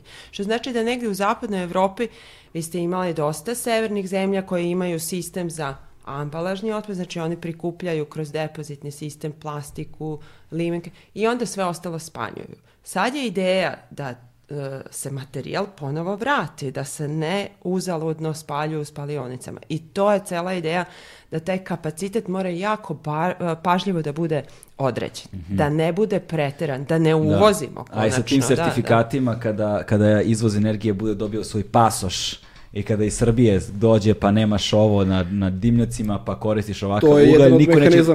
niko neće hteti da ga kupi pa će biti primorani da, promene To je realno za par godina, to je isto kod nas trenutno po Da- meni da li nije je zaista realnost, a? prepoznato, da, da, to je, jednostavno bit će taj, to, to će se zvati formalno mehanizam podešavanja na granici.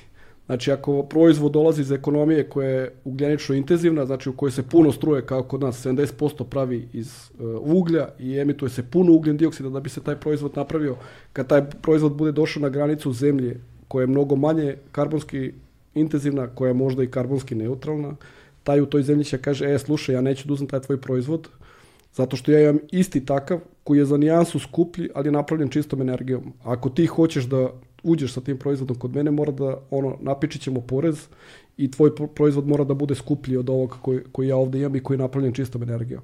Tako da ovi koji ne budu hteli da, da, kre, da razmišljaju kako da prave čistu energiju, bit će ekonomski na neki način, da kažem, usmereni u, da. u tom smeru da možda razmisle da za Srbiju isto, znači to je kod nas ono, spominjalo se to ljudi misle da je naučna fantastika za Srbiju isto, kod nas isto i dalje postoji neka vrsta mita prema svemu tome da li je moguće da mi možemo da proizvedemo dovoljno energije iz vetroparkova i solarnih panela, ne znam, iz hidropotencijala i tako da je. Apsolutno da možemo, znači nije to nikakva da kažem, uh, ono, uh, space shuttle tehnologija, to se danas toliko raširilo po svetu i toliko je postalo uobičajeno. U Americi solarne paneli, ovi privatni za fizička lica, znači to je bukvalno na, na nivou paketa za mobilne telefone.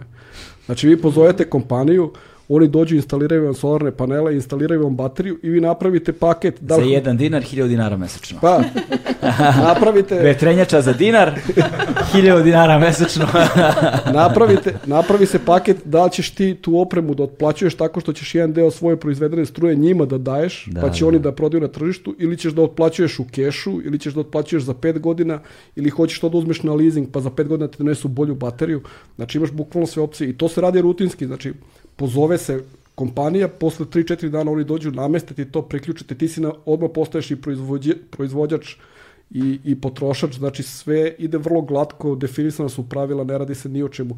Ako Nemačka može da proizvodi dobar deo svoje energije solarnih panela, mislim, o čemu pričamo ovde za Srbiju, znači koliko smo južniji od njih, posebno južna Srbija, ono, mi, Eldorado za, za da. solar u odnosu na Nemačku. Jednostavno, kod nas postoji Mi smo generalno, ja to isto često mi smo dosta konzervativni kao društvo i nepoverljivi smo prema novim tehnologijama. Kod nas obično treba onako to dosta da se ono, da, da, da mm. uštipimo 12 puta nešto novo pa da budemo sigurni ja to možda. Mislim, verovatno su i tvoje iskustva sad ti si onako internet, ne. Da. podcast, sve ostalo to ljudi se kod nas i dalje teško odlučuju za spominjao si kartice da kod nas ne. Da. ljudi možda ne mogu da plaćaju kartice sad ću ja provučem karticu Tao Bill da, Gates da, da. odmah da mi skine 5 dinara sa računa.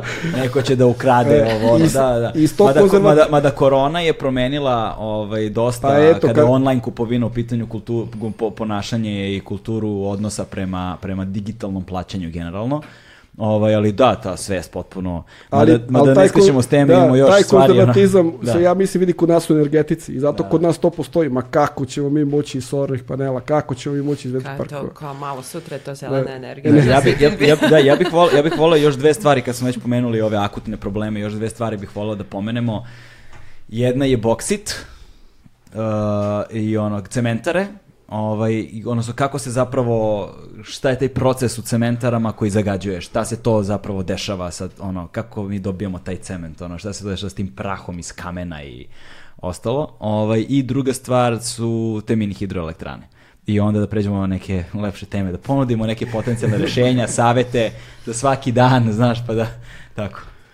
Ne znam, ja nisam, Aha, ovaj, ja sam baš u plastici, da, da. jedino što znam da je, da je problem u cementarama uh, uh, spaljivanje gume jer ovaj, naše cementare uh, koriste uh, autogume uh, da za kao energetsku kao za, za energent. Ener, energent.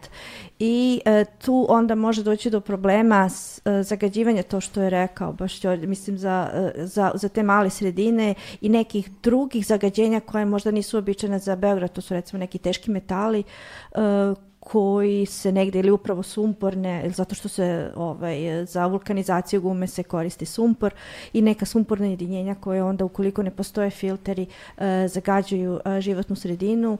E, naravno moraju se unutra, unutar tih guma nalaze se neki čelični kord, kordovi koji su na bazi E, cinka i bakra koji prethodno moraju da se izdvoje. Znači, to opet koristi neku energiju. Taj cink i bakar koji se izdvoji iz te gume ima naravno svoje tržište, ali, ali, ali mora da se izdvoji. Sad, koliko se vodi računa da se ne baci baš odmah cela guma u... u, u... Sumnjam da se baš vodi računa nešto znači, o tome. Mora da se izdvoji pro taj čelični kord i onda, ovaj, da on, ali ima on svoje tržište i dobru cenu, znači tako da, da, da i onda da se, znači to je, to je ono što ja je meni poznato za cementar filtere kod nas da se koriste, znači kao energent se koristi I, autoguma. Da, I sad, to je cool, sve, kad bi oni koristili jednu gumu u toku dana. Ali oni koriste mnogo gumu, gumu u toku dana, zato što je to je od, jedna od najenergetski intenzivnijih industrija u smislu obrade materijala iz kog treba da se dobije na kraju cement. Treba prvo kamen da se samelje u tom mlevenju kamenja i, i pravljenju nekog granulata iz kog nastaje cement kasnije, dolazi isto do oslobađanja jednog dela ugljen dioksida. Isto jedan dobar deo ugljenika na planeti je u stenama, tako da svaki put kad se drobi stena, jedan deo ugljen dioksida se oslobađa, ali s druge strane na kraju kad se to sve dobro sabere mora da prođe kroz jedan proces u kome temperatura treba bude jako visoka, nisam, nisam siguran, ali recimo možda i preko 1500 stepeni, gde vam treba puno energije da napravite taj proces, da bi se na kraju sintetizovali ti materijali koji na kraju budu, budu cement iz svog tog izdrobljenog mm -hmm. što, što, što, što napravite od, od inicijalno rude i da bi napravili tako visoku temperaturu treba nečega puno da ložite, jednostavno je tako ono. Da. I sad može da se loži nešto što je ekološki, da kažem, ajde, koliko toliko prihvatljivo, kao što je gas, Gas je dugo godina bio predstavljan kao neki eko, eko gorivo, zato što emisije svega iz gasa su daleko manje nego recimo iz uglja, iz nafte, mm. ali i dalje se emituje ugljen dioksid. Tako da gas može, uvek kad se priča o toj energetskoj tranziciji, možda bude neko prelazno rešenje da se privremeno koristi dok ne smislimo, da kažem, nešto bolje ili dok ne dođe neka druga tehnologija. Ali umesto, na primjer, cementare da koriste gas koji, i da smanje svoje emisije nekoliko puta, pa možda nekoliko desetina puta za neke substance kod nas u cementare eto dobili dozvolu da koriste jedno super ekološko gorivo, a to su stare gume da lože. Je, a dobili su dozvolu da koriste, je. I onda pošto treba puno guma, da, sad nam, sad, sad nam samo još fali ovaj Rio Tinto. Rio Tinto će da napravi haos.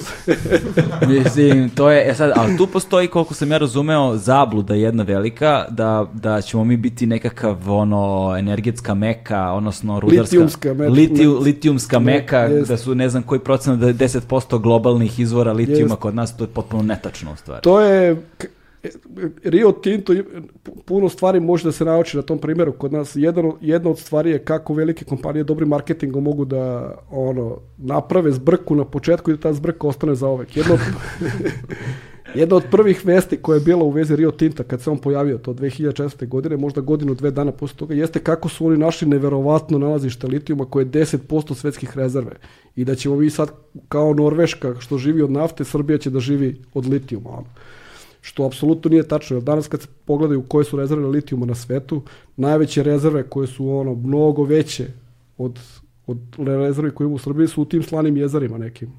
Mm koji uopšte nije ova tehnologija koja će kod nas da bude primenjena. Malte ne su ti rudnici na otvorenom i tako dalje. Potpuno drugačije radi. I ta, ta, te, te sadržaje litijuma u tim rudnicima značajno prevazilaze ove rezerve koje su kod nas.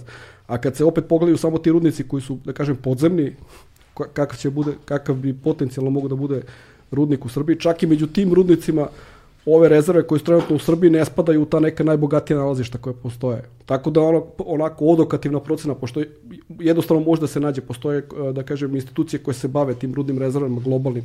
To su uvek, dosta se radi više o nekim procenama nego tačnim brojima, ali kad se pogledaju te neke globalne procene u okviru institucija, pojavljuje se taj broj koliko miliona tona rude kod nas postoji i kad se to uporedi s ovim drugima, znači mi tu sigurno padamo neki, upadamo u neke desete delove procenta globalnih rezervi, a kakvih 10% ni. Ali to je rečeno... 2000, desete delove jednog procenta. to je rečeno 2005. To su preneli, svi, ti svi mediji su preneli u tom trenutku i do pre par meseci dok nije počela frka oko Rio Tinta u Srbiji, da se tu malo stvari, da kažemo, ono, prepakuju, da vidimo o čemu se stvarno radi. Vi kad ste kucali Rio Tinto Srbija, prvo što je izašlo u Srbiji je 10% globalnih rezervi uh, litijuma. I kada imate vi tu informaciju na početku, dalje je teško voditi bilo kakav razgovor. Zamisli da posjeduješ bilo čega 10% na svetu. Sigurno ćeš da budeš, da kažem, dobar. Ono. Imaćeš nekog benefita od toga. Dobar je mala, ono, mala, mala reč. Zamisli da imaš 10% slušanosti globalnog podcasta. Evo sad ćeš imati. Sad ću imati. Tako da jedna od stvari kod nas za Rio Tinto, ja mislim da ta stvar treba isto relativno brzo da se razbije kao mit. Druga mm. stvar je, cena litijuma, isto se priča kao litijum je materijal budućnosti, treba će nam za baterije to. Cena litijuma maltene zadnjih nekoliko godina je konstanta. Ono. Znači, to trenutno se ne vidi da je svetu potrebno više litijuma nego što se pravi. Da je svetu potrebno više litijuma nego što se trenutno pravi, cena bi sigurno rasla, ne bi bila na, na manje više istom nivou. Raste, ali dosta blago raste u odnosu na neko očekivanje. I drugo, čak i te projekcije za budućnost, nisu tako, da kažem, e, optimističke kao što se mislilo pre, par godina. Ja sam mislio baš zbog ovog električnih automobila, tra, zelene tranzicije, da će cena litijuma mnogo brže da raste. Ispostavilo se da nije, pošto očigledno i rezerve ima više i tehnologije za dobijanje tog litijuma su verovatno jednostavnije, a posebno što će kod nas tehnologija verovatno bude jedno najagresivnijih, jer mi treba da iščupamo litijum iz vrlo čvrstih stena. Mnogo lakše iz nekog jezera tamo slanog doći do litijuma nego iz stene da. koja je vrlo čvrsta. Iz mrtvog mora, mora Da, ovde trebamo da meljemo, da polivamo kiselinama, da tretiramo na razne načine da bi došli do, do toga što je litiju. Tako da je kod nas I jednostavno... I da onda sve to lepo završi u zemlji. Jeste. Tako da je kod nas taj litijum koji je na početku predstavljan kao nešto, verovatno nije toliko dobar e, kao što mm. se priča. I tu tu je, kako kažem, prvi trenutak gde mi treba sad da sednemo i da razmislimo, ali treba da imamo prave činjenice pred sobom, a ne jedan dan pričamo jedno, drugi dan pričamo drugo, treći dan priča neko, neko nešto treći, onda se pojave interesi, onda kao neko uloži neki novac, onda je sad glavni argument je kao oni su uložili ne znam kakve milione u, istraživanja, pa ono, ja isto koliko razumijem, svaka kompanija koja se bavi bilo čime na svetu ima neki research da. za koji plaća pare ne znajući da će da donese profit ili neće. Niko ne ulaže pare sa 100% sigurnošću da će donese profit. Ako je to pitanje toliko problematično, mislim to je potpuno u redu da je neko potrošio pare i da je pokazao da nije dobro napraviti rudnik u Srbiji, a ne da je dobro napraviti rudnik. Tako da kažemo, ovaj, puno je tu otvorenih karata po tom pitanju i druga stvar je isto što je cela, mislim, cela priča je s jedne strane naivna, mislim, u, po pitanju da li je to opasno ili nije. Vi ne može da, mislim, ne može se napraviti rudnik koji je ekološki ili koji, ma koje standarde da se pridržava, ma kako oni uh, spremili, da kažem, tu listu me, mera zaštite život sredine. Rudik je prljavo mesto gde se koristi puno hemije, gde se koristi puno mehanizacije, gde se vrši ogroman pritisak na životnu sredinu. Znači, ne može sada da pričate vi o rudniku, mi ćemo da napravimo naj ekolo, ekolog, ekološki, ekološki, ne znam, najzeleniji uh, ovaj rudnik na svetu u kome će malte ne ono da se presele sve zaštićene vrste ptica zašto će toliko lepo da bude tamo. Neće da bude. Znači biće đubrište, biće puno toksičnog materijala, moraće da se rade ekstremne mere da bi se taj to, toksični toksični materijal držao pod pod kontrolom i to je rudnik.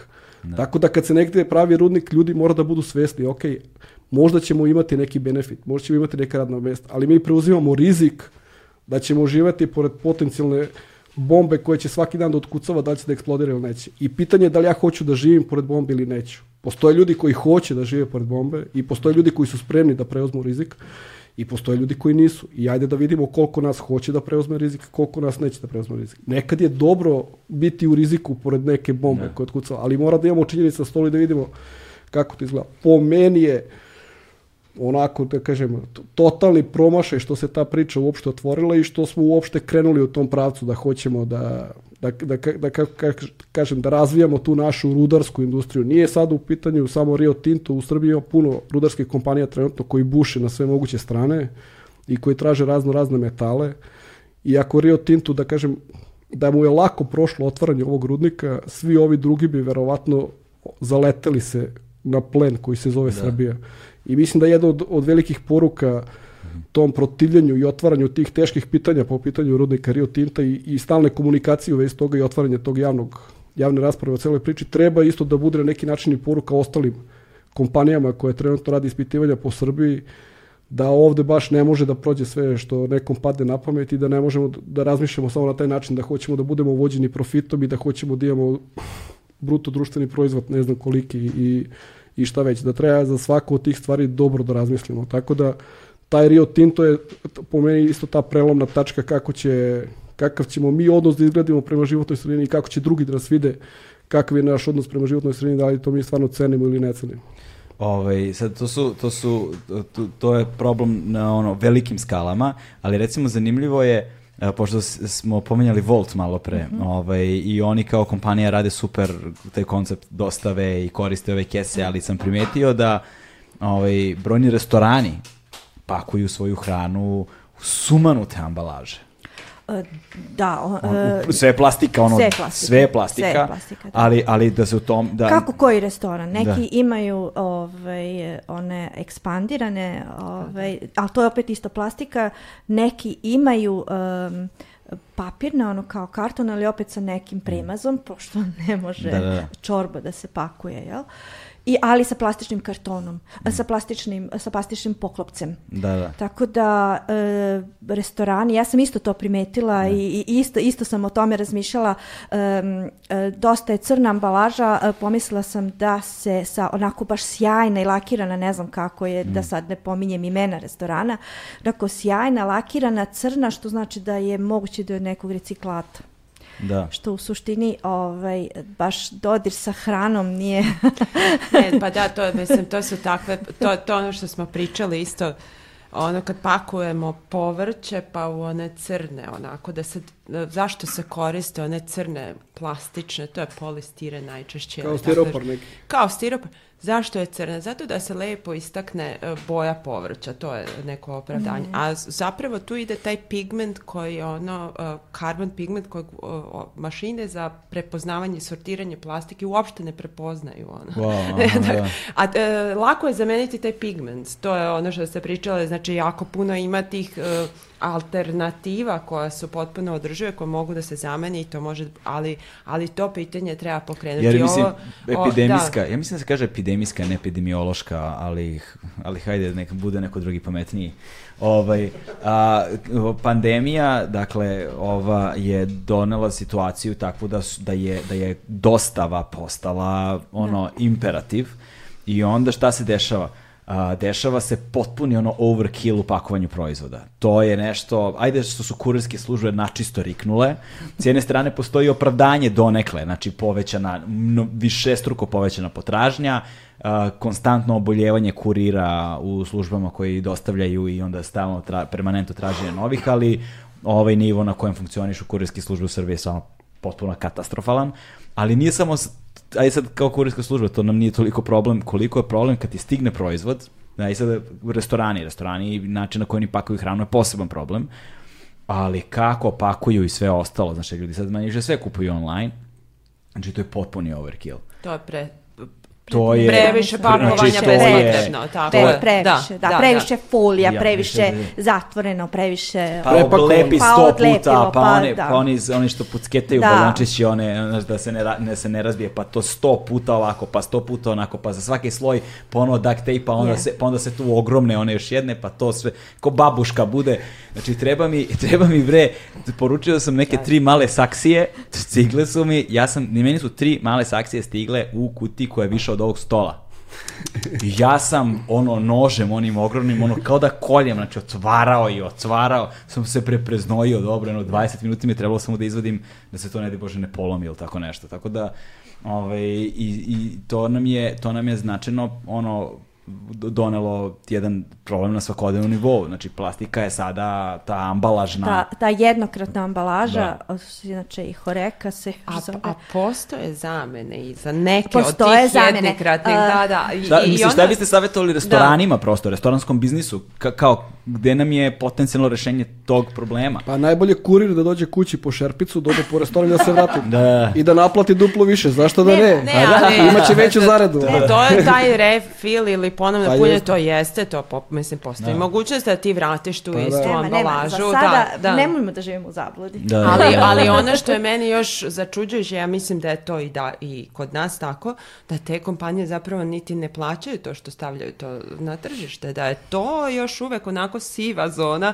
jer ti sad i u Srbiji plaćaš određenu sumu, taksu, da kažem, da, kad stavljaš ambalažu na, na tržište, šta se ovde dešava, ja nisam ne, sigurna. Ne, ovo je sve uveze. Mislim, da. ne, to nešto se proizvodi da. kod nas, e, nešto se uvozi, e, to su u stvari folije koje onda idu tim nekim um, E, tehnologijama prerade, ali um, jeste u ovom slučaju, znači kada je horeka u pitanju, to su ta jednokratna ambalaža. Samo da objasnimo ljudima šta je horeka. To je, Ho kažem, hore, znači... Hotel, restoran, ka, kafić, jeste, kafe. kafe.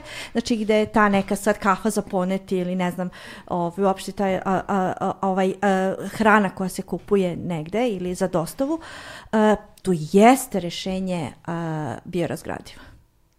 Plastika. Da. I materijali koji, se, se, koji jeste, se jeste. Znači tu da, jeste da, rješenje da, i to I se postoje rješenje, i pos, postoje da, postoji, postoje rješenja. Uh, u Europi se na tome puno radi, upravo puno je ovaj projekata, pošto sad ja imam nekako uvide u to, prosto to mi je struka, se bavi time kako u stvari proizvesti biorazgradivu jednokratnu ambalažu upravo za, za, za takve potrebe. I to treba da ima odvojen sud da bi se bio razgradio. Jer, na primjer, ja sam, to je suština ja, da, sad. Jer, na primjer, da... sad nevezano, nevezano za pandemiju. Pre Samo što je skuplja. Da. Ali nevezano da, za da. pandemiju, ja sam pre nekoliko godina bio u Americi poslovno i snimali smo tamo nešto i obišli smo gomilu saveznih država i primetio sam vrlo jasan trend, to sad već to mi ima sad već ono pet godina, šest, vrlo jasan trend da u tržnim centrima više nema ljudi. Dakle, mhm. Amazon, prvenstveno, prvenstveno da. Amazon, pa potom i ostali, sve je ono order, sve je poručbina, dakle, sve ti stiže na kućnu adresu, sve se poručuje i sve stiže, ono shipment je, ono slanje je unutar jednog dana, uh mhm. -huh. tebi je na pragu. Tako da su oni odavno već krenuli sa tim, a to je sad sa pandemijom samo pojačano, značajno. Tako da ta ambalaža koja deluje kao neka beznačajna stvar na svakodnevnom nivou je sada, ja mislim, višestruko ono, otišla dođe da. ova. Jer da je jednokratna, odnosno da je, je biorazgradiva, da. višekratna neto. Mora, da. mislim, mora da se vraća, ali da je ona bio razgradiva, znači ona bi praktično išla u organski otpad, ali onda dolazimo do tog problema odvajanja otpada i sortiranja otpada koja u evropskim mm. uh, državama postoje, znači šta je... Da, mi smo toliko daleko od skupljanja to, organskog to, da, otpada da mi ne skupljamo ni ove visoko vredne materijale. jer onda, jer onda da. se ona tu kup, znači Vi mora okay. da to mora da opet završi u ispravnom kontejneru. E, to je suština. E sad, to je da, onda da, možda neki da. apel ljudima koji poručuju hranu, kao, e samo nemoj ono sve sa hranom da baciš u đubre, nego valjda kao izbaci. Ne vredi. Ne vredi, ja. Ne vredi, ovde kod nas ne vredi, da. jer mi to nemamo regulisano zakonom. I nemamo mi mogućnost da sortiramo ovaj otpad na deponijama. Da, pa dobro, mislim, uh, ima u Beogradu. Vi kad pogledate, imala, mislim, ja živim u Miriju, nije neki fancy kraj, imam stvarno i kontejnere za, za ambalažu. Nema kod nas, no, uh, vi kad Nema. pitate, Nema. da, vi kad pitate ljude i radili smo mi neka istraživanja, između ostalog i u Srbiji, pa poredili sa Evropom, 75% ljudi hoće da reciklira sve super. I to je sad ta namera. Ali kad ti stvarno trebaš da to uzmeš ili da ne kupiš nešto zato što je jednokratno i zato što ne možeš da ga recikliraš ili, ili ti je prosto komplikovano da odeš do prvog kontejnera, e to je sad već druga stvar. To je već izlazimo iz te zone komfora i da. čovjek mora da shvati da tu negde također deo lanca je tu. Nisam ja za to da se ljudi kažnjavaju i da se samo krivica shva, uh, shvali na ljude, ali opet s druge strane uh, i kad postoji nekad rešenje, ljudi ga potpuno zanemaruju iz, eto, neke, nekog defaulta, kao navikli su, ma, to kod nas ništa nema i tako da. dalje, tako A da li, ali da... šta se desi sa, šta se ja, ja nisam to, ali šta se desi sa deponijom? Znači, kažu mnogi, e, mi smo to razdvojili, onda dođe onaj kamion i sve pobacao jedno. Da, to su isto, e, to su, ej, ovde su sad to, e, to predrasude ja... sa druge strane. Dobro. A moram da kažem... Da li da postoji te, to? Če, često ja sam to, to ja, ne, ja sam to video svojim očima, yes, da. To se video i to se uh, dešava zato što, ka, mislim, komunalno preduzeće nema dovoljno vozila. Mislim, mi ne ulažemo u sortirnice, ali se to sortira. Ja sam više puta bila u komunalnom preduzeću Beograd i videla te sortirnice i videla one kese koje ljudi ostavljaju uh, u Beogradu poslije taj sistem, pa određenim danom možeš da staviš kesu sa ambalažnim otpadom. Ljudi to sortiraju, to je kvalitetan materijal i ne mogu ni da kažem da sad u Srbiji... Kvalitetno đubre. da, pa dobro, da, Ej, ja, ja, kad čujem, ja kad čujem zvuk, taj, jeste. Đubre s potencijalom. Niko to neće da baci. To, da. to sam čuo za sebe više puta u životu.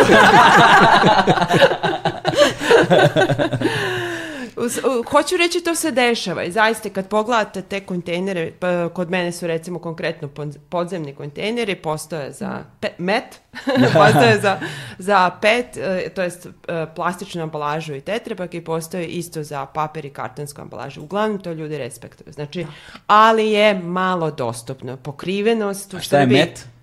Ambala... Metali. Što, A, metali. Da. Ne.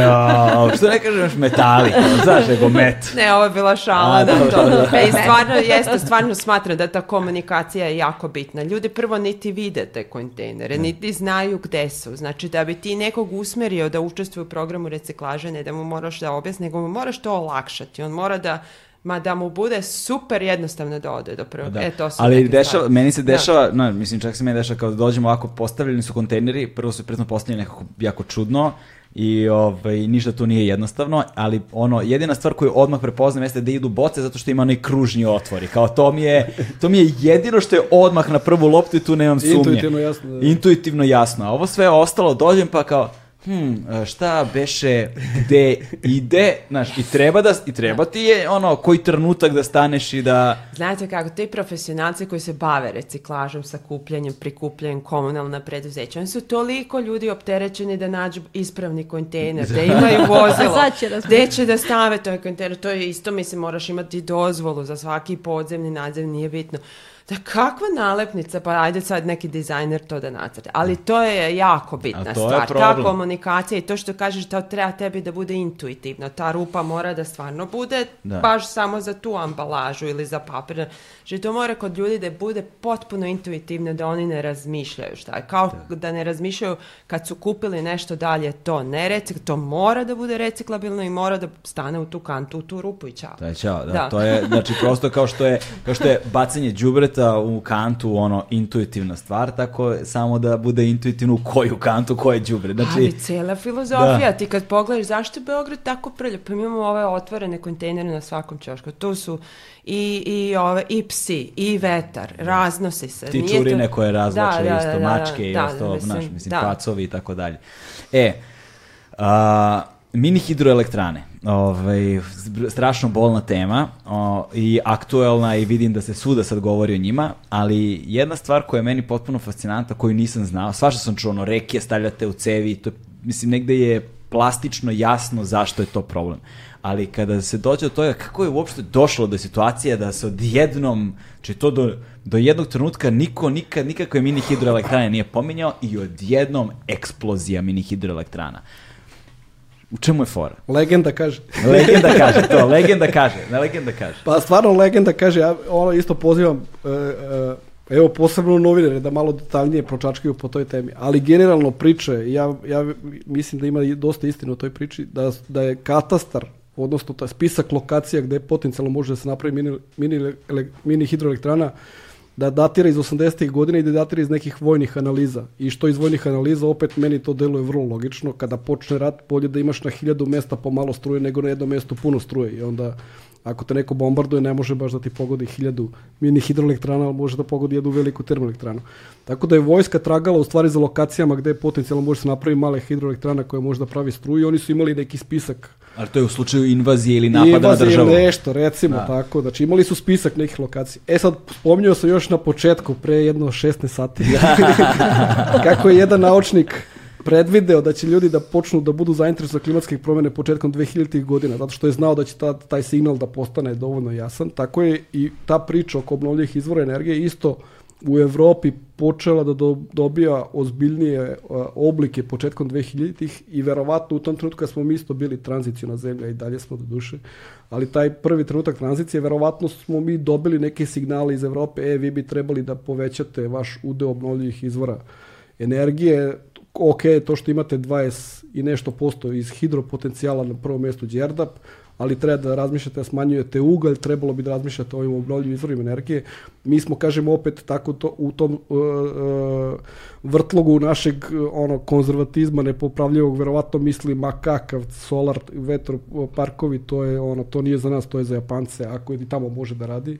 I onda se verovatno neko setio sad ljudima isto ovo deluje banalno ali e, verujte državni, e, državna služba ponekad radi na, na taj način neko se setio ponekad neke, neko se setio ej pa ima taj katastar mini hidroelektrana koje je pravila vojska daj da pravimo mini hidroelektrane. I onda neko izvuko taj katastar i bukvalno su dozvolile podeljene bez ikakve nekakve kritičke analize toga.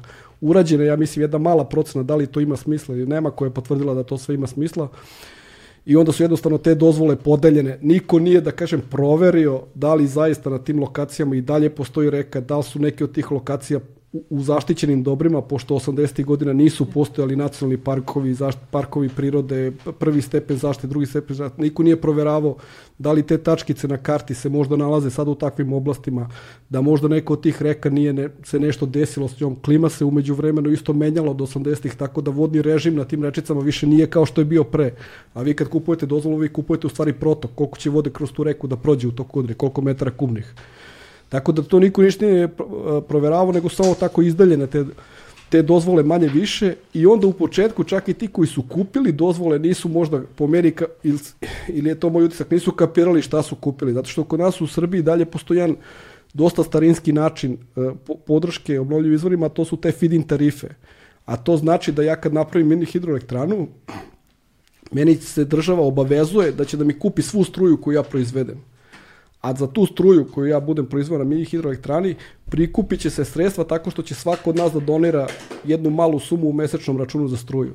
Tako da kad svi pogledamo naše mesečne račune struje, vidjet ćemo da ima doprinos za obnovljive izvore energije i ta kinta ide direktno tim ljudima recimo koji imaju mini hidroelektranu jer je država obavezana kroz taj sistem feed-in tarifa da im otkupljuje svu tu struju. To je bio nulti mehanizam, da kažem, promocije obnovljivih energija, obnovljivih izvora energije u Evropi pre 20 godina da su, da, je, da su države bile rekle bukvalno je napravite šta god mi će da vam kupimo svu struju, nema ništa se, da se brinete. Tako da smo mi isto preuzeli, da kažem, nekritički taj ceo mehanizam i onda ti koji su dobili lokacije su posle par godina ukapirali čoveče, pa ja šta god da napravim ima koliko struje, da, da napravim neće neka kinta da dođe na kraju godine na račun, ono, šta me košta, ono, kao malo su proračunali i videli su da tu i ne treba možda nešto puno para, mogu relativno lako da se dobiju krediti od banke, tako ti napraviš mini hidroelektranu, ili razmišljaš narednih 20 godina, znači prvih 5 godina ćeš da povratiš investiciju od tih feed tarifa, narednih 20 godina će da ti donosi čist profit sa vrlo malo ulaganja, zato što to te, te, tehnički su relativno, da kažem, proste stvari, nema sad tu da ti treba 20 ljudi da nešto podmazuju ove zupčanike svaki dan. Tako da to kad su u jednom trenutku kad su ljudi ukapirali u jednom trenutku da je to u stvari točak koji se vrti gde non stop dolaze kinta, onda je počela ta pomama, ajde da pravimo sad svuda gde je nacrtana tačkica na, na toj karti i onda po tim pritiskom svih tih koji su to hteli, posebno što su to uglavnom hteli ovi koji su već imali neke, da kažem, te e, bliske, ne bliske odnose, ali su imali linkove u smislu opet državne administracije da lakše dobiju dozvole, da lakše dobiju kredite, kao da lakše, sve kao sve funkcioniše, funkcioniše da. da. Onda je krenula ta poma, ajde da pravimo svuda gde god možemo i koliko god možemo, neko će u jednom trenutku da ukapira da je ovo haos i bolje pre nego što počne taj haos da ja negde tamo postavim neki svoj točak pa ću posle ćemo da vidimo šta ćemo radimo. I naravno da nije moglo da prođe da se ne vidi da se dešava haos i bilo je pitanje samo kada će ljudi da se, da se, da se pobune.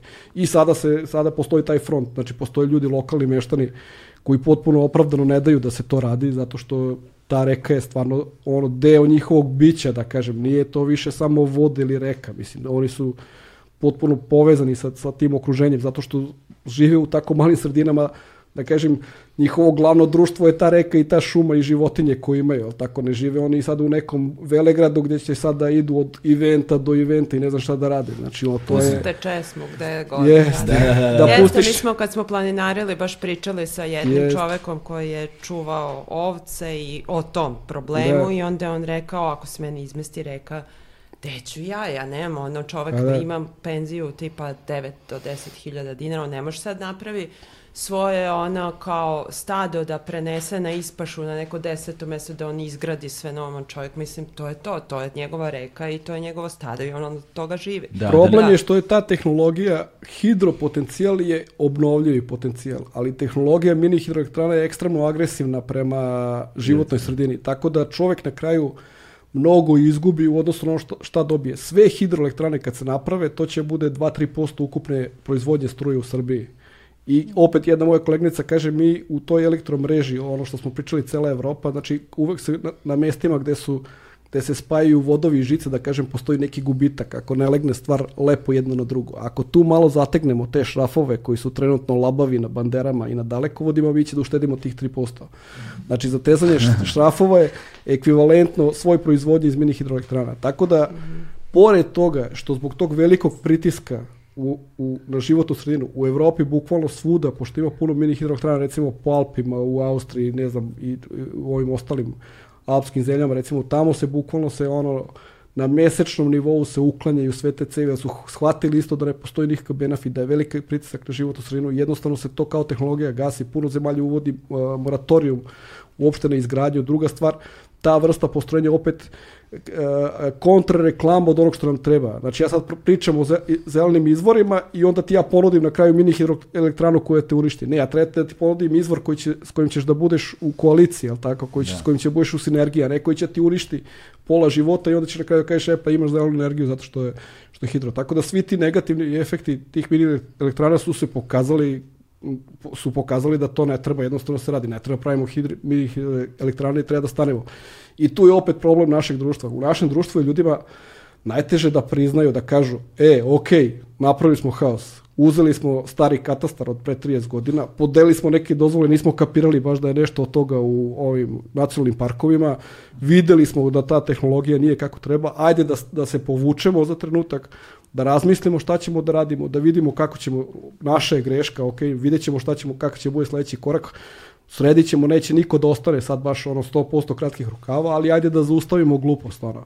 A kod nas ta glupost se ono, iz te gluposti mi ulazimo u još veću glupost, još veću, još veću i evo sad na kraju i malo pre smo pričali Ćuta koji je stare planine i koji se dosta bavi tim problemom, na kraju čovek zbog nekih mini hidroelektrana u planini, nečeg što je totalno nonsens, nema veze sa životom, ide u policiju na saslušanje. Znači ti dovodiš problem toga što je 3% struje, što je ono totalna nebuloza, ti dovodiš do toga da, da praviš neke ono teorije, zavere, čudak, da saslušavaš ljude da mora zato što ne umemo nikad, znači to je, to je naš problem, znači treba da umemo da stanemo, da se izmaknemo i da probamo da sagledamo na nekako realno, ne, kod nas ćemo ono, bit ćemo zadrti ono do smrti šta god da je u pitanju, bez neke želje kažem da to da probamo da, da, da imamo neki taj širi kontekst i da razumemo malo bolje stvari. I da neko kaže na kraju ok pogrešili smo dobro nismo ono zaleteli smo se nismo znali ono ok nećemo više da radimo prećemo na nešto drugo ajde da probamo nešto drugo tako?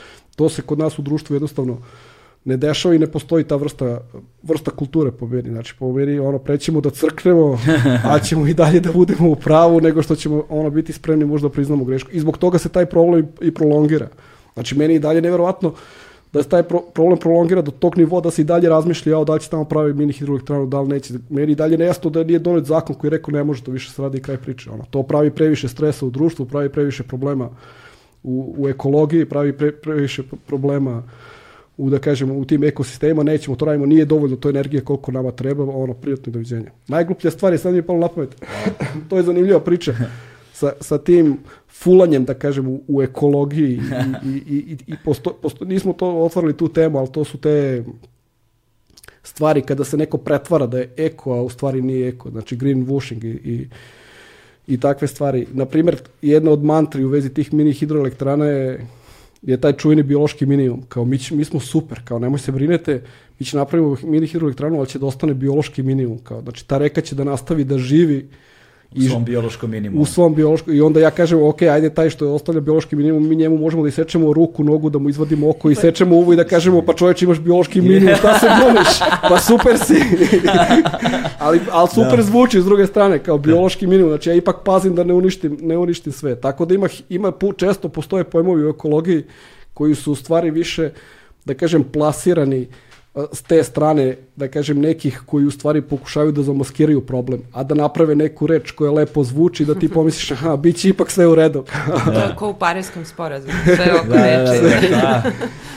Ja, preživjeli smo ljudi. A? Preživjeli, preživjeli smo, ovaj, uh, volio bih da ostavimo neku kao ono, uh, afirmativnu, svetlu notu, ali mislim da je ovo sasvim ok za kraj, s obzirom na to pa da... najbolja nota je mi što se budimo. Eto, iz, da. činjenica da smo ovde je isto dobra poruka. Znači, da. pored svih ovih zanimljivih ljudi koji si pre imao, da. može da se desi da života sredina bude zanimljiva tema. Da, da, pa, znaš, ovaj, nužna i zanimljiva, Zato što mi, ključno je da opet se nekako okupe ljudi i da u jednom onog dobrom ambijentu, u jednoj ok atmosferi i na jedan neobavezan način razgovaraju zapravo o važnim temama. To je ono što podcast negde donosi, tu atmosferu i ljudi zaista izdvajaju ozbiljno vreme da sednu i da slušaju, ne, ne možda iz komada, redko ko će verovatno ovo iz komada, ali će početi pa će sutra, preko sutra, za sedam dana završiti negde u vožnjama, u nekakvim aktivnostima koje traju dugovi dizajneri, znaš, što sede na poslu, evo još jedna napel na njih, dizajnirajte tako da ne mora da se, jer bile su ne, čak i neke studije kako su određene firme, sada ne imenujem koje, ovaj, donosile poslovne odluke tako što su im neke konsultantske firme radile analizu tržišta, aha, mentalitet naroda, ovo, ono, ništa ti nemoj s proizvodom da radiš, samo ga upakuj celog u, u ono, u, i ima i da ti skoči prodaja 20, 30, ne znam koliko posto, i to se zaista dešavalo u praksi. Znaš, i da ne postoji ni jedan drugi motiv zašto su to radili osim, osim da bi napravili profit. Tako da, Ovaj, nažalost, ono, situacija nije baš svetla, ali tema postaje važna i ljudi počinju da doživljavaju lično, što znači da se identifikuju sa njime, a taj identitet proizvodi empatiju, a empatija proizvodi motivaciju na delovanje, tako da ovaj, možda nije sve tako mračno, ali ćemo morati debelo da se potrudimo da barem povučemo tu kočnicu na autoputu. Hvala vam puno ovaj, svima još jednom, te i posebno hvala što si potegla iz Novog Sada, da. iz Novog Sada da dođeš ovde. Meni je zadovoljstvo bilo da rešimo ove dileme oko plastike i da meni je uh, uvek cilj da edukujem narod pre svega. Ne i mislim, da, hvala i tebi što si me pozvao i što, sam, što si mi to omogućio. Nema na čemu, nastavi da se svađaš na Facebooku, to je sasvim u redu, Dođi, gostovat ćete svi ovde još mnogo puta, ne sumnjam u to, hvala ti Jelena puno, hvala Đorđe hvala. puno, to je to, stigli smo do kraja, ne znam koliko smo trajali, ali boga mi jesmo. Uzdravlje, hvala svima što ste nas slušali, vidimo se, ćao.